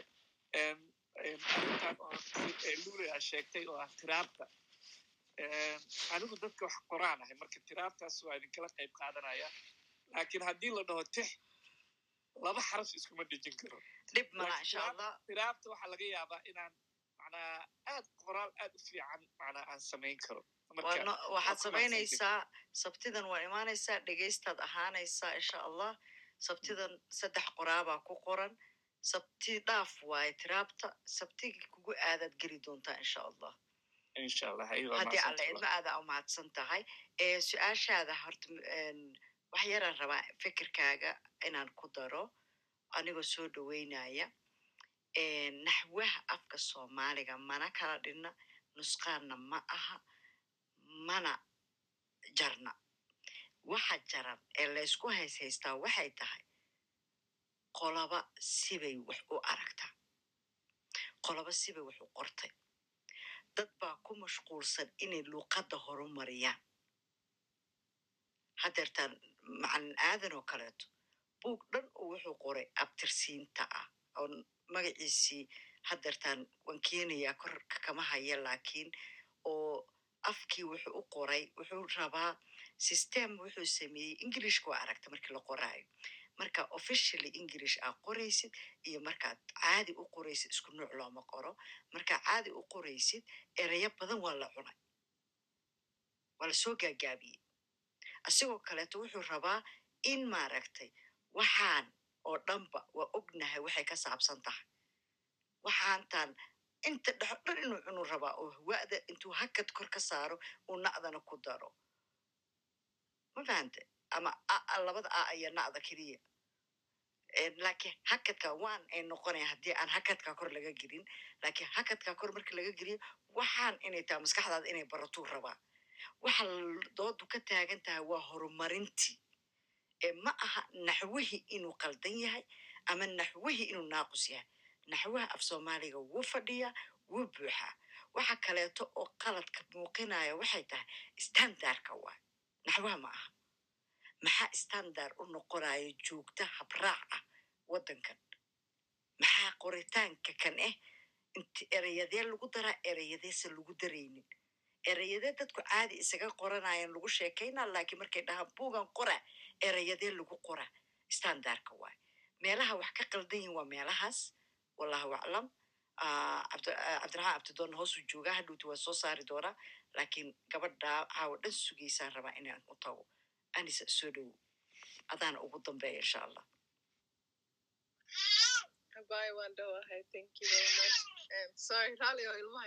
no waa qurux iyo naxariis sheekadaada wado Insha Allah, iga rally noqdana. Waxaan isku darayaa English iyo Somali. I know inuu barnaamijku ku saabsan yahay like in anisa hal midaan ku aan kuugu daraya xalayto qol baan joognay su'aal waxaa jirtay uu abwaan uu weydiiyey. Abwaano badan baan la joogay. Wuxuu yidhi yaa ii qeexi kara hadal. Hadal waa maxay? Dad badan annagoo dhowra wuuna aamusiye laakiin dad badan aad bay u dhibtay. Marba meel bay la aadeen. Wuxuu rabana definition uu ahaa. Ma ahayn hadal maxaa waaye oo aad sharaxaysid oo kaleeto laakiin inaad qeexdid qeexiduu rabe marka hadalkii qeexidiisia waxay noqotay ama tahay ee noqotay yaanan dhihine wax aad maqashay ood fahantay. Qayla haddaad maqashay waa maqashay ma aadan fahmin hadal ma aha. Hadal marka la yidhaha definitionskii wuxuu noqonayaa waxaa maqashay ood fahantay. Fahankii hadduuna la socon hadal ma aha. Waad maqashay uun shanqaraad maqashay jabaqaa maqashay something. Marka ulajeedka aanu ka leeya wuxuu yahay english ku hadal soomaaliya english isku dar muhiimaddu waxay tahay inaan ku fahanno. Asloonka aan ku maqalno oon ku fahanno hadalkaaga waa buuxaa ku soco lul wax yar baan rabaa inaan anisa one second ka horreeya anisa anigaa ku soo bengigareeyey ujeeddada aan ugu soo bengigareeyena waxa weeyaan arrintan aan ka hadlayno in badan bay ka hadashaa. Sheis masha allah sheis well educator she is a writer and waxay u advocate garaysaa u doodaa dadka dhibaatooyinka diasporaha ka jira mental healthiga identityga cultureka waxyaabahaas oo dhan. Marka waxaan jeclahay anisa inay nala sheer garayso experiencegaas iyo waxaasoo dhan insha allah. Anisa waxaan rabaa muhiimaddu waxay ahayd language shape how we see the world and what language we use how we use and what negative connotations we have towards the mental health and how we can change our communities. Thank you so much. Welcome anisa thank you walaal And aad baa umahadsan tahay thank you lul waan ka soo qayb galay ba- barnaamijyo kale oo tiriya uh, tixiya tiraab i was really liking that one. And dhinacna waxaan ahay like writer uh, and faadimana waxa u sheegay awoogay wuxuu ahaa maxamed cumar dage allah naxariiso i have to inaan inshallah inaan si fiican u barto waa gabay gabayaashay everything. Lakin hadda waxaan ku qoraa english aan uh, inta badan waxaan ku qoraa english. Marmarna waan isku daraa somalia english. Lakin waxaan rabay uh, marka hore inaan uh, wadahadalkan inaan ku kordhiyo sheeko oo ku saabsan wiil afrikaan ah um, waxaa ka hadlayseen like uh, waalidiinta inuu hadalaha ad adag ee ku tuuraan ilmaha uh, in laga dhaafo. Um, so sheekadan wuxuu ahaa wiil oo i think nigeria meelahaas. Markaas kow iyo toban sano jiray um, and it was his birthday birthdaygiisu ahaa. Markaas birthdaygiisa wuxuu uga dhigay hadiyad hooyadiis inuu isdilo uh, I know Sheka or like you know scary. Why like in and wiilka like maydkiisa naagtiisa waxaa ka heleen warqada u qoray hooyadiis markaas wuxuu ku dhahay hooyadiis um, waxaan ka dhigayaa dhimashadayda hadiyad ahaan inaan ku siiyo because markasta markasta waxay ku dhihi jirtay i wish you were never born. Waxaa ficnaani lahaa ina inaada dhalaninba. Markaas uh, waxaan ka dhigayaa a gift to you because markasta waxay ku dhihi jirtay I'm cunug fiican ma ihi sorry ilmaha garigan don't worry don't worry. No no wad sheekada. Aslonga ayaga ay attentionkaaga u baahan yihiin annaga naga aamus ayaga sii. Um, waxaan sugaynaa aabahood so just gariga ku jirnaa but um and adeegii xasan galnay intaan dhegaysanaynay um markaas so it was very sad wiilkaas you know? And i think so soomaalida saas yihiin too because waxaan sameynaa anaka qalbigan ka dilnaa ilmaha. Like waxaan ku dhahnaa eber baa tahay doqonaa tahay.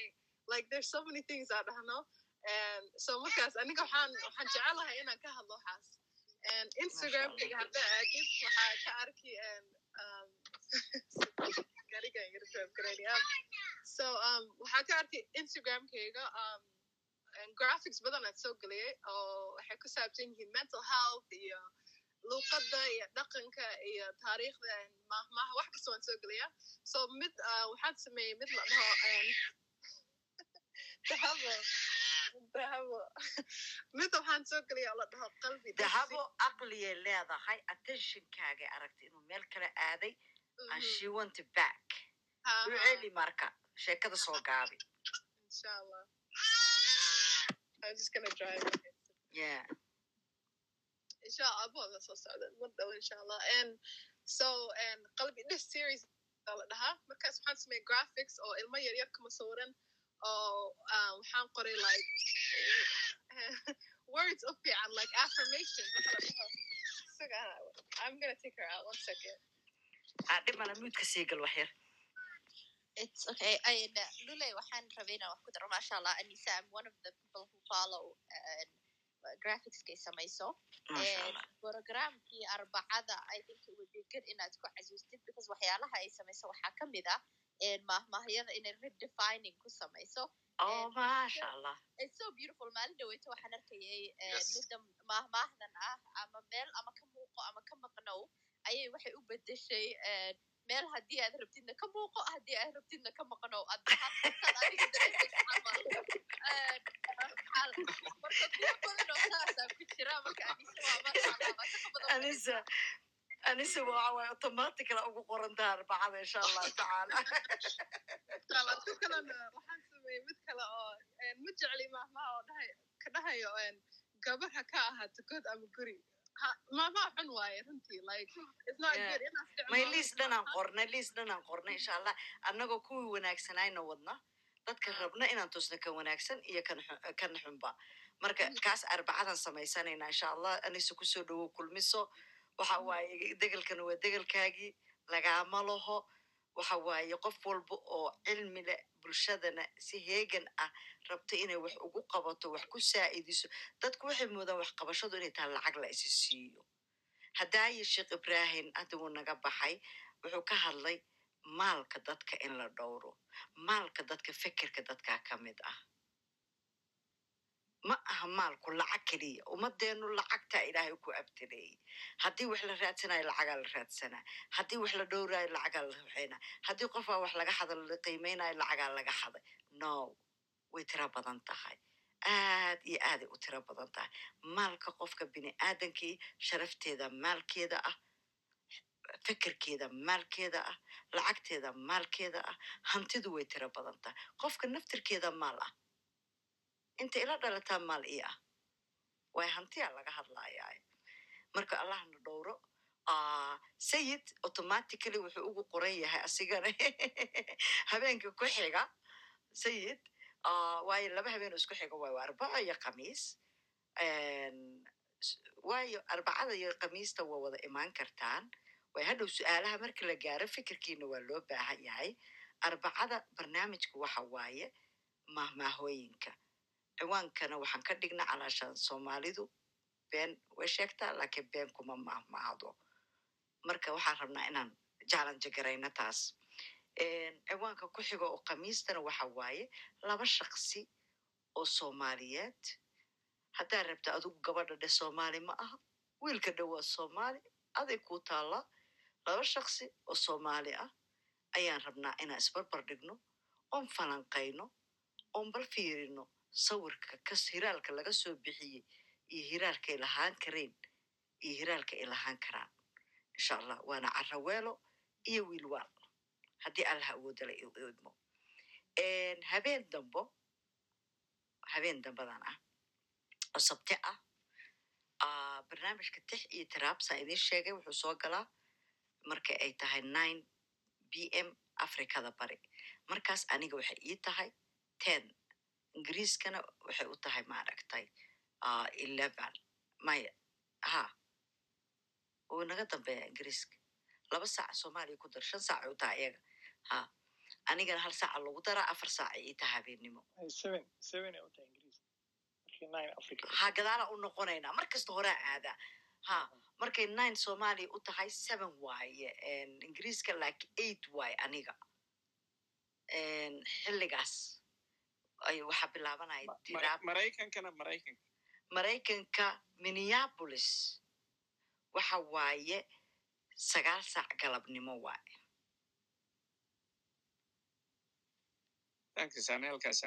Ha sagaal saac galabtigii waaye. Tiraabtaa soo gelayso saddex qoraa ayaa ku ballansan. Tiraabtii oon tix lagu dhibcin. Ciwaankiisana waxaa la yidhaha tiraab tix la'aan miyay En, marka kaas laakiin midaa ka horreeya oo zoom ah linkigiisii halkanna waan s- dhigi goobi baad ka qaadan karaysaan. Laakiin facebooka ka fiican oo linkiga aad toos u taaban karto. Lul caraweelo kulmiyo facebooka iyo kulmiso facebooka ayaan gelinayaa. Berito marka ay afrikada bari ay u tahay lixda iyo afartan iyo shan daqiiqo maqribka calashaan kadib markay afuraan professor mansuur aa soo gelaya zoomka one hour nala joogi doono su'aasha wuxuu ka jawaabayaa ah somali identity and origin who is somali? Soomaalida heybtooda iyo asalkooda waa aya soomaaligu ayuu ka jawaabi doonaa insha allahu tacaala markuu cashirkiisa dhameeyana nusu saacu ku dhamaynaa suu sheegay nusu saaca kalena su'aalay noqonayaan. Facebooka ayaana beri soo dhigayaa maadaama facebookiga ay shaqadiisu badan tahay ma raba inuu duugmo u hoos galo. Marka waxaan soo dhigayaa saacado yar ka hor ayaan soo dhigayaa linkiga insha allahu tacaala. Axadda kulmiso markay xilligaas nine b m soomaaliya ay tahay waxaa imaanayo khubradii beeraha ku takhasushay insha allah waxaa la rabaa aan beero falano ay taagan tahay. Horumaraa la rabaa. Haddaan luuqadda dhankeedii aan gallo haddii xisku soo tooso waa inuu shaqaysan karo. Dalageenniina wax soo saarta ma jiro. Haddii la soo saarana in yaroo kooban sida lunga uu yiri ma baadiyihiyaan nagula haynaa inti miyaan joognaa? Casrigan annagoo nool.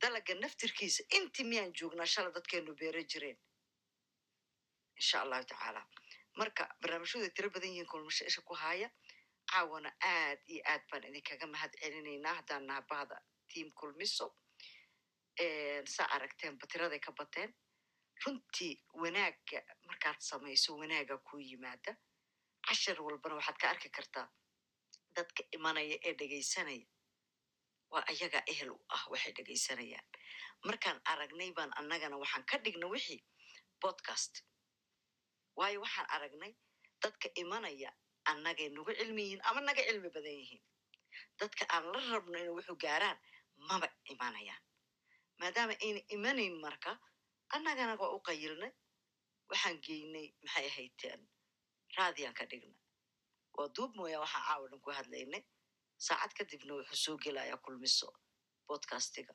oo caalamka meel kastoo bodcast laga dhegaystana uu ku jiraa kulmiso haddaa ku qorti waa ka heleysaa laakiin meesha asalka ah waxa waaye anchor anchor haddaad ku qortid dot com uu ku soo baxaya tos xagga waaye laakiin meel kastuu ku jiraa insha allah haddaay waxyaalo badanaa laga hadlay waxyaalo badanaa loo dhex maray waxaan ilaalinaynana waxay ahayd qowlka qowlka wanaagsanna waa sadaqo runtii haddii qowlka wanaagsan kuu badan yahay dadkuna inay ku dhegaystaana kuu badanayso. Waa xaqiiq aan tijaabiyey oo aniga markhaati nool aanu ahay. Qof aad u ducaynaysid qof aad hadal macaan ku dhehaysa hadal xun kugu soo celinayso. Qofku markay hadalkeedu kuu macaan yaha adiga xataa waktiga waa u quurtaa waktiga waaba hilmaame adaa iska dhegaysanaysid wakti inuu kaa dhumana dareen ama ku gelaayo oo adi wax maaragta caadifad ah hoos ma kugu abuurmayso jirkaaga dareen kaleeto ma ka dhalanayo haddii xataa toban sac kaa gashan adoo ku qanacsanaa tegi adduunkan waxa ugu fiicano qofku ay hesho waa inay qanacdo. Qanaacadduna waxay ku timaadaa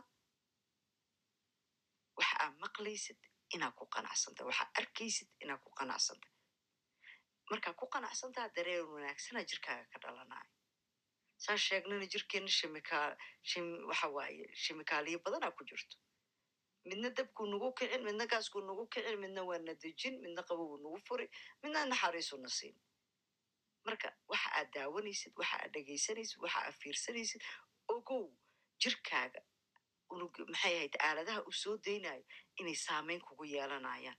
Marka adi isu naxariiso waxa aad daawanaysid ha noqdaan waxa soo saaraya aaladaha adiga naxariista ku badaayo deganaanta ku siinayo adiga naftaada u naxariiso. Aniga intaad ii naxariisan. Waayo qof aniga hadalkeedii uuba halaagsan yahay ani naxariis ma ka sugaayo wakti badanna ma siinaayo sayna aniga madaceyga waxba u gelin laabteyda waxba u gelin. Tartiib waa ka socdaa marka ilaahay subxaana watacaala ha naga dhigo kuwii maaragtay istaakuleeya isdaryeela nafsidooda jirkooda qalbigooda reerkooda nintiisa dayaa tu kala ku daro aan ku soo gebagabaynaya intaasna waxay ahayd ducadii guud kulmisa iyadoon lagu ducaysan lagama tago. Anisa falow idheh falowaan ku dhaha barnaamijka arbacadana waa kugu daraya insha allah sayid marka horeetaan isku haysanay waa isla sii soconaynaa haddii allah awoodale uu idmo walaalayaal aad iyo aadaan idinkaga mahad celinaya labada kelmado ugu dambaysana adeer siciidan siinaya hadduuna maqlaayo haddii kaleeto sug maxaan dembiga u samaynaya raalli ahaada sida loo dhan yahay daqiiqad daqiiqada la qaadan jira shamse ma joogtaa mase dhegaha lagu hurday inta la gashtay. Faaduma. Way dhacdaa moogtaa marmar waxa hadday kugu socdaan dhegaha intaa gashatay aa sariirta tegtida ku hurudid one minute qaado walaal macanto ereyada uga tegi leeda halka cabdiqaadira kugu xigsanayo lunga kugu xigsanayo maxamed sayid anisa kor markaasa u soo noqonayna hadday soo jeedaan insha allah maasha allah lule horta ilaahay kheyr ha ku siiyo. Programyada aadka u wanaagsan oo waxqabadka badan aad ummadda intaas u soo qaban qaabisid oo runtii waqti badan aad gelisid ilaahay ajar ha kaa siiyo. Aniga runtii wax badan oo hadda dhahayo ma harin. Runtii hadalkii waaba la dhameeyo oo meelo badan baa wax laga qabtay maanta. Waxyaalo badanna waa laga hadlay. Marka bas waxaan rabaa un aad aad u mahadsantihiin.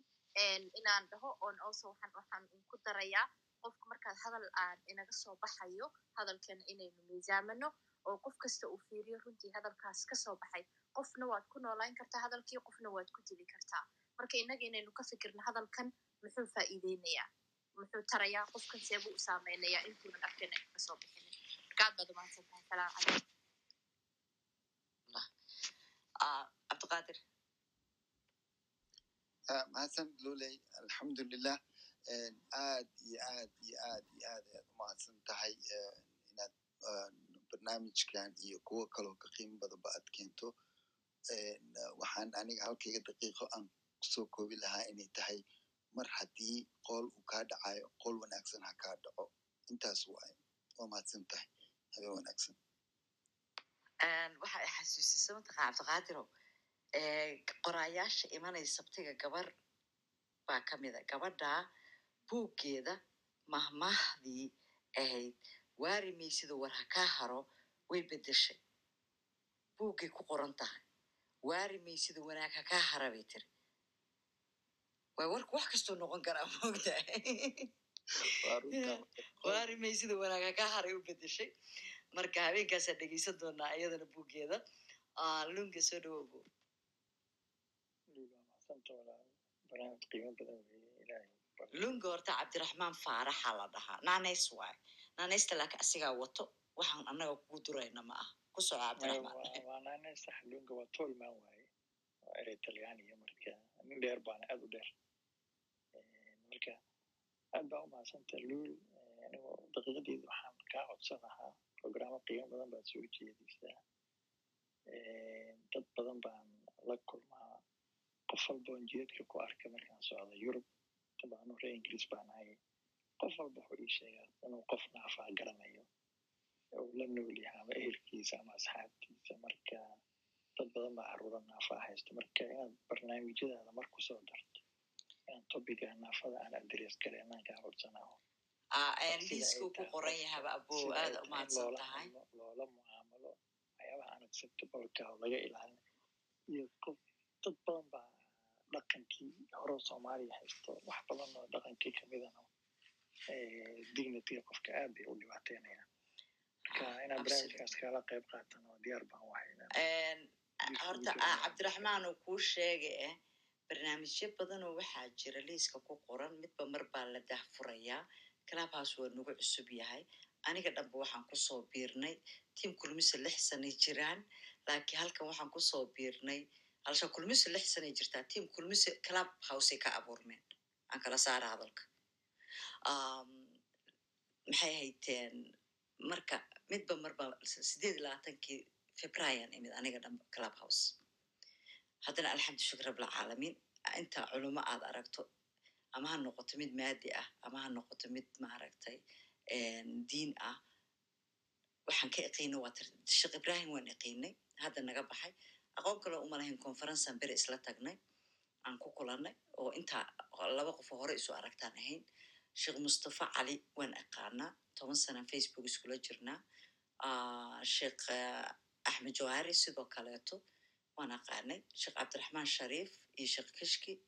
Kuwaas waa iqiin laakiin imaam yaxyi imaam yuusuf sheekh mustafa aadan waa dadka aan ku bartay club house oo tiam kulmise ka mid noqda oo aanan hore u aqoonin una weligay meel ka daawanin oonan arag.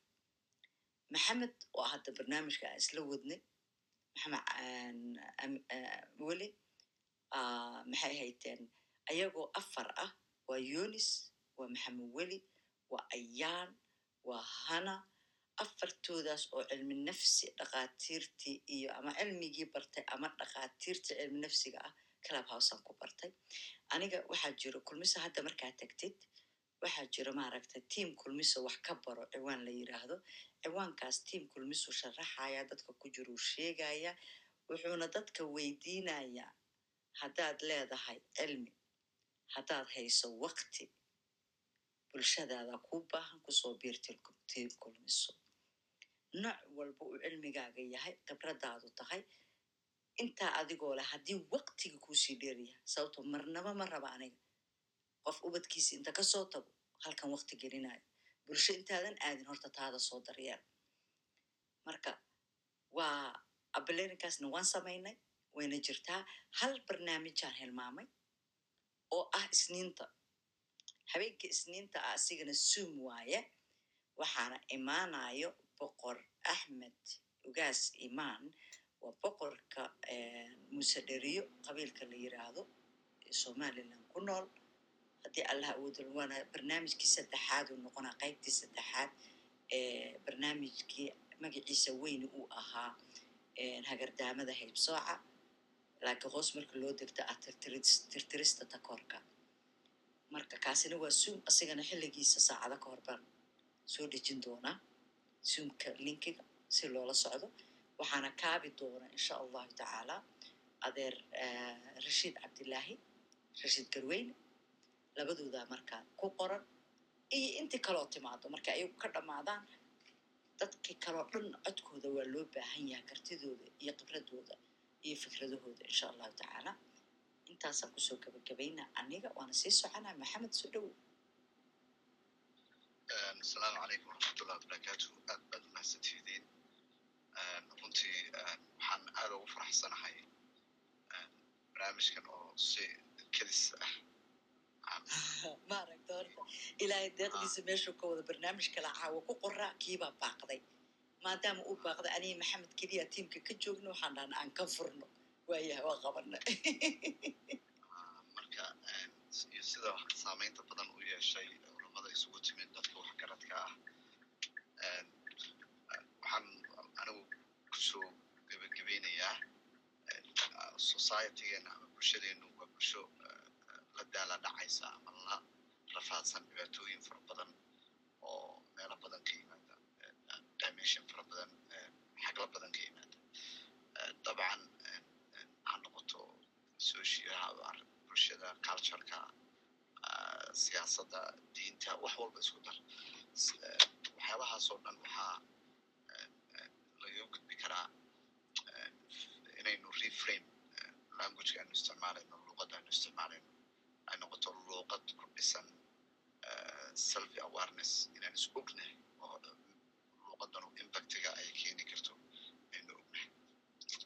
Luuqadaha noocan ah haddii aynu bedelo waxaynu gelaynaa oo bilaabaynaa oo shaka ku jirin inuu healingi ka bilowdo luuqadda la isticmaalayo ama daweyntu ama samato bixintu bilaabato luuqadda la isticmaalayo daraasaad cilmi baaris ah waxaa lagu ogaaday xanuunada psychiatriga ah in thirty percent daweyntaydiisu ay ka mid tahay environmentiga languageka la isticmaalayo iyo habka loo loola dhaqmayo qofkaas loola dhaqmayo meesha seventy percentiga kaleeto ay noqdaan medicationkii iyo iyo iyo iyo saamayntii kaleeto ee dhakhaatiirtu ay ku lahayd iyo careka sida uu helo servicekiisa uu helo waxyaabahaasoo dhan ay u marka thirty percentigaasi waa wax aad iyo aad u badan wey waxayna ka dhex bilaaban kartaa aniga idinka iyo dhammaanba bulshadeena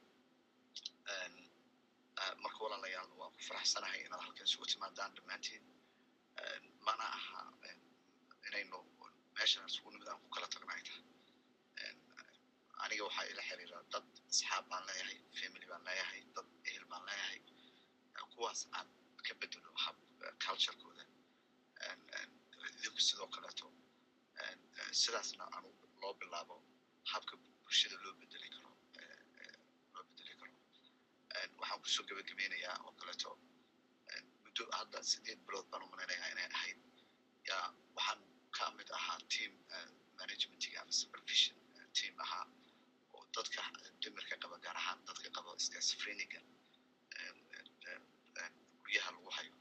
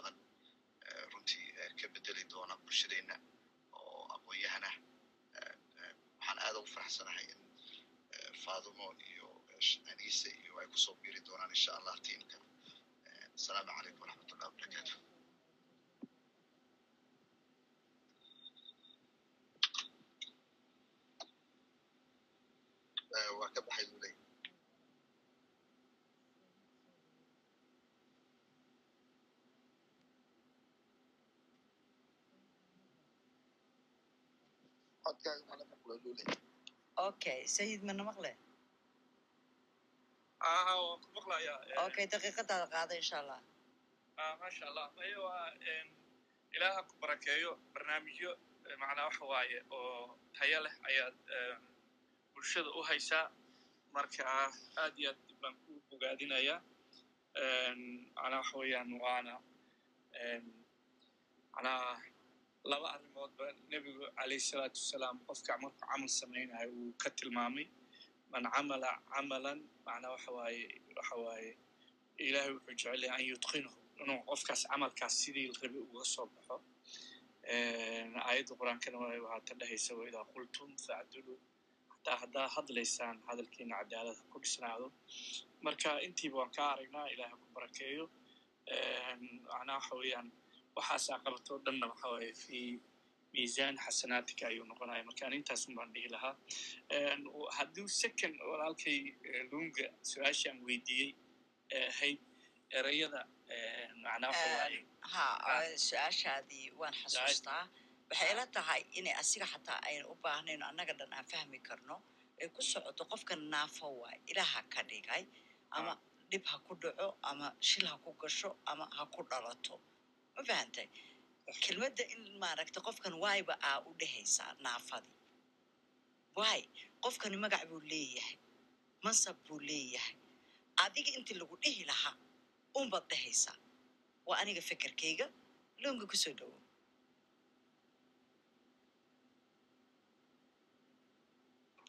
loonga mi maqle waxaa laga yaabaa stak inuu yahay mi maqlaysa abo topic dheer weeyaan ta kooban topiga mar kala la gelayaa ha si kooban qofka magaca waalidkii ula baxeen wixii ka baxsan looma baahno sida adiga hadda sida lagugu yeeraa qof kasta magaciisa loo isticmaalo oo lagu yeero waxa intaa dheer waa waxaan aan ka mid ahayn normative valuega qiimaha leh aan ka mid ahayn weeyaan marka intaasaan ku soo kooba ma qalad maaha qalad ma loo fahmin su'aasha waxaa tiri see maxaa la isticmaalaa maya wuxuu yiri waxaan u qaatay aniga inuu leeyahay walaalku markii hore inuu leeyahay macnaa waxa waaye markay culummadu rabaan inay qofkan macnaa waxa waaye ha exactly way ahaydba way weyiriba ha culummadu markay rabaan inay macnaa ay arrintaas radiyaan oo ay wax ka sheegaan haddana isla magaciyay soo qaadanayaan jiiskii ilaygii wixii bay soo qaadanayeen marka qofka naafada ahaa ku filan ayaga oo qofka naafada inay dhahaan waayo naafo meeshay rabta ha ka noqoto kelmadaasaa ku filan uma baana ishiisa fartiisa uma baana lugtiisa calooshiisa nothing.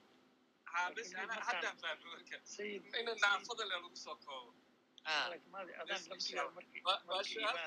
Imaada fahmini waxaan lahaa tusaalaha xadiidka la soo qaadanayo meel kaloo ka fogay ahayd meel ka fogood ka imaanayo oo ka imaanaya rasuulku wuxuu reebayaa dadka in la ceebeeyo ceebtaas looma soo qaadan kara kees naafo la mid ah ama dulmi la mid gabar lagu sameynayo sababta ceeb ma aha kuwaasi ceeb maaha wixii xadiidka diinta laga soo qaadanaya ama ayadda la soo qaadanaya waa inay mawduuca la xiriirtaan lahaa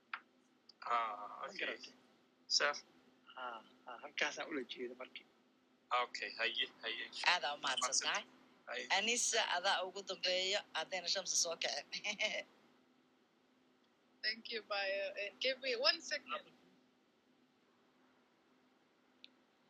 ma- ma soo jeedaa ma joogtaa ma la dhahaayo ma soo jeedaa waxaan rabaa cabdullaahi hal qof inaan ka codsado inuu kor soo koro. Haddaay jawaab aan bixiyaa jirto. Jawaabta aan bixiyey allahu aclam inay haaf tahay inay dhammaystiran tahay. In uu hadday wax ka dhiman yihiin uu buuxiyo waa cabdiraxmaan cabdidoon. Waa ku soo dalbaayaa soo qabso ani soo dhowo aad baad mahadsantihiin sida ay soo dhaweyseen, insha Allah. Inkastoo cabsi badan iga jirto markaad Soomaali ku hadlo, waan is- waan isku fiirinay, insha Allah, waa ku tababaranaysaa dhib ma laha ayadoo kaa baxda arki doontaa waa sida bromberka oo kale hooyo waxay dhahdaa bromberka waxaa lagu bartaa like marka dambe iska gal oo iska bood markaas waxaas arkay adoo baratay so insha allah waan ka soo qayb gali barnaamijyada badana haysato maasha allah waxaan rabay inaan gabay akriyo laakiin wuu yaro dheer yahay so i will read it in um, uh, the program oo saturdayga aa samaynaysid insha allah insha allahu tacaala berita sabtida naftirkeeda program aan kulmise ahayn laakiin global somali diaspora iyo badbaadi naf ah ayaa zoom ka jiro derbigaygu saaran yahay insha allah wuxuu soo gelayaa laba iyo tobankii iyo barka duhurnimo markay ingiriiska tahay waxa caataba australia new zealand ah, malaysia iyo indonesia new zealand malaysia iyo australia. Afartaas wadan dadkooda iyo badbaadi naf aan u geynina anagoo global somali diaspora. Ah haddii allah awoodda la idmo waxaa la rabaa isbitaaladii soomaaliya in dib habeen lagu sameeyo oxygen plant loo sameeyo. Marka barnaamijkaasaa ka fahmi doontiin intii waqti u hesho berita halkaa ha iskeento ha dhegeysato insha allah. Linkigana meeshuu yaalaa derbigaygana waa ku soo cusboonaysiinaya waayo boqol waxaa soo gelayso hoos u sii deganaya aad iyo aad aan idinkaga mahad celina maxamed noo soo xir marka. Waxaan ku soo gebagabeynayaa aniga ma dheeraanayo waan dareemayaa dad badan baa afurkii u laakiin saacad iyo baraan dhahna afar saaca wadna waa lagu yaqaanaa waa lagu yaqaanaa meesha mar haddii la soo galo sida looga baxo way adag tahay way adagtaa si looga baxo. Wallahi weli waa xadadii la-anahay insha allah en, ah, cabdiraxmaan faarax cabdiraxmaan faarax falow baan ku soo dhahay marka hore walaalkay. Insha allah insha allah waan isla xiriiraynaa Ah, runtii ah, waxaan ku soo gebagabeynayaa cabdiraxmaan hadalkiisii waxa uu waxa weeye marka aynu arrimahan ka hadlayno en, waa contextka inaan eegno tusaalahaan u soo qaadanayno En, languagekana waxa weeyaan intentive baa jira waxa la dhaho intentiga En, ujeedada laga lahaa. Qofkan uu ereyga markuu u dhahayay eh, intentive u lahaa. Intentidiisuna waa defamation. Inuu wixii dhibaateeyo oo qofkii vulnerableka ahaa. Exploitation ku sameeyo dhibkiisii uu u waa taas weeye ta la diidan yahay in la isticmaalo. Ta aan doonayno inaan bedelana waa waa waa midaas. Inaynu contextka erayada aynu dooranayno en, markii arrimaha qaarkood aan ka hadlayno waa very sensitive. Waa waa arrin waa xasaas weeye. En, marka inaynu erayada aynu isticmaalayno aynu aad uga fiirsano. En, waxyaabaha ugu badan ee lagu caawiyo qofka dhibanaha ah waxa weeyaan inaad dhegeystid inaad dhegeysatid inaad siisid voice aad siisid. In aad acceptance aad siisid.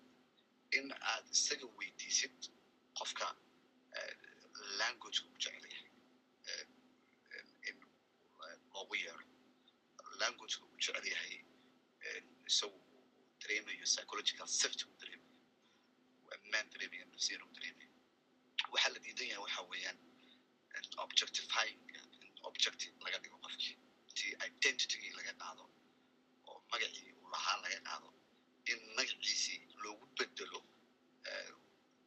erey bixin kareeto oo oo loo oo psychological unsafe ah loogu bedelo taa weeye ta doonayo inaynu aynu sameyno waa sababta loo dhaho people with special needs? Dadka baahayaha gaarka ah qaba waa dadka waxaaban dhihi karaa anugu kaasaaba perfect ah qof baahi gaar ah qaba baahida gaarka marka yaa loo baahan yahay macnaha ay bixinayso in aynu fahno oo ah in qofkan empathy la siiyo care la siiyo respect la siiyo si bini aadamnimo leh loola tacaamulo. Waxaa ku dartaa maxamedow dadka lagada dadka laga tiro badan yahay. Kelmadaas nafirkeeda awoodaa la isticmaalay. Waa soo wadaa. Waa tan markii horeeto bilaabayay barnaamijka aan bilaabayna waxaan ku bilaabay laandeeraha iyo laangaabka waa arrin la xidhiidha power shift balance. Waa arrin la xidhiidha qofka inaad u sheeganaysid power awood aad u sheeganaysid oo qofkii aad ka dhigaysid weak aad ka dhigaysid instead of adiga oo u sheeganaya power u sheeganaya. Taasi oo loo adeegsani karo loo adeegsa qofka u adeegsanayo uu yahay waa kaa awood badnaa waana kaa xoog badnaa. Qofkii uu dareemayo markaas tret uu dareemayo. Tretkaas uu dareemana ay keenayso qofkii inuu neurologically mataqaanaayo qofkii waxyaaba badan change gudihiisa ka dhaco changegaasina laga yaababa inuu keeno toxic hormones oo oo dhibaatooyin ku ah selskiisi unugyadii jirkiisii halis ku ah waana taan rabno in bulshadeenna aynu rabno inaynu ka bedelo habka ay u tacaamulaan intooda badan waxa weeyaan culturekii orientationkii ku soo koreen environmentkii ay ku soo koreen ba wuxuu ah environmentii very kios ah oo violent ah oo awood laisu sheegto oo taasi waxay keentay marka in dhaqankii noocaas ahaa magaalooyinkii uu yimaado institutionkii uu galo systemkii uu galo systemkii laftigiisii yaa loo adeegsaday oo oppressive laga dhigay waana taan doonayna inaan qaadano annagu anti oppressive policy inaan qaadano oo luqadaha noocaas oo kaleeta ku dhisan cunfiga iyo dulmiga ku dhisan aynu ka remove garayno society ka tirtiro aad baad u mahadsantidiin ilaahay wax khayr qaba ha idin siiyo ilaahay waxaan idinka barayaa qulubteena inuu ilaaliyo bisha rabadaan aanu isku soo ducayno aanu soo ducayno dadka dhibaatooyinku haystaan baahidu ay hayso dalkeenni amni darrida ka jirta annagana qurbahan aan joogno ilaahay inuu ammaan nagu siiyo. Asalaamu calaykum waraxmatullahi wabarakaatu. Wacalaykum asalaam waraxmatullahi wabarakaatu. Aad iyo aad aa mahadsan tihiin sayid khamiistaan kugu daray barnaamijka aniso arbacadan kugu daray. Lunga maxamed faarax isku aabatiin camal magaceeda faaraxa idin dhexeeya. Maxamed faarax iyo adigaba liiskayga ku qoran tihiin barnaamijkaas mar baan daafurayna insha allah haddii alla idmo. Dhammaantiin assalaamu calaykum waraxmatullaahi wabarakaatu meelaa tagtaan iyo meelaa joogtaanba nabad ku jooga. Khayr nabadgelyo maalin wanaagsan habeen wanaagsan afar wanaagsan inta afuraysana